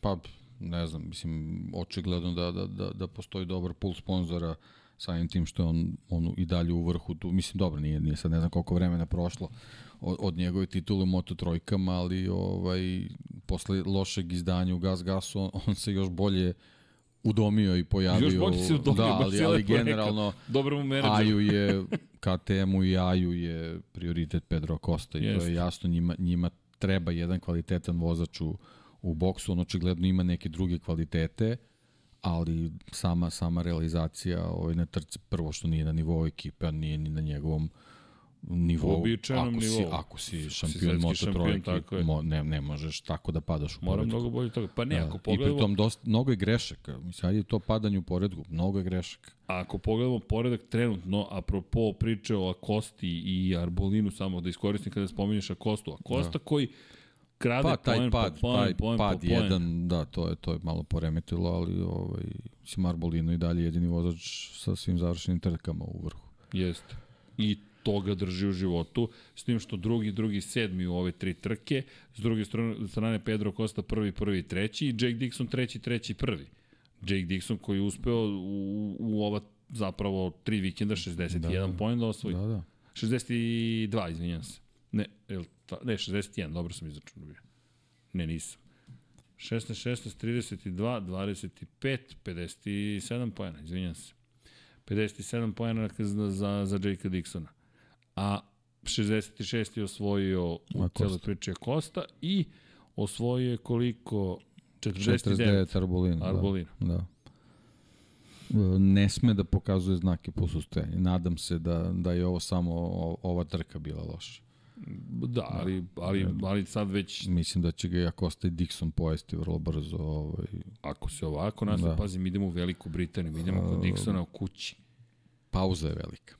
To jeste. To je- to, to je- jeste. To je To, si, to, to se... ozbiljan test. A, nije se to desilo u Vijetiju, ali, ali je sličan način bio. Nadam se da, da Arbolino, Arbolino nije takav ko, a nije. Siguran sam da nije. Ovaj, tako da ono što smo i pričali, nema, ne sme da budu trke s kalkulacijama, znači mora svaki put da se ide na maksimum, ne sme da se zadovoljava određenom pozicijom, mora da, da, da grabi poziciju više i to je jednostavno recept. M- moram ti Nema kontrole situacije. Ali, ali To, celoj, to ne sme, ne sme sebi da dozvoli. A, u, ali u celoj priči, sve sa Arbolinom, koji to, apropo kontrole si- kon- situacije, on deluje kao da u ovom trenutku je samo bio neko ko je putnik. Ajde da prođemo ovaj vikend, da preživim, šta god da bude biće, pa ćemo da se bijemo sledeći put, da bijemo, da vodimo bitku. Tako se titule ne osvajaju, pogotovo ne protiv Pedra Koste. I, I moram ti priznati, Moto2 trka mi je bila zajedno s Moto trojkama, neću reći kvalitetnija, Moto Grand Prix uvek spektakl, ali nekako ne, koji je pravi termin, a kompletnija mi je trka ipak bila. Moram reći, kompletnija mi je ipak bila trka Moto dvojki, toliko nekih detalja, finesa, stvari koje možeš da vidiš, a u Moto Grand Prix nisam video te situacije. Video sam više mm, kao da je bitka na nivou toga Beceki Banjaja ako uspeju da, da otvore duel nešto će se desiti u cijeloj priči, ako se to ne desi neće se ništa desiti. Ta, takav sam utisak, neko pri čemu nisam video kao ovde da, da neko može sad, aha, bolji sam u ovom delu staze pa moram da taktiziram, a ovo je bolji u ovom delu staze pa moram ovako da mu pristupim, pa sad imam neku grešku, nešto se desilo. E, zaista mi je nekako baš jako utisak ostalo ova Moto2 trka. Spomenuo bih naravno Aldegera koji eto, tu kaznu uspeo opet čovjek da dođe do četvrtog mesta. Žao mi je s obzirom na činjenicu da nikad nije bio na pobjedičkom postoju. Bila savršena prilika da, da nešto uradi, ali ono što je pozitivno pobedio je Alonso Lopeza. Lopez koji je potonuo u jednom trenutku, gume su samo prestale da funkcionišu i Lopez koji bojim se da se da, da, da gubi taj sad malo zvezdani sjaj koji je imao i da kao da se vraća malo unazad, da, da gubi m, samopouzdanje. Imam taj utisak kao da ne razume baš kako je uspeo neke stvari da uradi. Iskreno, kao da baš nema formule za uspeh, nego da je brz vozač i sad sad smo negde zaribali. Pa dobro, na teži način uči da nije baš lako doći do podijuma. To, to, to, to, to. Znaš, ima tu više pretendenata, posebno što se iz, iz trke u trku pojavljuju neki vozači koji u trenutku bljesnu i potpuno ti je jasno da ti moraš iz trke u trku da budeš na maksimumu. Znaš, a sa tim nekim žutim minutama ne može to baš Teško. tako da prolazi, pa da. Teško. I evo, Jake Dixon je sada ispred njega. Tako je. Tako U tri trke, šesti, peti i šesti, bez obzira na pol poziciju. Baš, baš ovaj jun je bio loš za, za Alonso Lopeza. Aaron Kane, Pa nekako, kao da nije u formi, zaista Da. tako izgleda. Da. Da. Apsolutno ovaj, nešto tu nedostaje, da li, da li je fizički neki, ne, neki problem, da li nešto, ali jednostavno ne može da parira. Na, na, na trenutke dobijemo pravo kane, ali, on- ali on ni približno ovake krugove ne može da pravi da, da ima neku konstantu, ne, ne znam šta se dešava, ali definitivno, ajde, ajde da, da kažemo da nije u formi. I to je, to je jednostavno za, zaključak vezan za njega i to je otprilike ono što smo i prošli put priznali. To je tih nekih pet vozača da kažemo da malo da malo oskaču u, u moto dvojkama ovaj ali po raznim parametrima ovi drugi su tu povremeno počinju da posustaju. Da. Pa- Salač, Filip Salač Da. je pao pa prvi da put. to smo još i prošli put rekli Somket, da Čantra, da od njega ne možemo očekivati svaki put da, Vidi, da to, a, ovo nije šampionat izdržljivosti bukvalno, ali jeste. Moraš da izdržiš iz trke u trku, iz trke u trku, Da, iz trke pa u znaš trku, kako iz trke problem trku, je sa trke Moto dvojkama što oni kalendarom prate Moto Grand Prix. Evo, malo pre sam te čitao pre 60 godina, nisu sve klase bile Da, na, da, da, na da. svim trkama. Ovo je za, za ove vozače naš oz, Tek će ozbiljan biti- izazov. Tek će da izazov. bude test. Posebno putovanje van Evrope. Indija kad dođe, Da. Japan, Indonezija, Australija, Tajland, Malezija, E, Katar, tu, to, to, je... tu do, do izražaja dolaze superstarovi koji su spremni za Moto Grand Prix. I koji ne idu na Ibicu, nego su spremni da, Pa dobro, da. da malo se šalim, Okej, naravno. ali- ali kao Formula 1, kako Da. se spremaju za trku u Singapuru. Bukvalno sede u sauni, unesu bicikl, bukvalno unesu bicikl, trenažni sobni bicikl, u saunu i voze. Jer to je vlažnost vazduha koji ih očekuje. Da bi navikli telo da funkcioniše u tim vremenskim uslovima. I Ta to će van, se tražiti. van evropska turneja će se ovaj, ostavit će u stvari na van evropskom turneji ćemo videti uh, Dixona i Akostu ovaj, zašto su spremni. Tako je, i to je sedam trka ozbiljnog testa. Baš ozbiljnog testa. Indo, Indija je inače počela da prodaje ulaznice, tako da ako neko želi da ide u Indiju, ulaznice su počele da se prodaju. Sam Lowe's, samo da konstatujemo, apropo Britanije, da čekamo i njega, ne bih nešto specijalno tu dodavao, oduzimao. Generalno, ostali su bi, figurirali, što ti Izgubio kažeš. mesto na naslovnim stranama u Britaniji. Bukvalno. I sada, apropo one priče koje si spominjao, kritike na njegov račun, Da. podrška Britanije, Novi novi imaće, miljenik je tu. imaće on neko vreme podršku, ali ako novi miljenik nastavi da, da veže pobede, mislim da a deluje mi da poput hoće. Johna McPhee samo će da nestane. Da, John McPhee, prosto nisi tu i to je to. Tu je kraj. A bukvalno nisi tu i zaboravljen Pa, si. znaš kako, britansko tržište jeste veliko, jeste da obožavaju motociklizam, ali nije nepresušan iz- izvor sponzorstava zato što oni imaju svoje šampionate gde, gde odlazi veliki deo novca reklamnog, tako da Moto Grand Prix, Moto 2 je skup projekat, tako da nisam siguran da, da su raspoloženi u ovom trenutku da, da dvojicu vo- vozača podržavaju na maksimalnom nivou, posebno što a, Dixon ima te aspiracije vezane za Moto Grand Prix, tako da i taj aspekt je bitan za Sema Lovsa da, da prelomi da pređe u Superbike. E, Superbike ili Da. Super Sport? Gde Da, ide? Pa dobro, sad Samo pitam. opet je ovaj, količina novca ovaj, presudna. Dobro, ali apropo, malo, malo pre spominjamo Johna McPhee, John McPhee koji je ove godine na Kawasakiju zapravo započeo sezonu vrlo lepo. Čovjek se plasirao na, na, na pobedničko postolje u supersportu. Pa dobro. Ha. Makar, Dobro, za njega je super sport, da kažem, ok. Korak za, za Sema mislim da bi bio korak unazad, ali ok. Dobro, to je to je to je Superbike je ipak, ipak pravo mesto. Pa da, ajde vidjet ćemo. John McPhee baš nije... John McPhee, ajde, kad si ga spomenuo, čovjek je nekako nestao, lepo si rekao. Ali da ne odemo na Johna McPhee, da mi odemo tamo gde treba da odemo, to su Moto trojke. Daniel Olgado koji je imao katastrofalan vikend, dakle, ni dobar u kvalifikacijama, ni dobar u trci, bez podova ostao na kraju, 25. završio trku, i bukvalno otvorio priliku rivalima, ključnim rivalima da, da, da, da ga sustignu pred odlazak na letnju pauzu, nije mogao u gorem trenutku da odveze najgoru trku ove sezone. Bukvalno, da li je pritisak, da li je nešto drugo, ne znam, ali deki, u poslednji si u kvalifikacijama, ne prođeš kroz Q1, da prvo se nađeš u situaciji da kroz Q1 moraš da se probiješ, zatim se nađeš u situaciji da nikako da završiš krug kako treba i onda se nađeš u situaciji da zapravo budeš poslednji na startu i izletiš na početku trke van staze. Ne znam, u, mot, u Moto trojkama, ako si pretendent na titulu na svim stazama, moraš da budeš I, barem top 10. bukvalno. Jo, me, ja sam bio šokiran, hajde, greška, ok, desi se, pa imao si splet okolnosti, pa sve to. Po, počinje trka, ti izlećeš sa staze. Tu sam zaista bio frapiran, jer baš je bilo pohvalno što završava sve trke, tri pobjede u sedam, u sedam trka, treći, četvrti, peti, šesti i delovo je kao neko ko je, ko je, ma borit ću se, ali mislim da, je, da smo ušli u fazu kada su i Jaume Masija i Denis Ondžu i Ayumu Sasaki najzad došli do nivoa koji, koji znamo da posjeduju i da će Olgadu biti teško zapravo baš da zadrži ono što ima u rukama i ne pripisujem to samo incidentu ili jednom lošem vikendu. Mislim da je u Nemačkoj, u Saxonringu počelo zapravo da se raspliće kolo, jer nije mogao da prati tempo u trci ni Sasakija ni Ondžo, koji kao da su se poigravali i kada pogledaš kraj te trke, vidiš da je Olgado bio mm, bit će bolje. Sledeća već trka, ovi podižu tempo, ne da nije bolje, nego ti sad te, sad te tek nema, a Jumo Sasaki koji opet gubi bitku, ali četiri trke, tri puta na drugom mestu, jednom treći, i Jaume Masija koji beleži pobedu, a Denis Ondžu je treći. Šta mi je lepota i sazrevanje u ovoj trci? Deki, nisam video Ondžua koji srlja, koji ne razmišlja, Pa koji to je ono što ti donosi ta pobeda. To, Sad više nemaš potrebe da srljaš. Ti si, sad planiraš. ti si taj neki prvi životni cilj ostvario. Za sledeći nema potrebe da na sledećoj trci nešto, nešto nepromišljeno radiš. Sad je za sledeći cilj je bitno da skupljaš bodove. Tako je.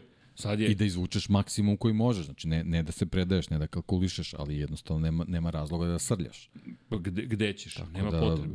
Drugi, prvi, treći u poslednje tri trke, zaista pohvale. I način na koji su vozili, pa Ivan Ortola, kad ih pogledaš bažljivije u grupi, oni svi planiraju gde će da napadnu, oni svi planiraju kako će da odigraju celu priču. Jaume Masija pobedio, ali pobedio opet na inteligenciju. Ti gledaš njega, a Jumu Sasaki je progutao mamac. Dakle, Ayumu Sasaki i baš pozdrav za Nikolu, inače drugara koji, koji tako povremeno se javi i na moto trojkama pogotovo. Kao proguto je mamac. Proguto je mamac gde on je i rekao, planirao sam ja i da odem šire, ali s polja, znaš, odjednom se otvaraju neke, neke, neke putanje koje nisi ranije video. Jer ono što me oduševilo, ti vidiš ljudi koji sa spoljne strane napadaju na ulasku u šikanu i prolazi im. Da, opet sa druge strane Fenati je krenuo s polja i Da, dobro. izgubio je sve. Da, ali, ali to ti sad Da. pokuša, Pa ali to je taj trenutak, jer ti ne znaš koliko njih će u liniju doći tu. niko ne zna. I onda ti se otvara da. i Jaume koji uskače, ali i Ajumu koji vidiš da ga boli, ali isto tako je svestan. Ok, loše sam počeo sezonu, Da. dve nezavršene Jeste, trke. ovo je, ovo je lepa serija za njega. Baš, o, baš je lepa serija, a za Jaumea ono što je bilo potrebno. Peti, šesti i nekako kad smo pričali prošle nedelje da počinje da pade, kao da, mu, kao da mu nije stalo, evo ga na pobedi. I Da. to na prvom mestu u momentu kada Daniel Olgado ne završava trku. Da si birao, ne možeš bolje da izabereš. I pozdrav za Miodraga Kotora koji, koji nam se javio na telefon, to je bilo zabavno, jer neki dogovor imamo da se čujemo tokom vikenda. Znam da, da verujte, u tom trenutku čovjek ne gleda telefon. Dakle, nije u, u, u, u, u raspo... Aj, ček da telefon, vozač mi upravo pobedio, pa... Ne, i, i, i ja rekao, ajde da probam da ga pozovem, jer imamo, kažem, dogovor, Radišem jednog u Park Fermeu, što bi bilo dobro da se javi dok je na TV-u. To mi je iskreno bila pomisao. I čovjek, profesionalac, gospodin koji kaže, e, vidio sam poziv, posle smo se mi čuli i javlja se i vidiš da je uzbuđen i sad treba da priča nešto, šta sad priča, ali je profesionalac. I čovjek koji koji zna da radi posao i onda ispriča sve što je trebalo da ispriča i to mi je baš bilo lep trenutak, pri čemu trik smo napravili, pošto zapravo organizovati poziv zvanično na televiziji, moraš da zoveš tehničkog direktora, onda to spaja kroz realizaciju, pa realizacija mora da prosledi to na satelit, pa na kabinu, pa da se, to je pakao, to ne možeš da organizuješ za minut. I moram ti priznati, sam testirao sistem, šta sam uradio.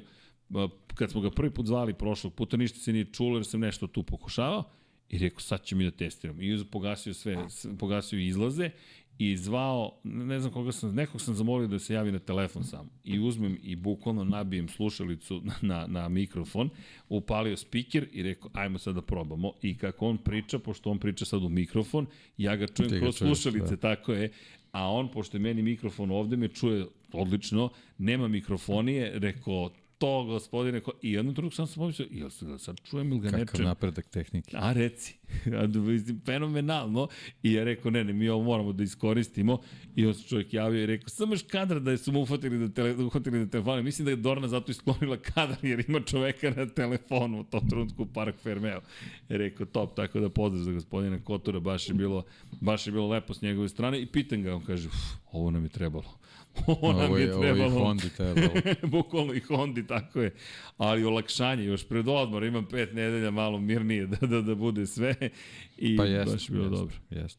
Mislim, Đao me baš onako vidi se da je tu ove sezone, ali nikako da, da, da stalno su ti poslednji krugovi bili kritični, što mm. zbog njega, što, što zbog drugih, tako da, da evo, evo, drago mi je zbog njega da, da se složilo to, ovaj, posebno pred pauzu, zato što i oni mogu ovaj, opušteniji da odu, a već i sledeća staza je staza gde mogu da očekuju da urede nešto dobro. Tako da ta serija, da. to što si rekao, to već može da bude ovaj, za, za te vozače koji, koji ovaj, konkurišu da se vrate u vrh, ovaj, da, da ovaj, bude, bude pravo mesto posebno i za, za Saki, sa Sakija koji, koji takođe ima brz motocikl, tako da Olgado baš mora ovaj da... Pune ruke posla. Pune ruke posla da- Pune da, da bi zadržao mesto, da. I vidi, Đaume je sada tu, a Jumu je tu, Ivan Ortola ne odustaje, žilav je, četiri, tri puta četvrto mesto u poslednje četiri trke, jedno jedanaesto, ali tu je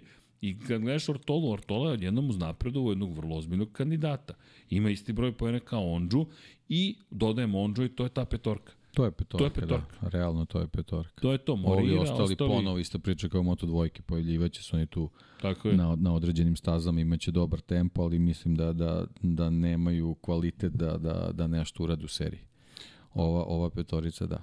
I, I moram ti reći da sam mnogo srećan što je tako, što imamo petorku jer svaki karakter za sebe, Jumu koji je blago povučen, Denis Ondžu koji, a, idemo, sad ćemo sve da ostavimo, Đaume koji nije toliko pričiv, ali... Pa preiskusan je da, za ovu grupu pa da bi sad on već jest. tako se ložio, da, tako, da kažemo bukvalno. tako. Da. Olgado koji je, uf, da. moramo da pa osvojimo. Pa ne, sad Olgado moramo samo da imamo da li će biti voda u ušima. E, to, je sad, to, sad, to je sad neka situacija s kojom se ni on nije susreo. To ne znam, to baš ne znam, no. ali to je ta lepota. I Ivan Ortola koga koga zapravo najmanje Koji nema poznajemo. šta da izgubi. Da, nema šta da, a nema šta, bukvalno, Angelus I, i uvek ekipa. je dobro imati takvog vozača. Jeste, pomalo me, Maverick, to, to. ali onaj Maverick, pa, da. Top Gun Maverick fazan, da, tipa, ja ću to malo glavom kroz vrata, ali, ali pa, priznati mogu, da se sviđa što se moram, smirio. Znaš, to, da, to, da, ne da, radi da, to. Tako je. Nije se zaletao, nego je baš pratio i rekao, ok, i ne znam kako, kako prethodnih godina nije tako došao do izražaja, to je Zato godina. Što su velike grupe bile.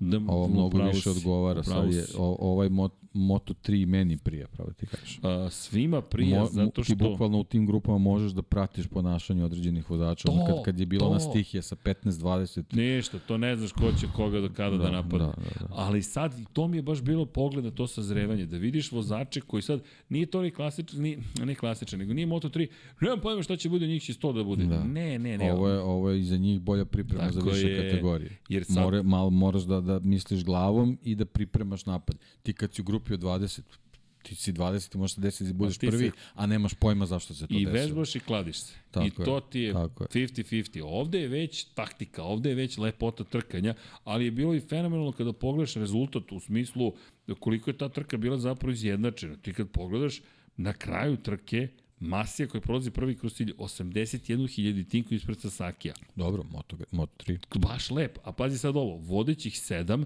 je bilo u jednoj sekundi. Vodećih sedam, pri čemu? Posebno bih zaista, Jose Antonio Rueda, David Munoz, David Munoz koji je imao dosta tih nekih standardnih njegovih prilično agresivnih poteza, ali na kraju su ga svi nekako prevazišli.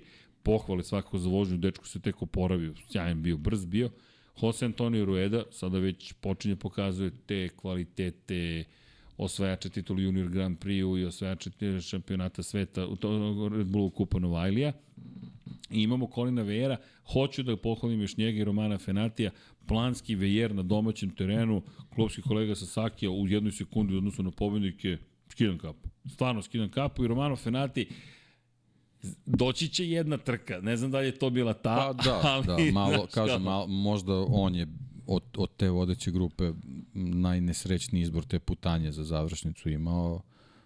Ovaj, jednostavno nisu mogli svi da prođu, more, more da popusti tu, ali ovaj, eto, to je ono, ono što smo pričali, on pokazuje da s vremena na vreme kad je raspoložen stvarno ima dobar tempo i, i dobro je da je on tu. Neće, neće se to dešavati sigurno na svakoj trci, ali eto, ono, želimo da, da ga vidimo tu s vremena na vreme. E, spomenuh Junior Grand Prix. Samo ću kratko da, da uradim jednu stvar, ali ćemo više pričati sa Martinom Ugrinecom tokom ovih nedelja koje dolaze.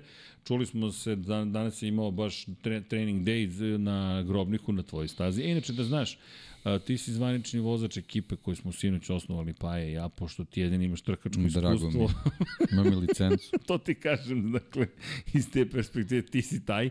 Ali Martin, samo da kratko objasnim, ispričat će Martin šta se sve događalo. E, Martin inače sada vozi u nemačkom šampionatu u motociklizmu, imao je dva trkačka vikenda iza sebe, u prvom se kvalifikovao kao šesti, ali nije završio ni prvu ni drugu trku, u drugom, u drugom trkačkom vikendu otkazana je druga trka, u prvoj je bio na šestoj poziciji. I nešto su se čuli i kaže Martin, pa dobro, pa ne bih da se hvalim šestom pozicijom, rekao, vidi ni Lewis Hamilton ne bih da se hvali, a mora priča o tome. I on kaže, fair point, tako da, da, da, tako da, i, i, baš smo pričali, rekao, Martine, Mi moramo se potrudimo da se širi priča. Nema, e, nema, nema sada, i on mi kaže, pa ja sam mislio da vas zanima samo Junior Grand Prix. Ne, Martine, ti si priča. Ti nas zanimaš.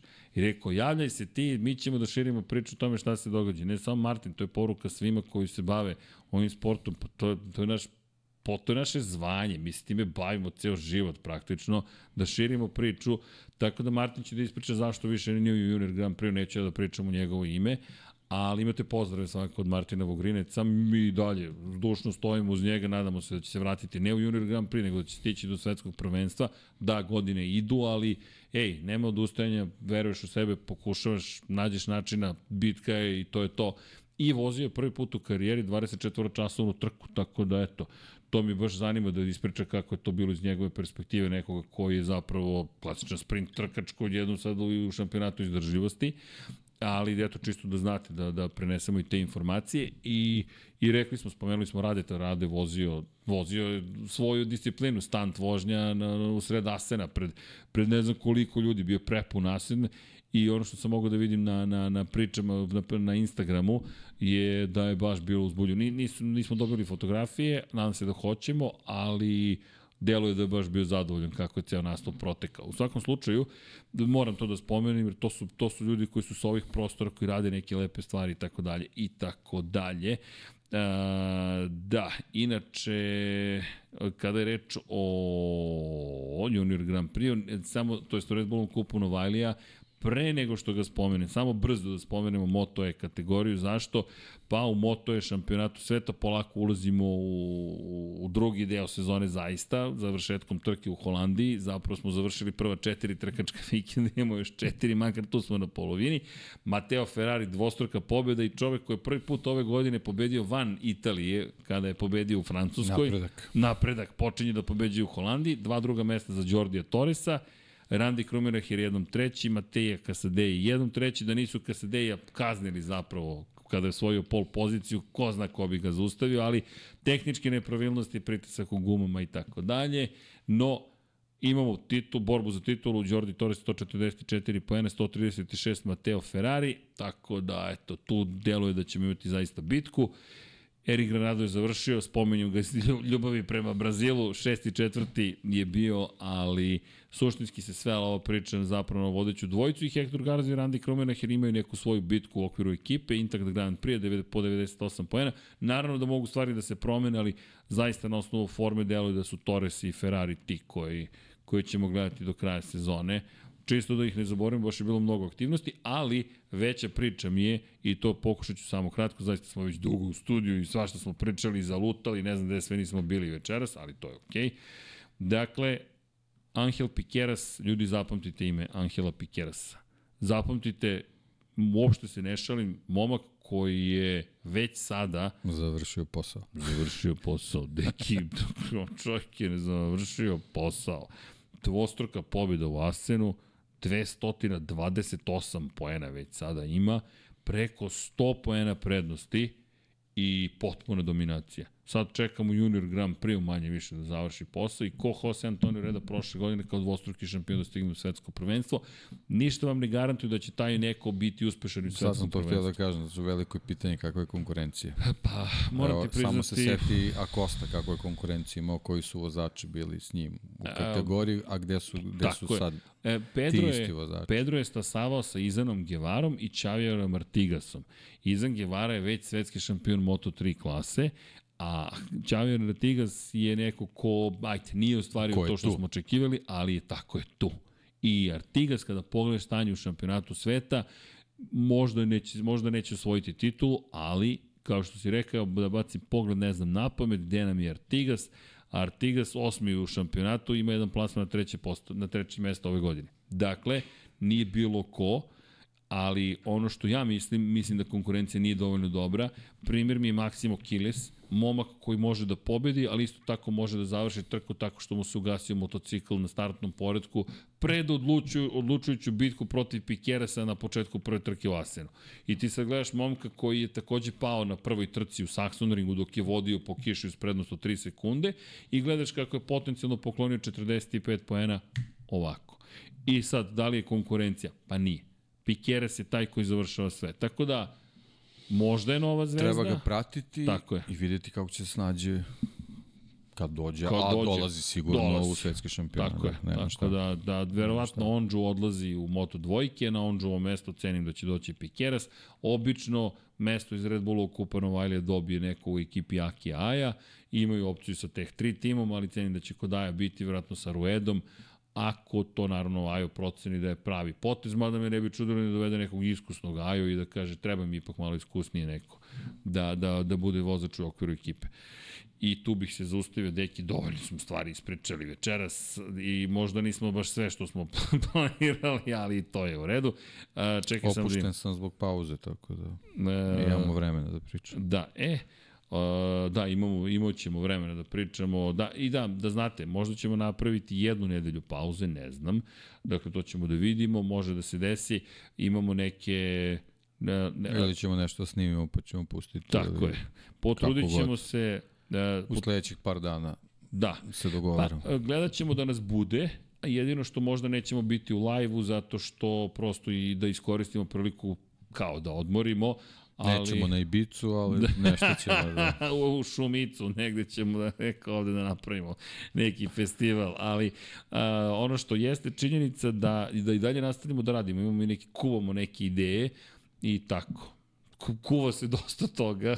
Mi se kuvamo miksa. Šalim se, naravno, miksa neće više upaliti klimu. dakle, ako je to način da zna. Izvadio je bateriju. ne, ne, ne, ne, opusti se miksa, sve je okej. Ali, e, da, ispao sam chat, ne pratim već, ne znam ja koliko dugo, ali dobro, ne zamerite ljudi što ga ne pratim. I tako. Dobro, um, uh, stalno, Future Graciano Rossi, stalno pomenjate da je VR46 odustao od svega zbog MotoGP-a. Da li bi Gresini bolje prošao ako bi tako uradio? I sam fenomen Gresini je strast prema trkama, da li zbog toga zaslužio više? Pa ove tri reči, strast prema trkama. Neće se fokusirati samo na Moto Grand Prix. E, e, Gresini? Da, ne, ne, ne, ljudi, Gresini, je, Gresini učestvuje i u Moto E šampionatu, čisto da razumete. Gresini, Mateo Ferrari vozi za Gresini. Dakle, e, Future Graciano Rossi, hvala prvo za podršku i apropo cele priče o, o, o Gresiniju, a, Juče smo pa i ja pričali kako nestaje u Formuli 1, odavno je nestalo, ali sada ulaskom ove količine novca i Hollywooda, kako te ekipe Eddie Jordan, Ken Tyrrell i, i slično, ne, ono što mi je bilo simpatično jeste zapravo Toleman. To, Toleman, šta je sve nastalo? Benetton je nastalo, ju, juče zapravo smo rekli, smo konstatovali, ne zameri, da Ayrton Senna vozio za Benetton, da, zato što je Benetton nastao iz Tolemana zapravo u kojem je nastupa Ayrton Senna, ali od, od kojih ljudi to sve poteklo? Tako Pa nekih... generalno se tih nekih 10-12 adresa Tako je, bukvalno vrti u to krug. Su, to su sve praktično iste ekipe koji su samo preuzeti. A to su ljudi koji su bili bukvalno zaluđenici koji su strast prema trkanju imali. E sad, obratite pažnju na ovo, to sam baš pričao s drugarom Goranom. Od kada je Nadija Padovani preuzela Gresini, tim je bolje organizovan. E sad, da, da, šta sad to, to govori? Ne znam, ali da se zapita Gresini. Poenta je, kada je Fausto osnovao tim, to je čista strast. To ne znači nužno da je najbolja organizacija. To ne znači ni da je bila loša organizacija. Ali, takođe, Nadija Padovani ima drugačiji pristup i iz iskustva interakcija onih ograničenih koje sam imao sa njom, to je žena koja strašno vodi računa, ima njen stil upravljanja, je nežniji, ali se njena reč strašno poštuje. I ono što sam imao prilike da učim, na primjer, Enea Bastianini prošle godine, ima potpunu slobodu do, koliko se sećam, 16.30 ili 17.30. Šta to znači? Slobodan si, zaista. I njega vidite kako se šeta po padoku, svrati, priča, zabavlja se, dakle sve je opušteno. 17.30.00. Eno ga u garaži Gresinije sa svojim glavnim inženjerom i ide se kroz podatke, priča se. Nadija nije tu da dođe da ga proveri. Dakle, tim je organizovan da svi znaju šta treba. Fascinantno mi kako je to uspelo, taj Pa soft da, ali power. zato je, ali to je bio, bio taj, ta kohezija, ne, mislim nije, to je fuzija u stvari bila Enea Bastianinija i, i, I. Gresinije, zato što on je, on je imao iskustvo sa Ital Transom gde on morao sve Tako da je, uče, deki, tako a onda je došao u Gresini gde je shvatio da postoje ljudi koji će da radi stvari umesto njega, a on je samo tu da, da, da, da to utegne i da, i da usmeri ka sebi. Rezultat smo videli. Treći u šampionatu, Znači, četiri samo, je, samo je pobjede. problem bio što jednostavno nisu dorasli da, da vuku ceo šampionat, Tako je. niti su oni očekivali da će se to desiti. Oni se nisu uopšte spremili na ma to. kakav spremili. Ali znate gde je najromantičnija scena sa Gresinim? Gledajte njihov pit wall ako ste ikada na stazi tokom Moto E trke. Zašto? Ceo tim izađe da gleda Moto E trku. Dakle, nema pristupa, e, to je Moto E, to nije bitno. Ne, ceo tim izađe, jer oni koji su zaduženi za Moto Grand Prix, Moto 2, mo- koji se bave motorima sa unutrašnjim sagorevom, nemaju tu šta da rade. Naravno, osim kritičnog osoblja koje ima šta da radi. Svi ostali idu da gledaju Mateja Ferrari da ga podržavaju, da podržavaju svoju ekipu Moto E klase. I ono što je mnogo simpatično, toliko su šarmantni svi zajedno, da Gresini je tu da bi se trkao, zaista. To je Deki lepo rekao. A da sad kažem, ej, mi se refokusiramo, ne. Valentino Rossi je drugačiji. Ljudi, Valentino Rossi je takmičar i dan danas. I to što kao izgleda ja se kao nešto bavim automobilima, nemojte mu verovati ništa. Taj čovjek, ako bude se ukazala prilika, će se boriti za pobedu. I to nije kritika, to je samo konstatacija, to je Valentino Rossi. Isto kao i cela priča sa... Pa ne znam ko je pratio ovaj, na, na Road to Le Mans obilaženje njegovo za pobedu. On je izgurao čoveka sa staze. Čisto da se razumemo, Mislim da skratimo da priču. skratimo priču, bukvalno. E, kaže i opa Zegi, bolje da se odmorite nego premijeru, moj savjet. E, hvala. Da li su e, Marquez, Mark Marquez, nova prava za knjigu? A, moram priznati da to, to, to, to, to nevena. Sve vodi računa, nadam se da jesu, ne, ne znam. Ali, e, kada govorimo o ako, a koja je to knjiga? E, Jel to, nisam ispratio sad ove najnovije događanja, i jel mislite this is how I win my race? To je, to je najavljeno za avgust, ako o tome pričamo. Biti Mark Marquez. Pretpostavljam da na tu knjigu se odnosi. Još je rano za još, još neku knjigu. Šalim se, šalim se, ali imat ćemo, vidim ja, kompilaciju ovde. Dobro.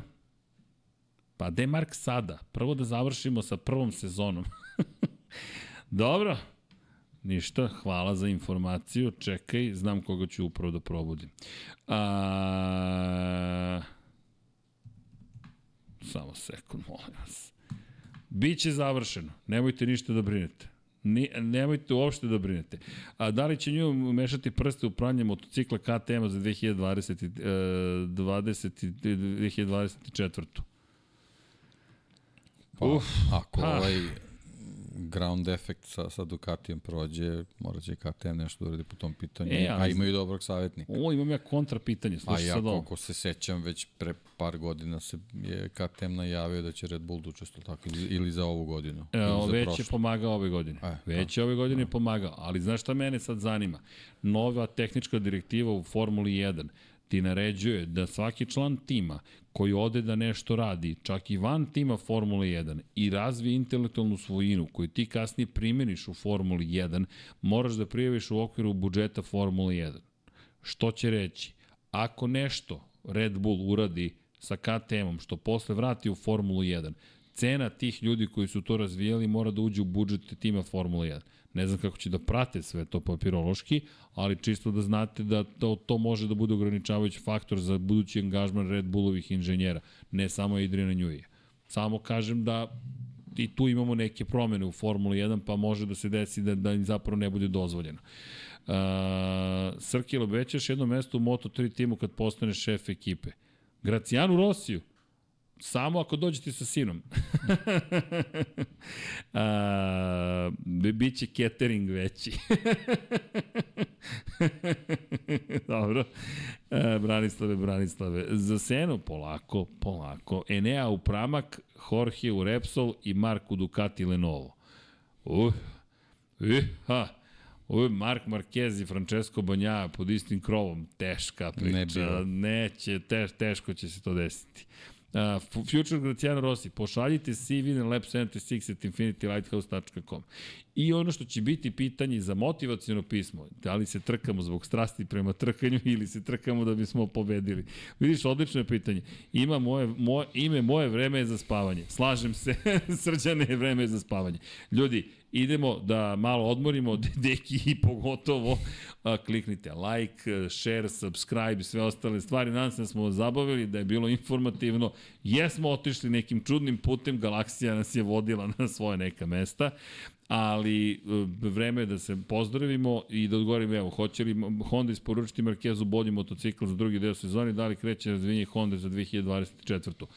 Prvi odgovor je ne. I drugi- Honda bi volela. I onda, da, da, ali već razvijaju motocikl i to ono što Deki i ja govorimo, posle trke u Mizanu koja je na programu početkom septembra, bit će veliki test zapravo na, na stazi u Mizanu i tu dolazi zapravo ta prva verzija motora za 2020, motocikla, ne motora, za 2024. godinu. Ukoliko, to ono što Deki rekao, prepozna da tu nešto postoji, onda može biti zanimljivo sledeće godine sa Hondom. U suprotnom, u suprotnom, nisam siguran. Zaista. I da kažem Nikoli Nixiju, da li može još neko da proizvodi motore osim Triumfa? Ne. To je ekskluzivni ugovor, to je kup takmičenja de facto iz perspektive agregata. Uz Kalex gotovo da je potpunosti kup takmičenja. Imamo par Bosko Skura i par Forwarda, ali suštinski to je Kalex triumf kombinacija i, i to je to. E, dragi ljudi, hvala vam, hvala na podršci, hvala na svemu što radite generalno sa, kada, kada govorimo o o, o saradnji sa nama. Vi ste svi deo ekipe, vi ste članovi ovog, ovog tima, Tako da držite nam palče za taj tim Moto Trojki. Mi imamo neke planove za sledeću godinu, ali malo manjeg e, možda formata od svetskog šampionata. Ali čućete već sve i tako. Nadam se da ćemo se pojačati u skorije vreme. I da li iza Srkija, pored kacige na žutom logu Lab 66 stoji potpis Roberta Kubica iz Hungar Ringa prošle godine? Odgovor je da. Dakle, to smo dobili kao poklon i piše Robert Kubica, Hungar Ring 29.7. To ste vi uradili, kao što sam rekao, vi ste deo zapravo ekipe. A idemo polako da se pozdravljamo i sada je ostalo samo onih laganih 70 minu, 7 minuta i 6 sekundi da pročitamo sve naše drage patrene, pokrovitelje, članove na YouTube-u. Ja vas pozivam da, ukoliko želite nas podržite, like, subscribe, share, kliknete join ukoliko želite da nas podržite i finansijski, isto važi za patreon.com kroz Infinity Lighthouse, da pozdravim Čika Miksu koji je uzeo Pine Dux crno-beli, da čestitam na trećem fakultetu, ne znam kom već fakultetu, ali, ali neki ovde diplomiraju za razliku od nas, u svakom slučaju sve to kako treba.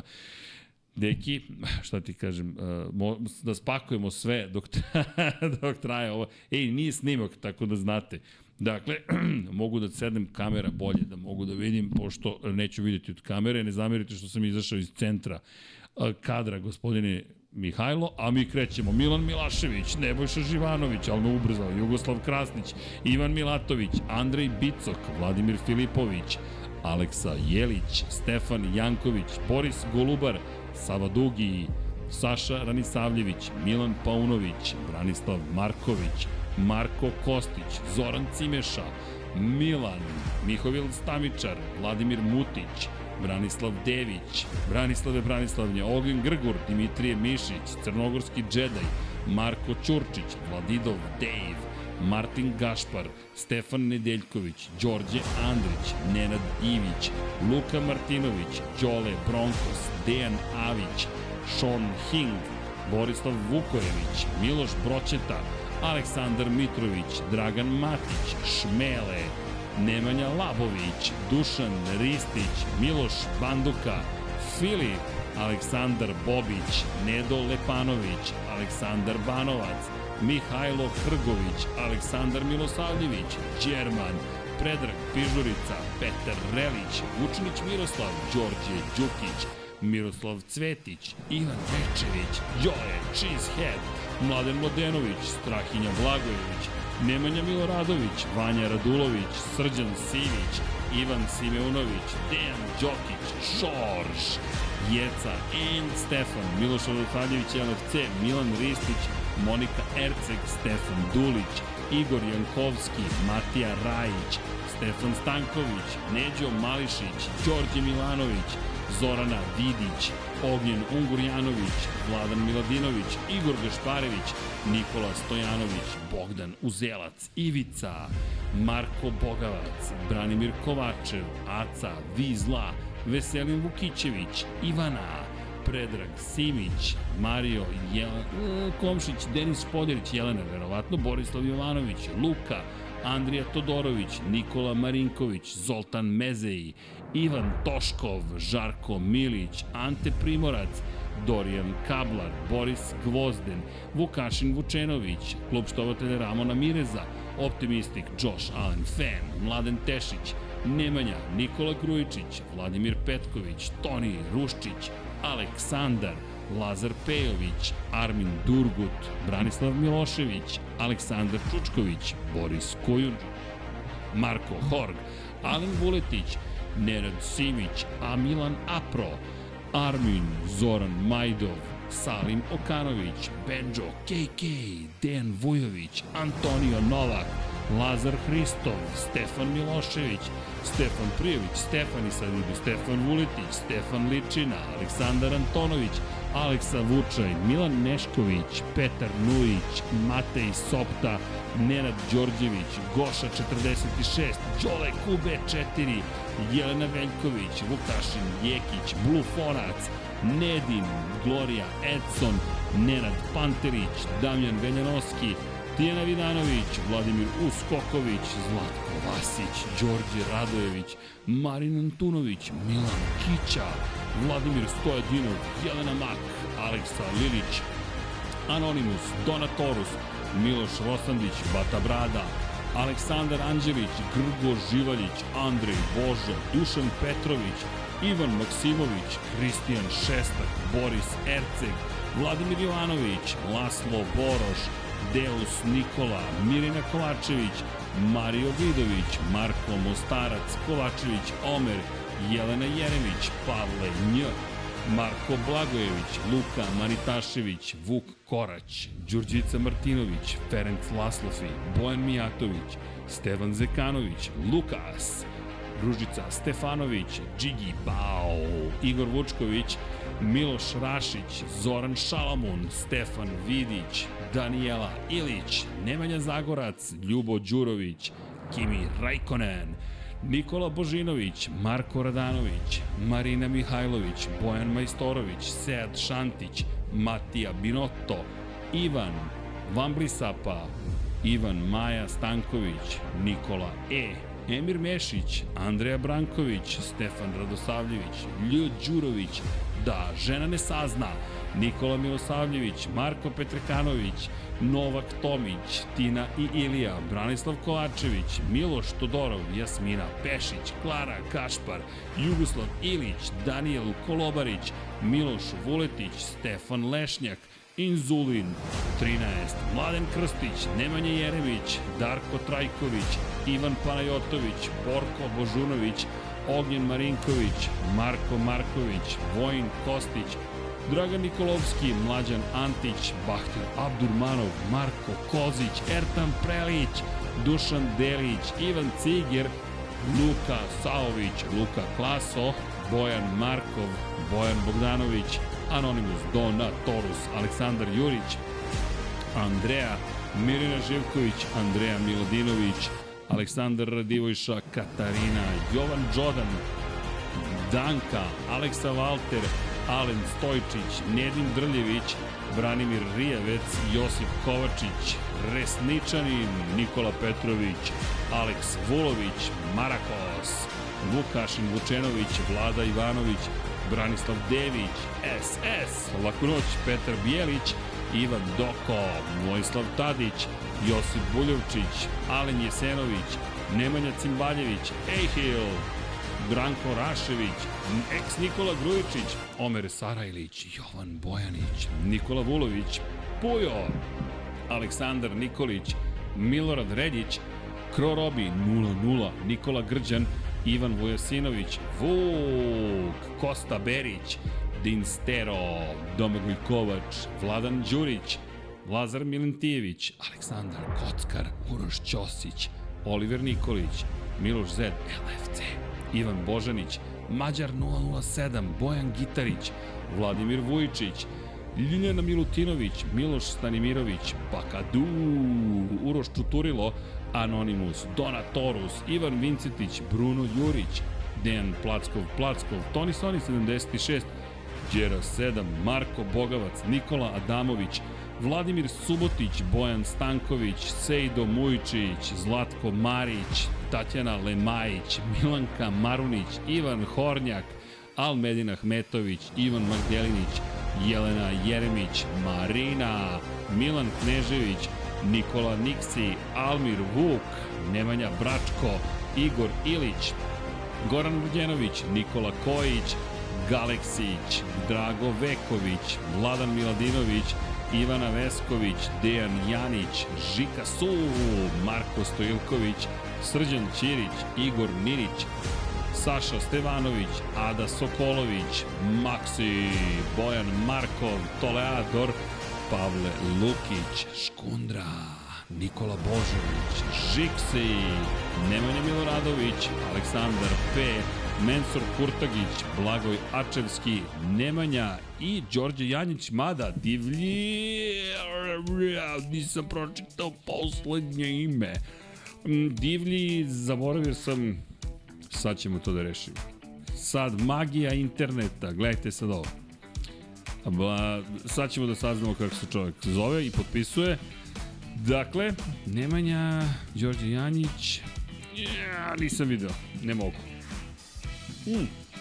Onda sam uspeo sebe da polim upravo. Ok, to je vreme za kraj. Miksa, beba se polila, tako da vreme je da sviramo laku noć. Nasmeo sam i Dekija. Zbog komšije nećemo glasno, samo kratko.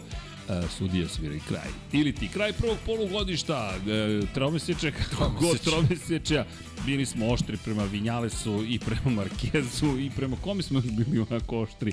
Nekom smo dali Digi i tako dalje. Kako god, dragi ljudi, želimo vam laku noć, ljubimo vas i volimo, mazite se i pazite se, budite dobri jedni prema drugima i naravno uživajte u odmoru, ali uživajte i u drugim nekim trkama, naći ćemo i način da se zabavimo. Biće tu ekipa Lab 76, kako? Nemam predstavu, ali ćemo svakako se pojaviti sa nekim novim uh, iznenađenjima, ne, ne mogu da budu stara iznenađenja, zar ne? Kasno je, vreme da se odjavimo. Jeste. Dragi ljudi, volimo vas, budite dobri jedni prema drugima. Deki, 1, 2, 3. Ne, ne, ne.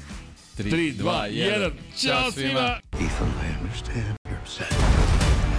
I'm not upset. I want to be listened. This is me listening. Tom Cruise, Mission nemoguća misija, is gonna cost you dearly. odmazda, And the world's gonna be coming after you. prvi deo. U bioskopima od 8. jula.